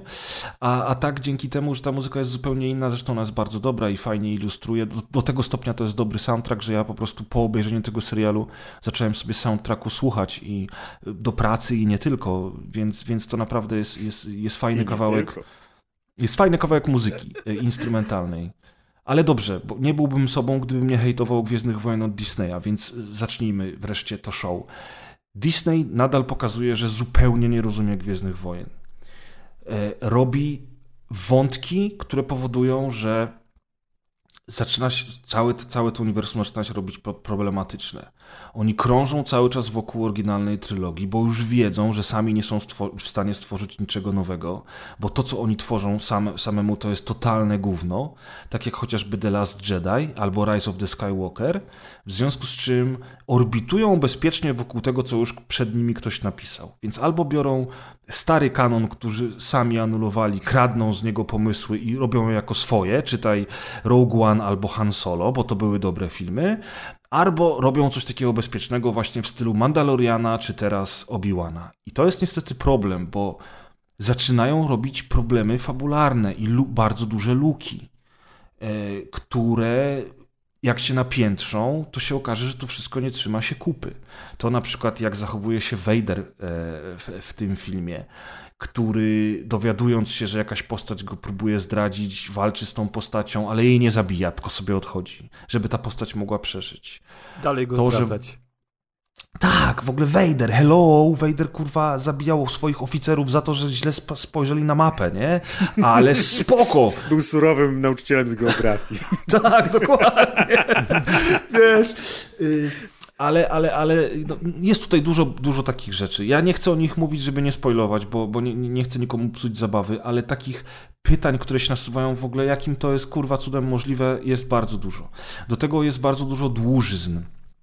E, które może by były nawet spoko, no bo wiadomo, że to jest 6 godzin, to jest serial, więc musi się trochę rozwijać na początku, ale potem znowu jest jakaś dłużyzna, potem znowu. I największym problemem, ni- niestety, ja, ja mówię, ja się dobrze bawiłem. Wiem, że większość ludzi się źle bawiła, ale ja się bardzo cieszę z tego powodu, bo ci wszyscy fani nowych y, Gwiezdnych Wojen, którzy tak zachwalali tego Disneya i to wspaniałe The Last Jedi, teraz widzą dopiero i teraz im się łezka wokół kręci, jak oni widzą takie seriale jak Boba Fett albo Obi-Wan Kenobi, że to wszystko jest kiepskie na maksa. Ja się strasznie z tego cieszę. Tylko i wyłącznie na przekór za to, co oni pierdolili lata temu. Tylko i wyłącznie za to. Bardzo wam kurwa teraz dobrze, cwaniaki. Ja mówiłem to już wtedy. Chuj wam w dupę. No, i ten. I generalnie rzecz biorąc, y, niestety, ale niestety jest, jest to problem, że Disney po prostu nie rozumie Gwiezdnych Wojen i nie potrafi e, odczepić się od tej oryginalnej trylogii, więc robi takie motywy, które będą tylko i wyłącznie problematyczne. No. Grzesiu, Nie słuchaj, jest... tak długo jak nie zarabia na nich nikt inny, jest dla Disneya dobrze. Nie no, oczywiście, że tak. No, tylko po prostu wiesz, Obi-Wan oczywiście był najpopularniejszym serialem e, Disneya. Podejrzewam, że ze względu na to, że to Obi-Wan. No i wrócili aktorzy z, No z tak, prequeli. najbardziej jest przy filmach tak naprawdę. Najbardziej memiczny. No to też, ale, ale niestety, niestety właśnie y, przez to, że, że jest tyle problemów y, na poziomie fabularnym z tym, z tym serialem, no to, no to nie da się zauważyć, że to będzie generowało tylko problemy. Y, Problemy ze spójnością, problemy z tym, jak zachowują się postaci. Jest bardzo dużo dobrych scen w tym filmie. Finałowy odcinek jest rewelacyjny. E, Jest dużo fajnych motywów, są piękne lokacje. Na przykład w drugim odcinku jest wspaniałe miasto pełne neonów, które wygląda jakby było wzię wzięte żywcem z Blade Runnera. Mm, y, Mała Leia, bo jest tu mała Leia i to nie jest spoiler, e, jest przeurocza, jest cudowna, jest wspaniale zagrana. To dziecko, które się wciela w Leję jest po prostu świetne, tylko że ona się powinna była pojawić w pierwszym i drugim odcinku, żeby dać wymówkę dla Obi-Wana, żeby wyruszył z tego Tatooine na misję, bo o to chodzi, że Obi-Wan wyrusza na misję, żeby odnaleźć Leję, bo o to prosi go Bail Organa, który wychowuje Leję. Tyle tylko, że Disney stwierdził, udał nam się mały Joda, był wielkim sukcesem, to teraz będziemy eksplo- eksploatować małą Leję do samego końca serialu. I mała Leia jest do samego końca serialu eksploatowana, co kompletnie nie ma sensu. Gryzie się totalnie z tym, co widzieliśmy w oryginalnej trylogii i przede wszystkim psuje odbiór, no bo każdy człowiek, który wie, kim są Jedi, jak oni, jak oni używają mocy, jak oni się wyczuwają nawzajem, tym tego, kim jest Vader i oglądają potem scenę, w której Star Destroyer Vadera goni statek, w którym ucieka Obi-Wan. Bo Vader oczywiście nie wie, kim jest Leia, on nie ma pojęcia o jej istnieniu. Tylko, że Leia jest na statku z Obi-Wanem. I Vader, który siedzi mu na dupie przez pół odcinka, nie wyczuł swojej własnej córki? I, tak, I tego typu rzeczy tam jest milion w tym głównie. Na przykład, na przykład dyskusja. Na przykład dyskusja, dyskusja Dawno Obi-Wana nie z słysz- pewną Dawno nie słyszałem, żeby ktoś tak krwiście powiedział gówno. e, dyskusja Obi-Wana przez zamknięte drzwi z pewną osobą, która zdradza mu to, że tak naprawdę to jej intencje są inne niż jemu się wydawało, tylko że ona robi to przez zamknięte drzwi, a za nią stoi 40 stormtrooperów, którzy to wszystko słyszą. I tak dalej, i tak dalej. Nie rozumiem, czy, czy oni mają po prostu wyjebane na inteligencję widza, czy wyjebane mają na to, co ludzie już wiedzą u Gwiezdnych Wojen, o Gwiezdnych Wojnach, w związku z czym twierdzą, dobra, puść to, najważniejsze, że jest mała aleja, zabawki się sprzedadzą. Nie wiem, ale, ale, ale, no niestety, niestety Disney po prostu dalej nie umie w Gwiezdne Wojny i oni się już nie nauczą. Oni będą tłuc kolejne seriale, będzie trzeci sezon Mandaloriana, będzie jakiś Andor, Srandor, O, kurwa, Andor chuj mnie obchodzi. Ten Andor, kurwa, zasrany, co to w ogóle jest za postać? Wiesz, i jakieś takie... Będzie jakieś takie... Ashoka. No Ashoka to jeszcze spoko, nie? Bo ona No, jest a Szoka akurat- to spoko nagle. ale może, ale zobaczymy, jak bardzo ją spierdolą, wiesz, no. E, więc no, to jest, coraz więcej ludzi o tym mówi, ja się z tym zgadzam. Oni powinni odejść od oryginalnej trylogii, dać spokój temu biednemu A, to Lukowi. wiesz, coraz więcej ludzi mówi, że Marvel robi gówniane filmy od 10 lat. I to nic nie zmienia. No bo Marvel robi gówniane filmy, ale I nie dalej zawsze. robi Ma- i tak samo dalej będzie Disney robić. Zagryź zęby, Mar- radzę ci, bo... Marvel wszedł w inny problem. Oni post-endgame'owo nie mogą wyjść z tego dołka, który sobie wykopali. I ale w jakim sensie? no w sensie ta, ta fabuła teraz ym, były lata podbudowy pod endgame'a i endgame się skończył i teraz Skończyła się era i teraz i nie, nie ma, umieją nie ma zacząć nowej ery. nie umieją zacząć nowej, jest w ciągu kilku filmów za dużo rzeczy nowych wprowadzo- wprowadzone i nawet teraz y, po to, że ja totalnie nie wiem, gdzie to idzie, a to już kilka filmów było przecież. I seriali. I nie, No nie ma tak, takiego no. jednego, wiesz, big picture. Ale nie? wiesz, ale, ale na początku, y, jak, jak pojawił się pierwszy Iron Man e, i potem po, po, pojawiały się kolejne filmy, to też nie miałeś na Nikt początku nie pojęcia. pojęcia. Oczywiście. no nie tak, bo to wiedziałeś, druga, w fa- druga faza to dopiero idzie. się zaczęła, nie? Więc jakby wiesz, no to, że oni teraz robią podbudówkę, ja mam wrażenie, że problem jest innego typu. Ja mam wrażenie, że problemem jest to, że ci bohaterowie, do których wszyscy się przyzwyczaili i których ludzie kochali, po prostu nie powracają już w tych nowych. Jest Thor jeszcze, okej, ale nie ma Kapitana Ameryki, nie ma Ironmana, nie ma Czarnej Wdowy. Jak? Jest Kapitan Ameryka, tylko inny. No inny, oczywiście, ale, ale, ale wiesz, ale ogólnie rzecz biorąc, wiesz, pojawiają się jakieś nowe postaci typu Sh- Sh- Shang Tsunga, czy tam Shang-Chi, który był zrobiony tylko i wyłącznie po to, żeby sprzedać się w Chinach, wiesz, może to jest ciekawa postać, nie wiem, może to jest dobry film, nie wiem, Nie jest- jeszcze nie widziałem. Shang-Chi był jednym z lepszych tych filmów nowej fazy. Tak samo Eternalsi mi się podobali. Mhm. Ja No jestem... właśnie Deusz też chwalił Tak, Eternalsów. dla mnie Eternalsi to jest w ogóle najlepszy film Marvela w ogóle. O, No nie no, bez przesady, pierwszego tak. Ironmana nic nie przebije.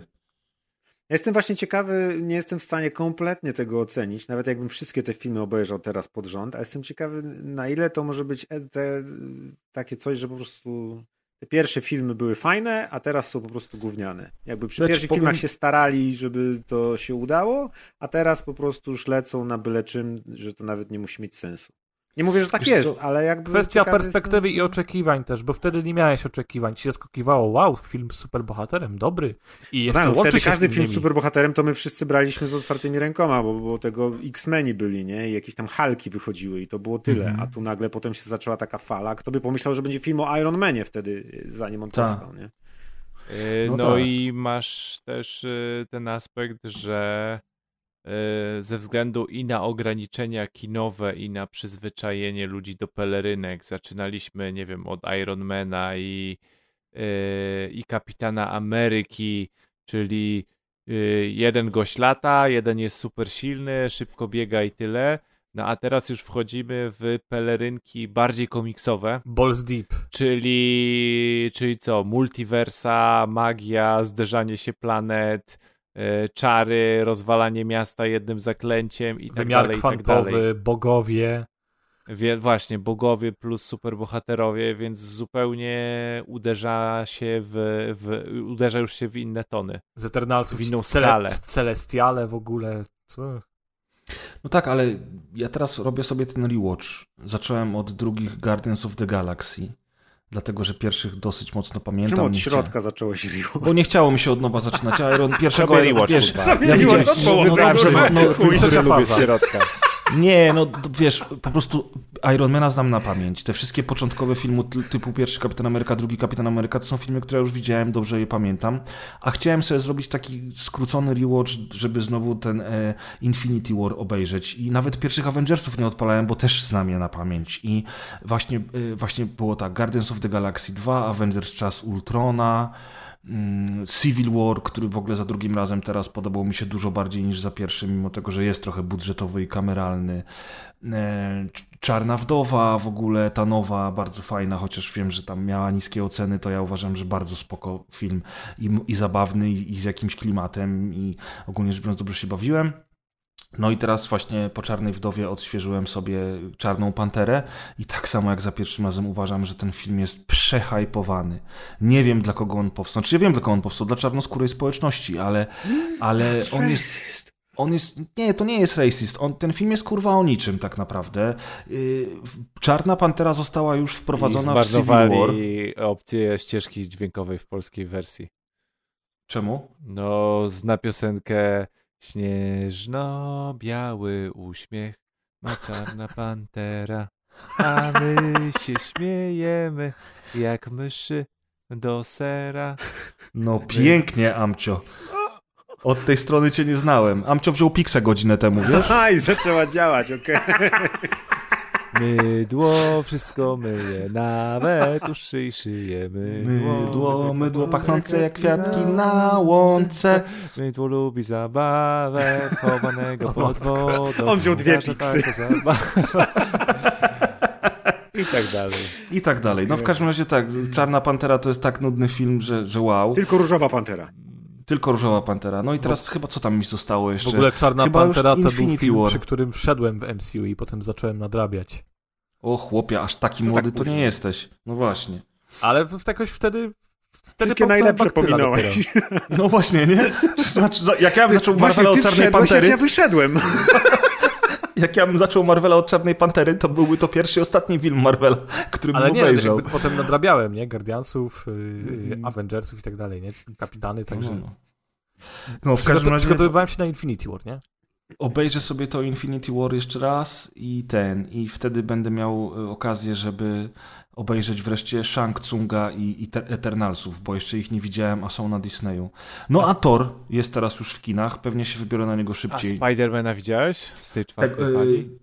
Tego No Way Home. No, Way Home. Widziałem, byłem w kinie, bardzo mi się podobał. Znaczy, inaczej, on fabularnie jest o niczym, nie? I tak naprawdę ten film równie dobrze No, to mógłby jest ten nie ostatni, istnieć. trzeci? Tak, ten Tak. trzeci. Ale to, co się dzieje z tym wszystkim, co się dzieje w tym filmie i te oczka, które są puszczane do fanów i cały ten crossover jest tak piękny, że tylko i wyłącznie dla niego warto było do kina na Ale to to jest iść. idealny przykład tego, jak w filmie masz tylko fanserwis. I tak naprawdę Tak, tylko to jest- fanserwis jest dobry. tak. To jest idealny Tak. przykład dobrego fanserwisu. Fanserwis świetny, film do dupy. Tak, bo tam fabularnie ten nowy tam się nic Spider-Man leży. Mhm. Tak, tam się nic, ja na przykład, to jest na przykład taki film, który ja oglądając w kinie, jak się pojawiały te kolejne postaci, to ja miałem takie, o, o, super, super, ale jak wyszedłem z kina, to wiedziałem, że ja szybko po ten film drugi raz nie sięgnę, bo nie ma po co. Yy, No tak, tylko że on w konwencji miliona filmów plus seriali Marve Marvela jest po prostu tylko i wyłącznie układanką do pokazania multiversum. Multiversum. Tak, tak, tak, tak. Więc No i dlatego, y, jako film się nie broni, ale to jest... y, Jako teraz, wstęp, w sensie, tak. tak. Teraz, teraz już, już przy tej czwartej fazie w Marvelu to już jest trudno oceniać filmy jako, jako takie, nie jako pudzel w tej całej układance ich. I miał Mhm, też, mhm. on miał też zac- zacementować doktora Strange'a, nie? I multiversum. No tak, tak jako Tak, jedną tylko z że- najmocniejszych że tak jak już mówiliśmy- w tej czwartej fazie. tak jak już mówiliśmy ostatnio przy okazji mojego omówienia Doktora Strange'a, to jednak jeszcze pojawił się ten problem, że żeby Doktora Strange'a oglądać w stuprocentowym komforcie, musisz obejrzeć WandaVision. Tak. I to jest problem, nie? To jest duży problem, bo uważam, że tak nie powinno się Jaki robić. problem? Kupujesz abonament i oglądasz. Tak, ale A potem pamiętaj, robisz że... rewatch. Znaczy w tym filmie to w ogóle według mnie połowy motywacji w ogóle bohaterów nie zrozumiesz, połow, nie, części scen istotnych, jeśli nie obejrzysz serialu wcześniej. Tak, dokładnie. To jest to, o czym ja mówiłem wtedy, jak żeśmy rozmawiali na temat tego filmu. I to, i to niestety jest problematyczne. E, A jak to będzie dalej z, z, z tym całym MCU, to nie wiem. No ale to tak Cóż, samo jakbyś zaczął oglądać ten Endgame, czy tam Infinity War. To też tak średnio chyba, nie? Jakbyś Ludzie sobie w kostiumach się tłuką na, I coś krzyczą, nie wiadomo o co chodzi. na, na jakiejś planecie. No, No, niby tak, ale jednak filmy filmami, a seriale serialami, nie? Pamiętaj, że nawet jak będziesz chciał sobie nadrobić, to każdy film trwa dwie godziny, a każdy serial trwa, ale musisz wiesz, nadrobić 6 filmów po dwie godziny. To możesz No nadrobić tak, 12 no tak. odcinków serialu po godzinę. No. Oni, Tak, oni ale- będą tak w to szli i to się raczej chyba nie zmieni. No, chyba, no myślę, będą że już to się nie zmieni. Tak jakieś. samo jak na przykład już mówi się o czwartym Kapitanie Ameryce, a ja jeszcze nie widziałem Winter Soldiera i Falcona i oczywiście artykuł czwartego Kapitana, Kapitana Ameryki pokazuje nowego Kapitana Ameryki na obrazku, no bo wszyscy uznali, że przecież kurwa już dawno wszyscy widzieli. No ja nie widziałem, także dzięki za spoiler, Jesteś nie? opóźniony, no to nie nasza wiesz, wina. no, Chociaż to oczywiście było do przewidzenia, kto będzie nowym kapitanem Ameryką, ale, mm, ale faktycznie, no, to, to, to, żeby, żeby trzymać rękę na pulsie z Marvelem, to, to naprawdę trzeba dużo oglądać. A do tego jeszcze przecież dochodzą te filmy od Sony, czyli Venom i Morbius, które są już łączone z MCU. Pojawia się tam y, Peter Parker, ten marvelowski. Y, Z kolei w Morbiusie pojawia się postać Jared z... Nie no, Jared Leto, to wiadomo, ale w Morbiusie pojawia się postać ze Spider-Manów z Tomem Hollandem. I oni teraz to wszystko łączą, więc zaraz się jeszcze kurwa okaże, że teraz będziesz musiał jeszcze te wszystkie filmy od Sony oglądać, żeby cokolwiek z tego zrozumieć. Mnie Także to mi, mi, mi tego. przypomniało, jak mnie, jak mnie Spider-Man z Venomem zbejtował. Byłem wściekły. W jakim sensie? No bo miał Venom wejść do głównego MCU, a wrzucili go tylko po to, żeby go wyrzucić. No, no, no, było coś takiego, tak, to była scena po napisach chyba nawet, Tak, nie? tak, tak, tak. No nic, zobaczymy jak to się będzie dalej kręciło. No, Ja już po to mam- torze, także czekam na was. O widzisz, no ja się na Tora w tym tygodniu wybieram. Słyszałem, że oceny ma kiepskie, jeżeli chodzi o recenzentów, natomiast wysokie noty dostaje od widzów, ale podobno jest, jest zbyt komediowy, tak ludzie twierdzą. Ja nie wiem, mi się bardzo Ragnarok podobał, zresztą niedawno sobie go odświeżyłem z rodzicami i nawet z polskim dubbingiem go oglądałem. Nie. No, w, w ciężkim szoku Kto byłem. podawał głos pod Tora? Nie wiem, kto podawał Adamczyk. głos pod Tora, ale, ale było tych aktorów y, dosyć znanych sporo i powiem ci szczerze, że byłem w ciężkim szoku, bo to było na polski bardzo zabawnie przetłumaczone, było bardzo fajnie zagrane. Na przykład aktor, który wcielał się w tego skalnego ziomka, był genialny. I po prostu to było tak śmieszne, y, że, że nawet obejrzałem y, ten polski dubbing bez cringe'u. Chociaż pierwsze pół filmu musiałem się przyzwyczaić, żeby w ogóle rozumieć, co oni A mówią. potem pizza weszła. Potem weszła Pixa i już było okej. Nie, no to No. dobrze, to spoko. No, także te, tego nowego Tora chętnie obejrzę, bo no, ten Tor to, przynajmniej ma jakiś pomysł na siebie. Jest, jest taki teledyskowy bardzo już od Ragnaroku i, i nie tylko, więc, więc liczę na to, że to będzie dobre kino. Tobie się, Szymon, podobał ten Tor? Eee, średnio. No, Okej, to niedobrze. A Ragnarok, mi się pod... A Ragnarok mi się podobał bardzo. No to widzisz, to widzisz. Ale z drugiej strony tobie się nowy Suicide Squad podobał, więc może mi się Tor będzie podobał. On zaczął od Czarnej Pantery, tak. No właśnie, dokładnie. Nie ma to jak dwóch y, fanów komiksów o, ten, obrzucających się bluzgami na, na, na podstawie komiksów i wyrzucających Na sobie... A tobie się podoba Czarna Pantera, a ty robisz jak na roga, a ty jesteś głupi, ty. A ty jesteś głupi, no dokładnie. I tym oto optymistycznym akcentem będziemy kończyć odcinek numer 257. E, dziękujemy, Szymon, że znowu u nas gościsz, jak zawsze było miło. Jak, Jak zawsze, zawsze- w składzie. Jak zawsze przyjemność. Tak, jak zawsze w pełnym składzie. Amcio, weź już tam jakiejś wody sobie nalej, żeby ta piksa ci zeszła. Bez przesady. A zaraz będzie, wiesz, mył zęby. Bez przesady, trzecia. No, potem trzy godziny później my już dawno śpimy, a Adeusz dalej nagrywa Przy umywalce. Nie wiem o co chodziło z tym mydłem, ale to było dobre. No. To co, wy do przedszkola nie chodziliście? Ja znam te piosenki, ale o co ci chodziło z Czarną Panterą i z mydłem w ogóle? What? No, tam nie była zwrotka o tym, że pantery mają czyste zęby? Pierwsze słyszę, że pantery mają czyste zęby, że taka piosenka była. Ja nigdy nie rozmawiałem z żadną panterą, więc wam nie potwierdzę ani nie zaprzeczę, czy mają czyste jak zęby. dziec- jak byłem dzieckiem, to chyba naprawdę jakieś piksy brałem, bo Chyba tak. w rzeczywistej wersji jest śnieżno-biały uśmiech bakteria uwiera. A, widzisz, a ty Nawet czarna nie znałem tej pantera. zwrotki. Śnieżno-biały uśmiech, bakterię uwiera, czarna pantera. I zobacz. A nie, jest kolejna zwrotka. Śnieżno-biały uśmiech ma czarna pantera. Naprawdę? Tak, a my się śpiewamy jak myszy do sera, idealnie. To ja w ogóle nie znam dalszych zwrotek tej piosenki. No, Ja tylko do przedszkola nie chodziłem, więc to nie jest dla mnie oczywiste. To nie znasz tych piosenek? Fasolek nie znasz? O człowieku. Masz tyle do nadrabiania. Śnieżno-biały uśmiech ma czarna pantera, ale jaja, Deusz przewidział w przedszkolu, że będzie MCU czwarta Wiecie, że faza. autorem tego tekstu jest Jacek Cygan, więc proszę się tutaj, wiecie. O, fuck. No to gruby kaliber. To No. rzeczywiście, to trzeba teraz, to się aż prosi o montaż, żeby do jakiegoś zwiastuna Black Panther ktoś podłożył fasolki. A akurat wychodzi w tym roku Black Panther drugi, także A jak oni zrobią, jak ten aktor zmarł? No teraz będzie drugi, no, nie powiedział ci będę ci Deusz. spoilował, ale już wiadomo o co chodzi. Wiadomo, już nie będę słuchaczom spoilował. No dobrze, to powiesz mi Ej, po nagraniu. Pres, no Co, tam ja- są ja myślę, że- multiversa i magowie i Eternalsi, a ty się dziwisz, to jak oni, aktor im zmarli, co oni teraz zrobią? Nie da się tego zrobić dalej, przecież, no na pewno w Marvelu nikt nie wymyśli, jak dalej. Nie, no dobra, no ale po prostu byłem ciekaw właśnie, jak oni to wymyślili, bo przecież ta postać, A to też Ta powinieneś wiedzieć, że to nie musi mieć sensu. ta, ta postać Taczali nie zginęła przecież w filmach. On cały czas żyje, więc o to mi chodzi. Grzesiu, no co? głowa. MJ23 i lecimy. Coś wymyślą, a jak to nie będzie miało sensu, to to nie będzie miało znaczenia, że to nie ma sensu. Wakanda forever! Dokładnie. I We śnieżno want biały uśmiech. Dokładnie. No, to trzymajcie się, dziękujemy wam raz jeszcze. Było miło jak zawsze, jak zawsze od zawsze w tym samym składzie. Zawsze co dwa tygodnie. 257. Zawsze co dwa tygodnie, ale niekoniecznie.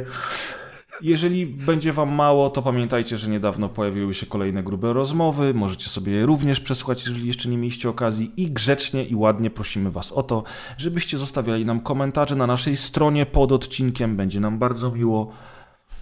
I to by było na tyle. Także do następnego. Ejo. Do Na usłyszenia.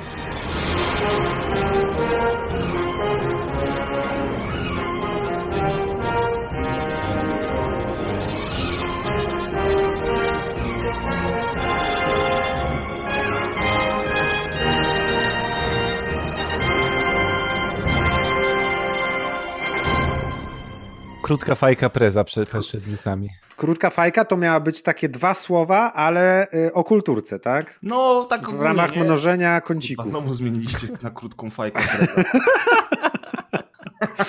No bo co to jest krótka piłka? Nie ma czegoś takiego krótka piłka, a krótka Patrz. fajka to wiemy. Krótka fajka preza i znowu, no. Nie zmienia I działu. mamy no. już tytuł odcinka. Chciałbyś. Ja się bałem, tylko nie było jeszcze... z gównem, kurwa. Kto to napisał, kurwa? Deu, Deusz albo Maciek. To ja. It was me. Ale pięknie to powiedziałeś. I nawet coś tam jest w tym gównie.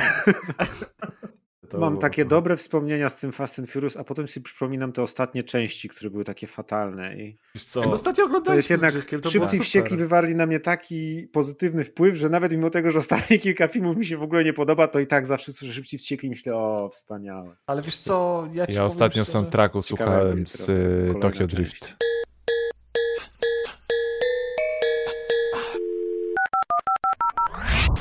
Patronami montażu są Łódzki Dom Kultury.